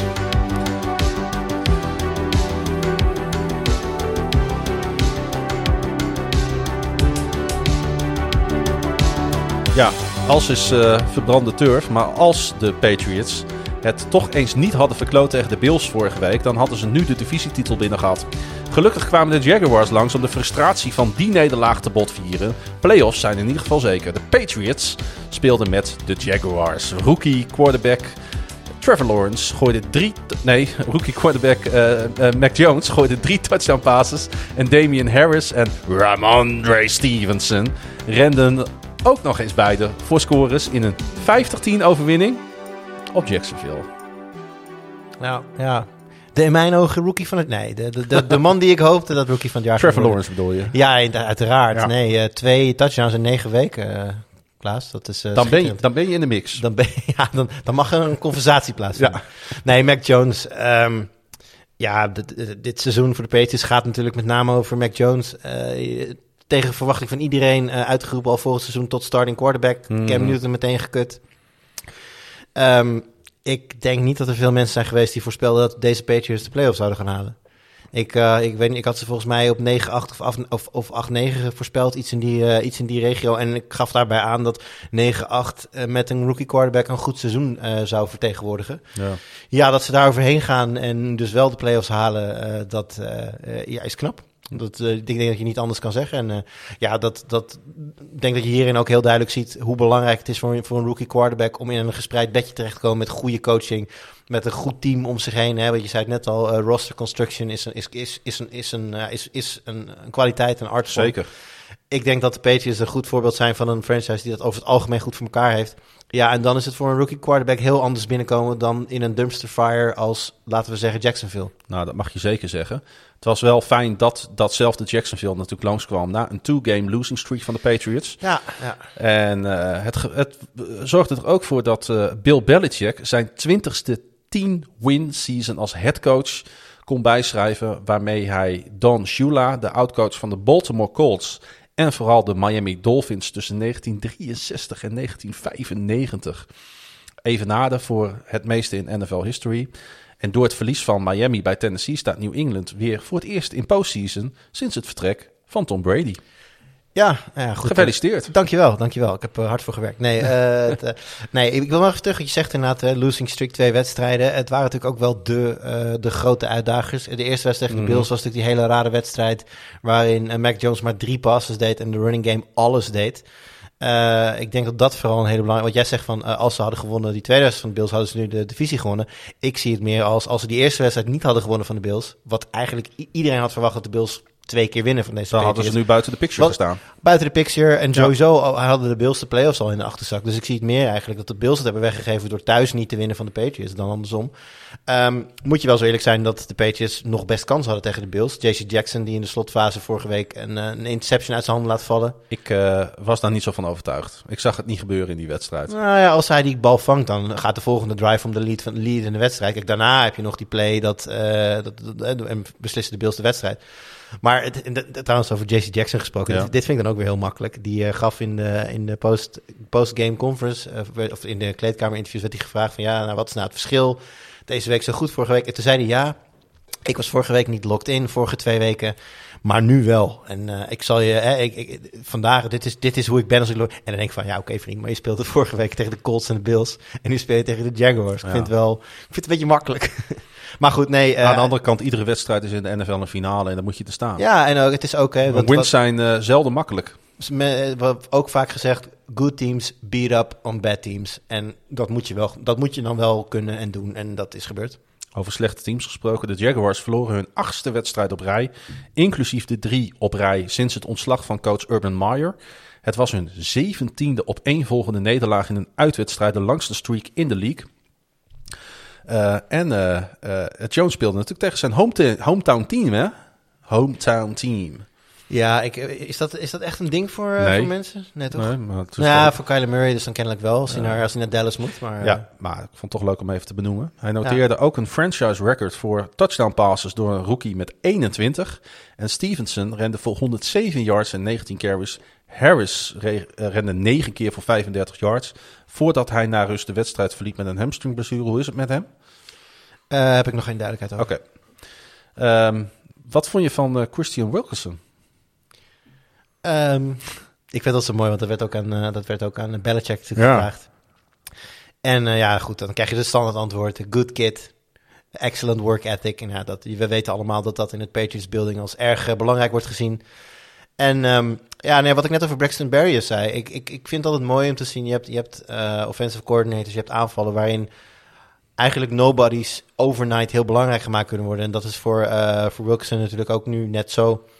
Wat je bij die Grayson, bij de Buccaneers ja, ziet. ook precies ja. dat soort dingen. En inderdaad, nou ja, de, de, bij de, uh, noem Huntley bijvoorbeeld. Die, kijk, een, een backup quarterback hoeft niet zo goed te zijn als dat Huntley nu is bij de Ravens. Nee. Maar hij is het wel. En dat is, dat is ja, een, een credit naar de, naar de coaching. Wesley bij de Cardinals. Het is natuurlijk het ideale seizoen met al die COVID-gevallen om ja. dit soort uh, spelers een keer, uh, nou ja, het, uh, het toneel te gunnen, zou ik bijna willen zeggen. Ja, en ik denk dat het voor hen ook ja, geen seconde te laat is. Want we, nee. nu kijken naar de playoffs. Ik denk dat de Patriots niet, uh, ja, de, niet gelden als een van de favorieten.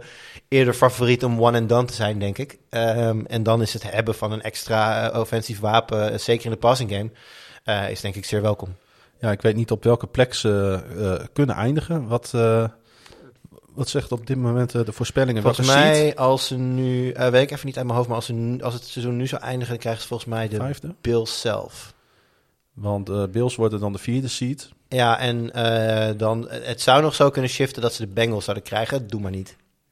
Nee, dus het zou Bills Patriots kunnen worden. En dan liggen er natuurlijk gewoon mogelijkheden. Daar moeten we ook gewoon eerlijk in zijn. Uh, voor wie het uh, ja, toch wel een erg zwaar seizoen is uh, geweest. Dat is natuurlijk de number one overall draft pick Trevor Lawrence. Um, ja, dat kreeg een verwacht vervolg in um, Foxborough. Uh, zijn late touchdown pass was de eerste in vijf wedstrijden. En dat was ook nog tegen voornamelijk backups. Nou.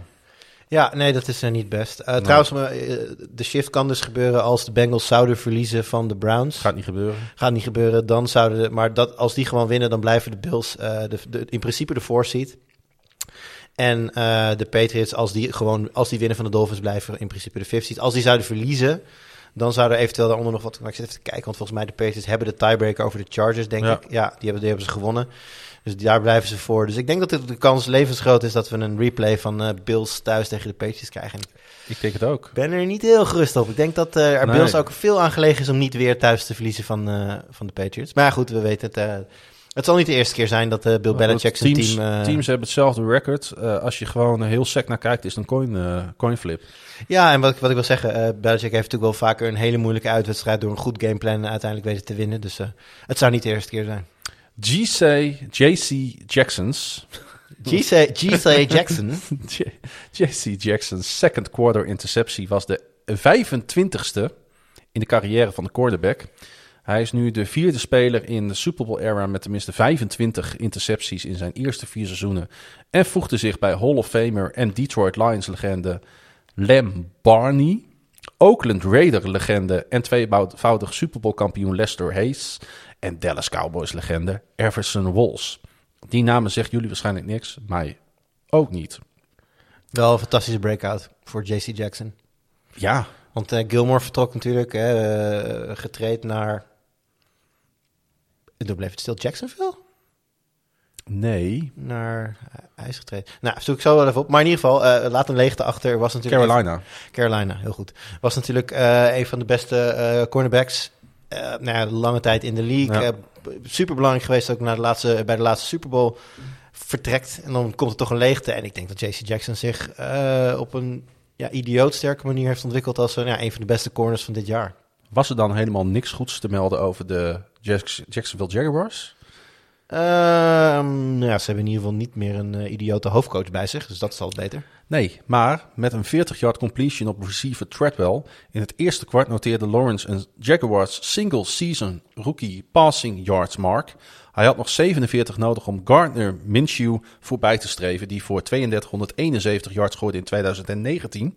En Lawrence heeft nu Jacksonville's rookie record voor completions en passing yards te pakken. Nou, krijg, geef hem maar een sticker.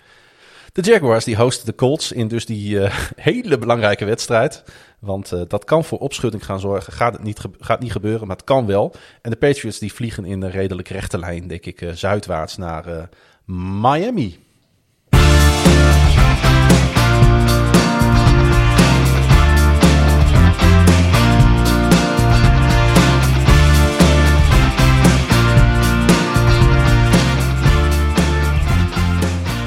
De Tennessee Titans die vierden afgelopen zondag dat ze back-to-back AFC South kampioen werden in een seizoen waar ze tijdens Halloween de NFL's leading rusher verloren en in totaal 88 spelers gebruikten, het meeste ooit in een non-strike season.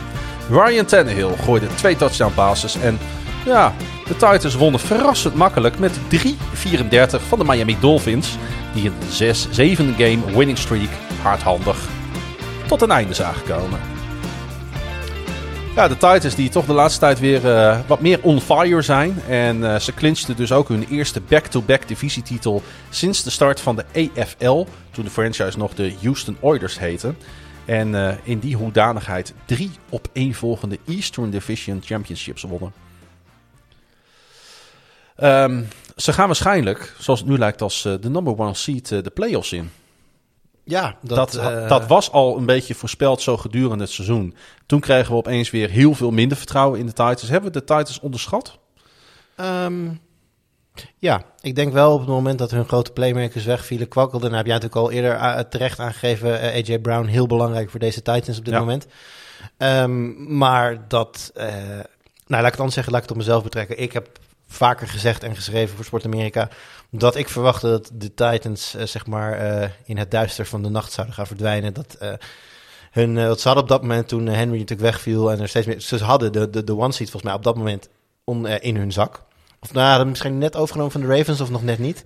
Maar de- in ieder geval die fase, toen zei ik van fase, nee hoor, ja. de, de Colts beginnen op stoom te komen. Dit eh, gaan zij niet halen. En Nee. eh, alle credit naar, eh, naar de leiding daar dat ze het wel halen. En eh, inderdaad, onderschat. Ja, Frable, eh, zijn naam viel al even tijdens de engagement, eh, het engagement blokje aan het begin van deze podcast. In de mix voor coach van het jaar, voor wat jou betreft? Is, dat per, is, dat, is dat wel per conference? Eh, nee, overall. Overal dan denk ik dat ik hem met LeFleur net iets... Ik vind het moeilijk. Ik ook. Hij is, nou, eh, je vraag was in de mix, ja. Hij is zeker in de mix. Hij, Ja. is, hij is zeker onderdeel van, eh, van de discussie. Ik denk, gevoelsmatig staat hij bij mij niet op één nog, maar het zit er ook niet heel ver vandaan. Wat ik vooral knap vind in, in Tennessee, en dat, dat heeft Dallas natuurlijk ook laten zien, is die ongelooflijke turnaround op defense die ze hebben doorgemaakt. Want als je gewoon een goede aanval hebt staan met een redelijke quarterback en een headcoach die weet wat hij doet, dan is een gemiddelde defense al key om ver te komen in de NFL. Hè? Ja, nou ja, goed. Ik, ik, ik, draai het meestal om. Ik heb liever een goede defense dan een gemiddelde aanval. Kom je er ook? Want ik vind defense uiteindelijk nog net belangrijker Ja. eh, in de playoffs straks. Maar eh, nee, je punt eh, is zeker waar. Ze, ze, zijn, ze zijn daarin beter geworden. Voor mij is het aan het eind van het seizoen over het algemeen, als het om wedstrijden gaat, is gameplan key. Voor mij is gameplan zeg maar veel meer key in week 16, 17, 18 dan eh, bijvoorbeeld je skill position players. En dat deden ze geweldig bij de Titans, want die kozen ervoor om meer te rennen dan te gooien. Tannehill was slechts 13 uit 18 voor 120 yards en een 127,1 passer rating. Tegen het team dat hen natuurlijk draftte als achtste overall in 2012.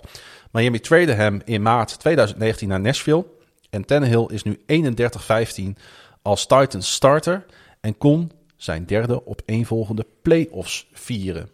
Ja, en ik, wat dat betreft snap ik wel dat Vrabel zeg maar genoemd wordt. Want het gaat om, om, om hoe vlieg je een wedstrijd aan. Wat zeg maar bijvoorbeeld, eh, ondanks dat ze heel veel verloren hebben, vind ik dat de Ravens dat ook ongelooflijk knap hebben gedaan de afgelopen weken tegen topteams. En dan zie je gewoon dat dat eh, eh, uiteindelijk werkt.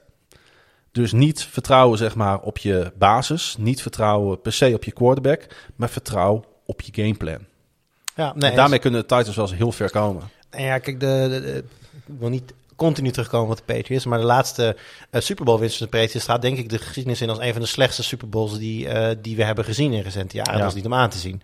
Maar uit, einduitslag 13-3, Tegen de Rams. ja, tegen de Rams. Ja. Maar wel precies wat jij zegt, een heel duidelijk gameplan. Zorgen dat eh Golf zijn, eh, zijn, zijn aanval amper kan gebruiken. En om, st- stick to the plan en pas aan waar nodig. ja, precies. En eigenlijk, eigenlijk is er maar één echte highlight play geweest bij de, bij de Patriots in de aanval. Mhm. Dat was die paas op Gronkowski, die uiteindelijk de touchdown van, van Sony Michel dan, eh, dan voorbereidt. Voor de rest was het alleen maar grinden, grinden, grinden. Gewoon, gewoon op de grond en verdedigend alles pot dicht gooien. Ja, en daar win je dus super mee. Ik ben de eerste om te zeggen dat het voor de neutrale kijker een zeer vervelende Super Bowl was om naar te kijken. Maar ja, uiteindelijk gaat het erom wie met die Lombardi-trofee staat. En dat was dan toch weer Belichick. Jij, eh, noemde, Brady. Ja, jij noemde zijn naam al even, Donta Foreman. Hij rende voor 132 yards en een touchdown. En eh Dontrell Hilliard rende voor een 39 yard touchdown. En de Titans scoorden 10 punten na twee turnovers van Tua Tagovailoa. Eh ja, ga- gaat die discussie over Tua gewoon weer plaatsvinden Ja, dit offseason? Ja, nee, zeker. Want eh, kijk, het, het, eh, ja, eh, je noemde net in de intro al de, de winning streak die Miami had staan. Nou, dat deden ze niet tegen de meest aansprekende tegenstanders. Nee. Maar oké, die winning streak heb je wel staan. Dus hij, dat heeft hij in zijn achterzak. Daarnaast heeft hij, kon- begon hij natuurlijk het seizoen niet fit, kwam er geleidelijk in. Maar ja, wat hij gisteren of eh, zondag liet zien, dat was eh, zo matig tegen. Tranentrekkend, hè? Ja, en dan, dan geven wij hier dan de Titans defense credit. Terwijl, nou ja, dat gaat altijd hand in hand. Je ook afvragen, was dit gewoon een totale off-day van Tua? En profiteerden de Titans daar dan gewoon van? Ja, maar het is eh, eh, eigenlijk voor het eerst in al die weken dat ze tegen een echt goed team komen te staan. Een team wat hoge ogen gooit. Een En ook team niet eens op volle sterkte is. En niet op volle sterkte is inderdaad. En het gaat gelijk mis met zelfs een season high 4 eh sacks. Terwijl die O-line de afgelopen weken als een beest stond te spelen. Ja. Eh, wat ik wel grappig vond. David Long, de linebacker die gedraft werd met de zesde ronde pick. Die inclusief was in de Tannehill trade deal. Wist Tua te onderscheppen. Dat is altijd zo'n mooi what-if verhaal. Hè? Van als dit gebeurt, dan eh, gebeurt dat. En omdat dat gebeurt, gebeurt dat nu in deze wedstrijd. Dat vind ik altijd grappige dingetjes in de NFL. Ehm, ja, ehm, trouwens, over Miami gesproken en hun defense. Zij begonnen aan deze wedstrijd als aanvoerder in de NFL met 45 sacks. Wist ik niet. Nee, dat eh, verbaast me elkaar. Ik zit er, ik zit er net over, ik zit er even over na te denken. Ik had eigenlijk verwacht dat ja, iets, als, eh, iets als de Cowboys of de Steelers hoger zouden staan. Nee, maar het is Miami als het tenminste om deze statistiek gaat. Ja. Ze hebben nog maar vier te gaan voor een franchise record uit 2005. Pas in het derde kwart lukte het om bij Tannehill te komen. Eh, receiver Jalen Waddle, waarvan vorige week ik nog zei... en iedereen met wie ik die podcast maakte van... die gaat gewoon die, eh, dat, die rookie receptions mark van 101 neergezet door Anquan Baldwin in 2013 bij de Arizona Cardinals... gaat hij gewoon breken. Maar hij ving uiteindelijk maar drie ballen voor 47 yards... en staat dus nu op 99 receptions. Heeft er nog drie nodig in de laatste pot tegen New England. Dat eh, gaat wel lukken, denk ik. Ja? Jawel. Trouwens, ik zit nog even te kijken, want we hebben, we hebben het dus over die, eh, die, dat, dat seks-aantal. Ja. Ik zit even naar die winning streak te kijken. Dat is dus tegen, tegen Houston. Ja. Mhm. Eh, de- sowieso volgens mij was het denk ik dat Mills op dat moment daar de quarterback was. En de O-line daar stelt weinig voor. Toen Baltimore, nou die werden volgens mij in week 10 ook al geplaagd door de nodige blessures en weet ik het wat. Dus dat was ook niet volgens... Dan de Jets, dan de Panthers, dan de Giants, dan weer de Jets. Dan de Saints die lang niet de volle sterkte zijn. Ehm, ja, weet je, met alle respect voor hun def- defensieve prestaties en ook die winstreak. Ik denk dat hier wel een klein beetje, eh, dat we een klein beetje mogen kijken naar de schedule wat, eh, wat de Dolphins hebben gehad. ja, eens hoor. Stelt weinig voor. Ja, wat eh, niet weinig voorstelt, dat is dus New England. Die altijd de beladen en lastige uitwedstrijd moeten spelen daar. Ja, ik ben heel blij dat we de playoffs al binnen hebben. Want Ja. het, het leek er natuurlijk heel lang op dat die laatste wedstrijd tegen de Dolphins nog wel eens een, een rechtstreeks ja, probleem zou kunnen worden. Ik ben heel blij dat de Dolphins zelf verloren hebben. Het, het was afgelopen weekend zo dat eh, of de Raiders of de Dolphins eh, moesten verliezen. Dan Ja. zou eh Patriots bij winst op de Jacksonville Jaguars al geplaatst zijn. Nou, gelukkig verliezen de Dolphins hem dan zelf. Want de Raiders winnen wel te- tegen de verwachtingen in van de Ja. Colts. Als de Dolphins ook gewonnen hadden nu tegen van de Titans, dan had ik het niet lekker gehad hoor. Dan had ik het uit naar de Dolphins. Was voor de, win. voor de neutrale red zone kijken, was Ja. dat wel ongelooflijk spannend geworden. Dat, ja, en vermakelijk zeer waarschijnlijk. Maar Want, als is verbrande eh, ja, helaas voor de Dolphins. De Titans spelen trouwens voor het derde jaar op rij hun laatste wedstrijd in Houston. Ja, dat is... eh, Bananenschil. ja. We zijn er bijna doorheen, Jur. Nog twee. Nog twee wedstrijdjes. Ja, deze wedstrijd kon meerdere keren verschillende kanten op. En het eh, was echt niet zo dat de Colts kansloos waren. Maar het waren uiteindelijk toch echt de Las Vegas Raiders. Die afgelopen zondag Lucas Oil Stadium verlieten met een overwinning. 23-20. Las Vegas had een vliegende start, maar hield dat zoals vaak dit seizoen niet heel lang vol. De Colts wisten nog voor rust twee op één volgende touchdowns te scoren. En pakten zelfs bij rust een voorsprong. Maar, ook zoals zo vaak dit seizoen, gaven de Raiders niet op. En wisten ze voor de tweede keer in drie weken te winnen met een last second Daniel Carlson field goal. Het is wel lekker dat ik vlak voor deze, het bespreken van deze wedstrijd... in het laatste zinnetje van de vorige wedstrijd alvast zeg dat de Raiders hebben gewonnen van de Colts. Hè? Dat, is wel, eh, dat houdt het wel lekker spannend op deze manier. Ja, maar het is ook het perfecte bruggetje wat je maakt. Ja, ja nee, ja, goed. eh, voor mij is dit met name, eh, want er staan hier heel veel, eh, heel veel namen waar we het over kunnen hebben, maar het Mhm. valt toch wel Wens. Ja, Wens die eigenlijk profiteert van een hele ja, opvallende wijziging in de, in de NFL-protocollen. Want Wens als niet gevaccineerde Ja. speler, volgens de oude regels, moest minimaal tien dagen in quarantaine wegblijven van, eh, van het team. dat werden er nu vijf. Dat werden er vijf, waarbij ook op dag vijf het niet meer, eh, v- niet meer nodig is om te testen. Zolang een dokter maar zegt dat je, eh, dat je, je, je symptomen dermate goed gaan dat je mag spelen. Oftewel, de NFL heeft besloten dat er eh, meer spelers moesten spelen en minder spelers op de COVID-lijst moesten blijven staan. En daar profiteerde Wens van, want die kon dus op die manier spelen. En ehm, ja, was geen schim van eh, de Wens die wij in de voorgaande week hebben gezien. Nee, heeft het, dan heeft het dus toch eh, effect dat je COVID hebt gehad. Want eh, dat Ja, viel of misschien nog gewoon wel heeft. Ik bedoel, eh, durf, Ja, jij, je, heeft. durf Nou. jij je hand daarvoor in het vuur te steken? Nee, zeker niet. Ehm, wat ik wel grappig vind aan dit soort wedstrijden, zeker bij de Raiders, is dat er constant het hele seizoen door spelers opstaan. Want we moeten niet doen alsof bij de Raiders ze niet hun, hun, hun, hun problemen niet gehad hebben. Eh, nee, nee dat, dat is, een eh, understatement zelfs. hoofdcoach weg. Belangrijkste wide receiver naar de gevangenis. Eh, Waller geblesseerd. Ja.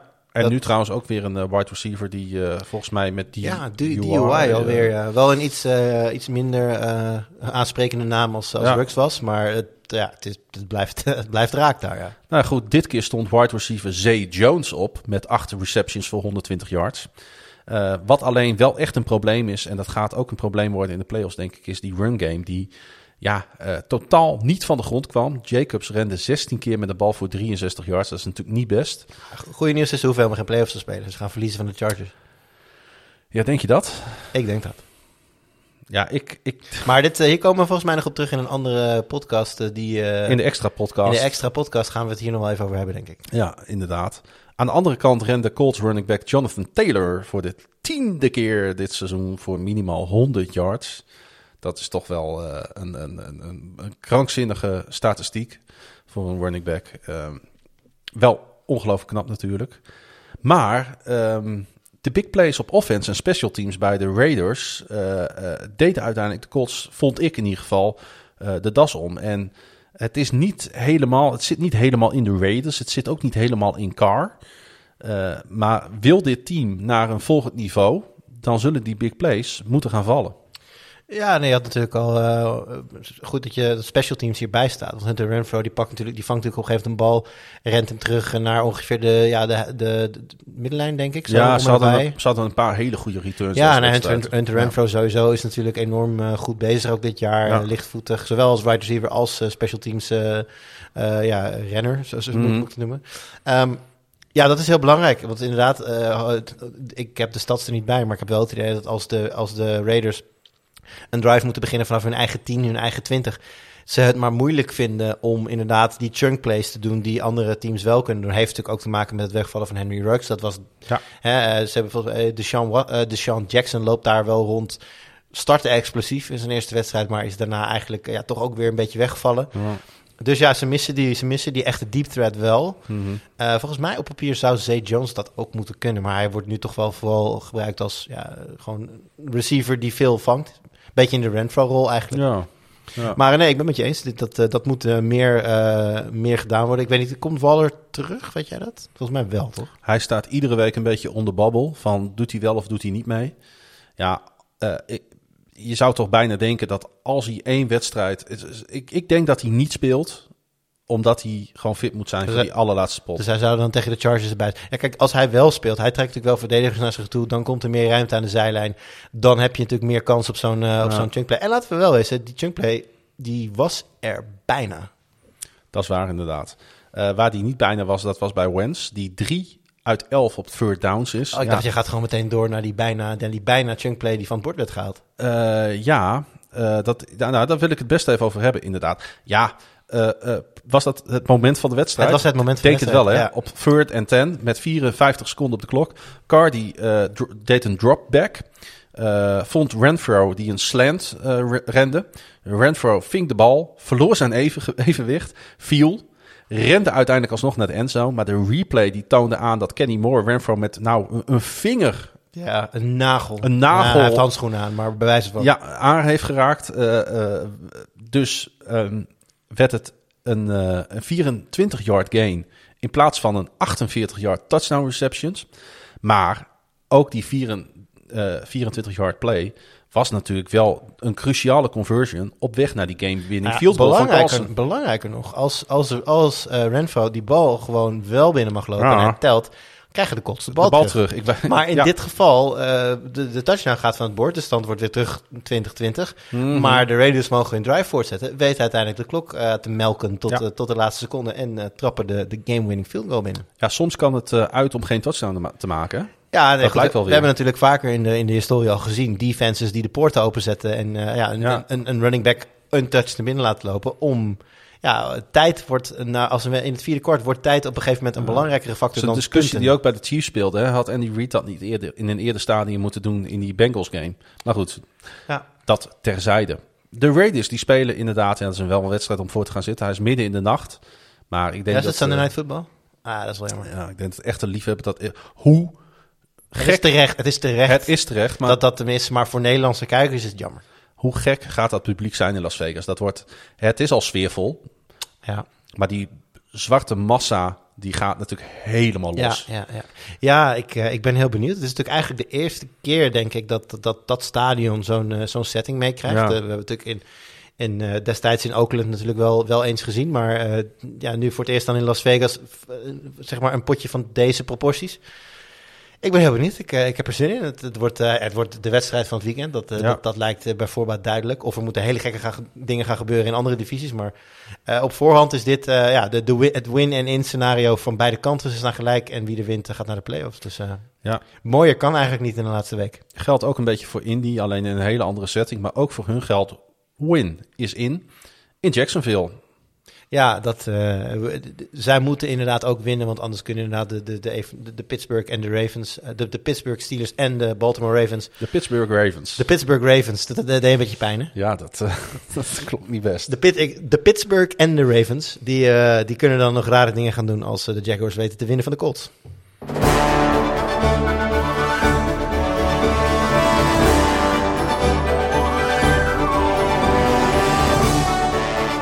Ja, hebben het eigenlijk alleen nog niet gehad over Justin Herbert en de Los Angeles Chargers. Want die hebben weer controle over hun eigen playoff future.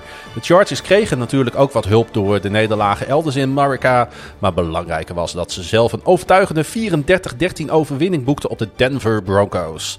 Herbert gooide twee touchdowns en noteerde daarmee een franchise single season record in een wedstrijd waarin Andrew Roberts een kick returnde voor 101 yards en dus een score. Ja, LA uh, staat nu op de laatste wildcard spot. Maar dat zegt nog helemaal niks. Nee, ja, goed, we hebben het er dus net We over. hebben het er net Eh, over. Dat wordt, dat, Ja. we, we leven toe naar eh, de Chargers op bezoek bij eh, Las Vegas. Wat, wat trouwens wel fijn is, is dat eh, bij, Char- bij de Chargers het bij uitstek dan niet uitmaken of die wedstrijd on the road of thuis is. Want ze hebben natuurlijk niet echt een, een thuis publiek. Ze hebben wel een thuisstadion, maar het is nou niet dat er eh, massa's... Ik heb het idee dat LA toch meer behoort tot, tot, tot de Rams dan Mhm. de Chargers. Dus ja, je- Zeker. wat je bij alle Char- Chargers thuiswedstrijden ook ziet, is dat de bezoekende ploeg meestal meer supporters bij zich heeft. Dus het zal Herbert en zijn boys niet heel veel, eh, niet heel veel uitmaken dat ze naar Vegas toe Ja, moeten. vanuit het verleden is het natuurlijk eh, een stad waar de Rams al eerder gespeeld hebben. Dus ik snap het wel dat daar een legacy ligt. Ja, wat mij betreft hadden de Chargers nooit weg moeten gaan uit San Diego. Maar goed, eh, laten we die discussie voor een andere keer bewaren. Ja, zeker. Hey Herbert, de AFC-starter voor de Pro Bowl, laten we dat niet vergeten, gooide dit seizoen 35 touchdown passes. Ging daarmee Philip Rivers voorbij, die er 34 gooide in 2008. Toen het natuurlijk nog wel de San Diego Chargers waren. Herbert evenaarde het record met een 8-yard touchdown worp op Keenan Allen. Wie anders 14 seconden voor rust, wat de Bolts op dat moment een 17-0 voorsprong gaf. Vroeg in het vierde kwart pakte hij het record met een 45-yard touchdown op Mike Williams. Wat op dat moment goed was voor een 34-6 eh, voorsprong. Ja, eh, Justin Herbert. Het is, een, het is een diamant. Het is een sieraad. En het is een absolute generational talent voor deze Chargers. Hè? Ja, al moet ik zeggen dat ik daar halverwege het seizoen op een gegeven moment ook wel een beetje aan twijfelde. Ja, Hij, eh, hij werd natuurlijk, ja, ze kregen natuurlijk even eh, voetballes van de Ravens. En waren daar volgens mij nog steeds van onder de indruk toen ze tegen de Patriots moeten, Ja. die daar dankbaar gebruik van maakten en dus ook wonnen van, eh, dat Van- waren niet twee tikkies, dat waren twee mokerslagen achter Ja, elkaar. nou, ik, ik denk echt één mokerslag tegen de Ravens. Ik denk dat, dat, dat die dreun echt nog wel door... Ik, als zij hadden gewonnen van de Ravens, ben ik van Mhm. overtuigd dat ze ook hadden gewonnen van de Patriots. Ja. Maar ja, die dreun, die, eh, op dat moment kwam er zand in de machine en het duurde Ja. even voordat dat, dat weer, weer eh, hersteld werd. Toen het hersteld werd, toen viel ineens alles en iedereen om met COVID. Hebben de Chargers hebben wekenlang Mike Williams gemist. Eh, Keenan Allen heeft een wedstrijd Ja. gemist. Eh, op een gegeven moment starten ze met eh, Josh Palmer en Jalen Guyton als startende wide receivers. Ja, en, en zelfs toen wonnen ze volgens mij de meeste van hun wedstrijden. Dus dat, dat, dat siert Herbert. Maar goed, ik denk dat zij net op, tijd, net op tijd weer op volle sterkte zijn. En wat- nou goed, wat ik net al zei, ik verwacht dat zij volgende week gewoon gaan winnen van de Raiders. Ik ben er niet zo zeker van. Maar we gaan zo meteen kijken wie jij gaat pikken en wie ik gaat pikken. Goh, dat wordt spannend. Dus, eh, dat wordt heel spannend. Ja, Herbert eh, was ook de snelste speler ooit met 800 career completions. In 31 wedstrijden deed hij dat. Met, en met zijn 23 jaar en 298 dagen is hij de op één na jongste speler in league history met 65 touchdown passes. Ja. Trouwens, die kickoff return van Roberts was voor de eerste keer sinds 2012 dat een Charger dat deed. Werd wel een keer tijd, hè? Ja, ik, ik vind het altijd moeilijk in te schatten. Sommige spelers hebben, hebben, sommige clubs hebben af en toe zo'n speler die dat soort dingen dan doet. Maar mijn Patriots hebben dat over het algemeen niet. Dus ik, Nee. ben, ik ben niet zo heel erg gewend aan dat soort plays of zo. Ik vind het altijd schitterend om te zien. Maar ja, sommige, bij sommige spelers, nou ja, goed. eh, eh, Hall of Fame kandidaat Devin Hester is daar natuurlijk, eh, denk ik, het allerbeste voorbeeld van. Zeker. Ja, je weet gewoon dat als hij een bal, je, je wil hem geen bal laten vangen. Dat was toch ook, bij hem ging het toch ook de, echt de andere kant op kicken op een gegeven moment, om hem maar niet de kans te geven te vangen. Ja. Ja, nou ja dus dan, dan, dan merk je wel dat er spelers zijn die dat in een, eh, in een wapen kunnen veranderen. Ik, ik ben niet gewend dat het onderdeel is van je gameplan, maar eh, ja, dus daarom vind ik, als jij dan zegt het werd wel een keer tijd, dan denk ik van ja, voor mij blijft het altijd een beetje toevalligheid. Maar groot respect aan teams die dat als wapen kunnen inzetten hoor. Absoluut. Door de op eh, drie na langste kick-off return in franchise history lieten de Chargers een negatieve streak van 143 wedstrijden achter zich. Michael Spurlock was de laatste die een kick-off return had voor de Chargers. En Spurlock is eh, tegenwoordig trouwens senior player personal analyst voor All Miss. Nou ja, mag je ook gelijk weer vergeten. Maar ik wou het toch even noemen. Hey, Denver eh, verloor vijf van de laatste, vier van de laatste vijf wedstrijden. Is ja, kansloos voor de playoffs. En al hadden ze die playoffs gehaald, waren ze nog kansloos geweest. Eh, weet dat het voor het vijfde jaar op rij een losing season heeft. Speelt nu zonder Teddy Bridgewater. Eh moest het trouwens ook stellen zonder vijf defensive starters. Dat is natuurlijk ook niet, eh, ook niet simpel. Nee. Ehm, ja, die hebben een, een, een, een, een, een niet alleen matig seizoen, maar nu uiteindelijk Slecht. ook een grijs seizoen. Het is vaak niet leuk om naar te kijken. Er worden heel veel fouten gemaakt. Geen goede quarterback. Te veel Nee, het blessures. is eh, sinds, het, eh, sinds het 50 yards, eh sorry, het 50 touchdown seizoen van Manning Ja. daar. En, en, en natuurlijk de Super Bowl die dankzij de, voornamelijk de defense nog gewonnen werd. In wat alweer een eeuwigheid geleden lijkt, is er bar weinig te beleven geweest in Denver. Ja, ik, ik, ik, ze zijn voor mij een beetje de, de Panthers van de AFC. Als je begrijpt wat ik daarmee bedoel. Het is vlees nog vis. Ja. Ze doen mee. Is Ja. league-opvulling. Nou, wat ik dan bij de Panthers wel mis en wat ik dan bij Denver wel zie, is dat het zeg maar als franchise zelf enorm veel potentie heeft. Ik bedoel, Denver, ik zal niet zeggen dat de Panthers geen fans hebben, uiteraard hebben ze die, maar Mhm. eh, gevoelsmatig is het Denver, Denver Bronco achterland vocaler, groter, eh, historischer dan, dan, dan wat er bij de Panthers dan ligt. En dan heb ik zoiets van, ja, ik, zou me heel goed kunnen voorstellen dat de Panthers, of sorry, dat de, dat, dat de Broncos ineens weer eh, een belangrijk team in de AFC zijn. Maar dat kan ik me al jaren voorstellen en het gebeurt al jaren niet. Mhm. Ja, Nou, Eens. ik denk dat zij zich gaan melden in de, in de sweepstakes voor dan wel eh, Wilson, dan wel Rodgers. absoluut. En eh, nou ja, goed, dan, dan loopt er met een Sutton, een Judy, eh, een, een Noah Fent niet te vergeten.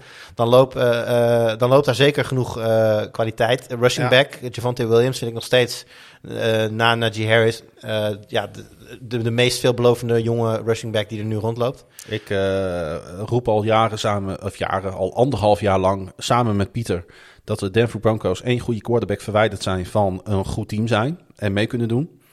Nou ja, dat, Ja. Dat, dat bewijst hun record natuurlijk ook wel. Hè? Want met eh, twee, drie overwinningen meer sta je er gewoon bij. Ja, ja en, de, en het goed, zeg maar, die, die vaunted defense die er natuurlijk toen was met, eh eh, noem het Von Miller, noem ze Mm. op. Ja, die is natuurlijk ook voor een belangrijk deel uit elkaar gevallen. Daar heeft echt wel wat, wat timmerwerk nodig. Ja. Eh, maar nee, eens, eh, waar, ik, waar wij allebei het gevoel hebben dat de Panthers daar komend jaar niet zomaar gaan komen, daar kan dat met de Broncos met één goede quarterback wel zo zijn. Zeker. De Chargers die hadden natuurlijk een van hun betere defensive efforts dit seizoen. De voorafgaande 10 wedstrijden kregen ze iedere keer minimaal 21 punten tegen. Denver bleef steken op 13 punten en de Chargers hielden de Broncos op 81 yards rushing. In, deze, in een 28-13 overwinning van Denver op de Chargers eind november noteerde Denver nog 147 yards over de grond. Dus daar is ook wat veranderd in de loop van de weken. Ja. Denver Broncos placekicker Brandon McManus die schoot eh, nog even een career-long 61-yard field goal Verbaast binnen. mij. Dat 61 yards, dat dan... Kijk, het is een krankzinnige afstand hoor, laten we, laten we wel wezen. Maar eh, ja, McManus doet dat al jaren. Kikt al jaren in, in, in Denver, waar eh, hè, zeker eh, in de nazomer de Ah, lucht... ja. eh, waar balletjes vliegen, dat weten Maar, we. maar niet zo ver als dit. Ja, ik, ik, ik, ik, ik had gevoelsmatig verwacht dat hij dit al wel eens een keer eerder had gedaan. Ja, dat snap ik. Had ik ook hoor. Maar zijn vorige zes pogingen van tenminste 60 yards heeft hij allemaal gemist. zeggen. Ja, goed. Ja, jij bent verwend met Justin Tucker natuurlijk, dus jij... eh, Ik ben zeker verwend met eh, Justin Tucker. Los Angeles running back Austin Eckler, laten we zijn naam nog even noemen. Aan het eind van deze uitzending had 112 scrimmage yards.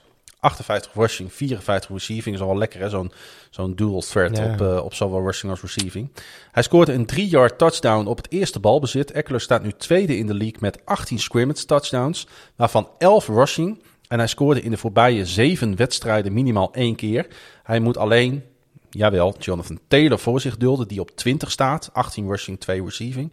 En ik heb even naar die lijst gekeken. Wie is de eerste quarterback met de meeste touchdowns op die eh, lijst? dat eh, zou in de normale jaren Lamar Jackson moeten zijn, maar het is nu, denk ik, Jalen Hurts. Het is Jalen Hurts. Met 10. Ja, ja, dat krijg je als eh, Lamar niet meedoet. Nee, de, helaas. De Broncos die hosten de Chiefs. En eh, dat, die wedstrijd wordt dus op zaterdag gespeeld. Ja, dat is de- early game om early half, game. half elf Nederlandse Ja. tijd. En de Chargers spelen dus Sunday Night Football. En dat is iets om naar uit te kijken in Las eh, Vegas.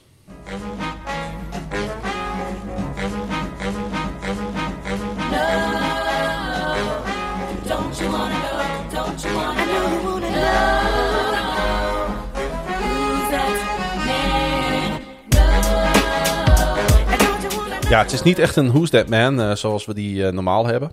Maar eh, we wouden deze er toch even ingooien. Hebben we gezamenlijk overlegd. Want er is iemand overleden in de NFL. Iedereen die Ja. de league volgt, die zal het hebben meegekregen. John Earl Madden. Hij werd geboren op 10 april 1936 en hij, verloor, of hij overleed op 28 december 2021. Dus vorig jaar, eind vorig jaar.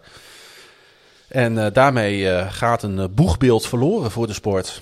Absoluut. Een boegbeeld dat ik denk voor personen van verschillende generaties op andere manieren. Ja. je- je- mensen die iets ouder zijn dan wij zullen hem vooral kennen van zijn, ja, zijn play-by-play, hè, zijn, zijn, zijn commentaar, onder andere bij Super Bowls Ja. natuurlijk. Ik denk allereerst zijn naam voorop hoesjes ook Ja, van dat- computerspelletjes. Ja, zeker. Dat is inderdaad de generatie vanaf onze leeftijd. En alles wat jonger is dan Ja. wij, dat zal inderdaad voornamelijk door eh, de game van EA kennen. Madden eh, voetbal al sinds eh, volgens mij de eerste editie 1988 uitgekomen. En ja, nog steeds elk jaar eh, samen met FIFA natuurlijk in Europa. Eh, wat, wat FIFA in Europa is qua voetbalspel, dat is Madden in, eh, in de Verenigde Staten. Madden is vele malen belangrijker daar dan FIFA. En het begint in Nederland en, en in Europa ook steeds meer te komen, de populariteit van Madden. Dat is ook, ook wel leuk om te zien. Dus, en ehm, ja, er zijn denk ik twee, twee dingen misschien leuk om even te vertellen over, over Madden. In de eerste Mhm. plaats de rol die de game speelt. In de ogen van Madden zelf ook. Daar, daar, daar is hij natuurlijk vaak naar gevraagd. En eh, daar heeft hij al eens over gezegd dat Madden, de game in zijn ogen, een, eh, ja, een laagdrempelige manier is voor mensen om toch op een vrij vergaand niveau eh, bezig te zijn met NFL. Oftewel, hij is natuurlijk in zijn- eigen verleden ook eh, docent geweest. Hè, aan, aan, ik weet even niet meer welke universiteit, maar in ieder geval hij is docent geweest. Ehm, en hij zag gewoon een hele belangrijke educatieve rol voor Madden. En ik denk dat iedereen in Nederland die Madden speelt of gespeeld heeft, denkt dat hij dat wel herkent. Want ik heb dat Mm. ook. Ik weet wat, wat, een, wat, een, wat een jumbo of een I-formation of een 3-4 of een 4-3 defense is. Doordat ik al jaren Madden speel. En op een gegeven moment doorzie je een beetje hoe dat werkt en waarom dat zo heet en zo. Hè. De, en natuurlijk de, de kenmerken, X's en O's zijn, eh, zijn van hem. Dus dat, Ja. eh, ik, ik vond dat altijd, weet je, het, het is makkelijk om te zeggen, het is maar een spelletje. Maar het is voor heel veel fans van NFL zoveel meer dan dat. Het is echt wel, je leert spelers kennen, je leert, je leert strategieën kennen, je, je, je, je snapt wat een, een two- two-minute offense is, omdat de computer voor jou automatisch terugstuurt vanuit, Ja. eh, geen huddle laat doen, maar gewoon dat je denkt van, huh, waarom gaat het ineens zo snel? De eerste keer dat mij dat gebeurde, heel veel jaar geleden, dacht ik ook van, hè, waarom heb ik geen huddle? Waarom gaat het zo snel? En denk je, oh ja, dan leer je ineens wat clockmanagement is. Het Ja. is Je leert wat coverage zijn. Precies, hè? zo- zone coverage, man coverages. eh, je, je leert de namen van de plays kennen, wat dan, t- weet je, wat, twee deep safety, één deep safety, Ja. hoe dat allemaal heet. Dus dat vind ik, eh, vind ik er heel mooi aan. En Daarnaast, en ik weet niet of, of, of we daar nog tijd hebben, maar de, de, de, het ontstaan van de game, eh, dat, daar zitten een aantal mooie details aan. En de, de allermooiste vind ik nog wel eh, Trip, Trip Hawkins, dat is de, de, de oprichter van, eh, van Electronic Arts, hè, dus de, de uitgever nog steeds van Madden. Die eh, wilde altijd al een eh, voetbalspel maken. En eh, klopte daarvoor aan voor eh, nou ja, goed, endorsement, maar ook eh, input bij Madden. En deed dit, volgens mij, ja, het wordt verteld als dat het hun eerste ontmoeting was. Volgens mij is dat niet helemaal waar. Volgens mij hebben ze elkaar wel eerder gesproken, ook om nou, af te spreken van we gaan elkaar ontmoeten daar. En daar was in een Amtrak-trein tussen Denver en Oakland, omdat eh, Madden, eh, ik weet niet of dat later nog veranderd is, maar Mijn, Madden, mijn gaat eh, gelijk harder kloppen. nou, Madden Ja. eh, weigerde te vliegen. Ik weet niet of dat later in zijn leven veranderd is toen aviation wat, wat stabieler werd dan Mhm. in, in de early days. Maar in die tijd vloog hij niet. En dit was, dit was in 1985. En toen hebben zij dus hun, hun eerste echte meeting over het, eh, de, ja, het maken van een voetbalgame. Dus gedaan in een trein tussen, Ja. tussen Denver en Oakland. Omdat eh, Madden voor een eh, commentaar assignment naar Oakland moest. En die treinreis duurt lang genoeg. En die treinreis duurde in ieder geval toen twee dagen. Ja. Dus dat, daar hadden ze genoeg tijd voor. En het schijnt dus zo te zijn dat van zonsopgang tot middernacht en Madden en de Hawkins en een andere een aanwezige voetbal, of een producer voor de game heeft bijgepraat over alle all things voetbal. En een klein detail om daar nog wel bij te vermelden is, de computers in die tijd waren natuurlijk helemaal niet zo heel sterk. En eh, van twee teams elf eh, spelers aansturen, dus eh, een computer berekent eigenlijk wat die spelers gaan doen. Dat was eigenlijk veel, veel gevraagd. Dus eigenlijk wilden eh, de mannen van EA een 7 tegen 7 voetbalgame maken. Mhm. Maar Madden die was daar heel duidelijk in. Die zei van nee, als het geen 11 tegen 11 is, is het geen voetbal en wil ik er niks mee te maken hebben. Dus moesten ze op zoek naar een manier om 11 tegen 11 eh, te doen. Dat is ook de reden gelijk dat het heel lang duurde voordat de eerste Madden daadwerkelijk uitkwam. Was in 1988 pas voor een, eh, volgens mij de Apple II, denk ik, dat die in eerste instantie verscheen. En later is het natuurlijk veel groter geworden. Maar ja, het zegt ook heel veel over de voetbalguy die John Madden zelf was. Hij had gewoon van, voetbal is een spelletje van 11 tegen 11. En als, Ja. als jullie 7 tegen 7 willen maken, wat andere... eh, want je had wel wat kleine andere games in die tijd ook al. En die deden dat met minder spelers inderdaad. En, eh, Ja, die basketbalgames die waren veel makkelijker om te maken natuurlijk. ja, kleiner, kleiner op. minder, spe- minder spelers. Eh, iets makkelijker te animeren ook. Of nou, je hebt wel weer andere bewegingen. Maar goed, het, het siert hem gewoon. Het, het zegt alles over hem dat hij zegt van 11 tegen 11, anders ben ik er niet bij. En eh klein laatste dingetje, nadat die game eh, uitkwam, en dat was in, het was niet een goede game, want het was te zwaar. Het, het, het- Mm. het draaide maar moeizaam. Het, was heel lastig, want wat ze dus gedaan hadden, ze hadden een eh, playbook eh, vanuit de Raiders en dat dan aangevuld met wat andere dingen van andere play. Hadden ze letterlijk in de game gestopt. Maar in die tijd, kijk, nu wordt alles voor je uitgelegd en wordt allemaal visueel gemaakt hoe dat dan allemaal werkt. En toen moest je maar gewoon een beetje bladeren in een gamebook en maar doen. Ja, dat was natuurlijk voor de leek totaal niet te doen. Dus Nee. die game was eigenlijk helemaal niet zo heel goed. Ehm, maar EA wilde wel door. En EA was toen ook op dat moment bezig met zijn IPO, oftewel ging de beurs op. En gaven Madden toen eh, eigenlijk een soort van ongelimiteerd aantal opties op eh, aandelen EA als ze naar de beurs zouden gaan. En daar heeft hij voor bedankt. En dat noemde Madden later in zijn leven zijn grootste fout van zijn leven. Want nou goed, de, de historie is bekend. Electronic Arts tegenwoordig een van de grootste gamemakers van de wereld. Dat had, een, ja, had een substantieel deel van het vermogen van Madden kunnen zijn. Mooi verhaal, jongen. Ik eh, hang aan je lippen wat dat betreft. Als jij over games begint te praten, dan eh, hè? word ja, je... games, als, je games en, als je games en NFL bij elkaar brengt, dan heb je mijn twee grootste passies al redelijk te pakken. Denk ik. Precies. Eh, John Madden, ja, als coach natuurlijk bekend van de Oakland Raiders, waarmee hij in 1977 de Super Bowl won. Hij was daar van 1969 tot 1978 de head coach. En hij had nooit een losing season als coach. En zijn overall win percentage is tweede in NFL history. Hij was ook speler daarvoor. Eh, hij werd namelijk gekozen in de 21ste ronde van de NFL-draft van 1958. En hij was de 244ste pick. Trouwens, van de Philadelphia Eagles, waar hij nooit verder kwam dan, eh, dan de practice squad. Hey, ehm, ja, ik denk dat, eh, dat eh, daar kennen wij hem natuurlijk niet meer van. Wij kennen hem natuurlijk wel als, eh, als televisieman, als broadcaster, waar hij 16 Sports Emmy Awards won. Ongelooflijk. Hij begon in eh, 1979, dus gelijk na zijn coachingcarrière begon hij bij CBS. Daar werkte hij tot 1993, ook weer zo'n gigantische periode. Bij Fox van 94 tot 2001, bij ABC van 2002 tot 2005 en vervolgens nog bij NBC van 2006 tot 2008. Hij speelde ook nog in films mee. Eh, eh, hij heeft echt van alles gedaan. Maar zijn, eh, zijn footprint op de NFL en op de sport is, ja, is, is, is, is, is, is, is eigenlijk niet te beschrijven in een Who's That Man in NFL op woensdag. Hè? Nee, dit is een, eh, dit is een, een, een, standbeeld voordat hij. Die wist al voordat hij doodging dat er, heel veel, dat er een standbeeld zou komen. Meerdere, waarschijnlijk staat er vast al ergens eentje. En er zullen er meer bij komen. En eh, het is denk ik een van de grootste legacies die er zijn eh, in en rond de Ja. NFL. En, en rightly so. En tot slot, Madden en zijn vrouw Virginia hebben nog twee dagen voordat hij overleed hun 62ste wedding anniversary kunnen vieren.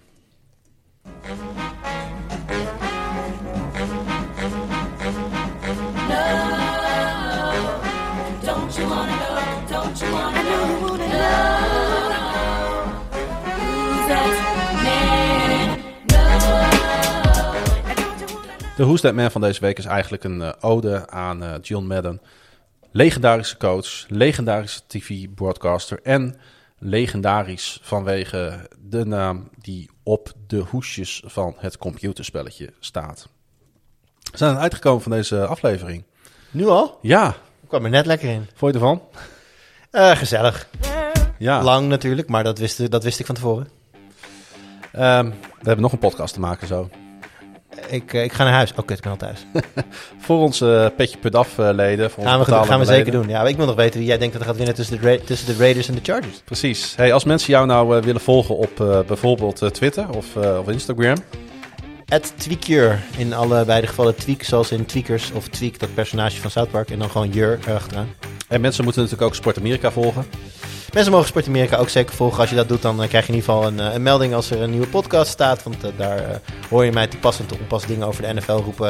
En natuurlijk doen we allemaal andere dingen. Hè, want het Major League Baseball seizoen komt eraan. En de jongens van Just A Bit Outside, de podcast, die gaan natuurlijk ook gewoon lekker door met hun ding. Dus volg dat vooral. Je kan ook mij volgen via Klaasje Grun, dat is dubbel A, dubbel S, dubbel N.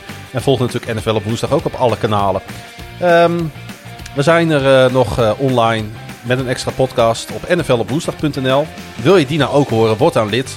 Voor een paar eurotjes per maand ondersteun je niet alleen eh, ons, maar zorg je er ook voor Dat, eh, ja, dat wij verder kunnen ontwikkelen. Want dat willen wij graag. Zoals eh, met deze kekke muziekjes die we deze aflevering... Ik vond het best wel tof eigenlijk. Was best wel tevreden Ja, was, eh, ik, ik had af en toe zelf ook wel. Dus ik zit dan tussendoor af en toe wat op te zoeken en over de volgende wedstrijd ineens... Ja. ik, oh, we gaan beginnen gaan aan de volgende wedstrijd. Dat volgende wedstrijd, precies. Hey, eh, dit was eh, seizoen 2 van aflevering... seizoen 2, aflevering 32. Seizoen 32 aflevering. en eh, volgende week is Pieter terug. Ja. Ja, ik wel jammer, hè? Ja, nee man. Wel een dooddoener. Nee, heerlijk. ik ben blij dat hij weer terug is. Dan zijn we er overigens ook weer gewoon op woensdag. Ik heb de agenda's al even naast elkaar gelegd. Dus volgende keer, ondanks dat er geen Monday Night voetbal is, zijn we er gewoon op woensdag weer. Iedereen bedankt voor het luisteren en eh beste weer.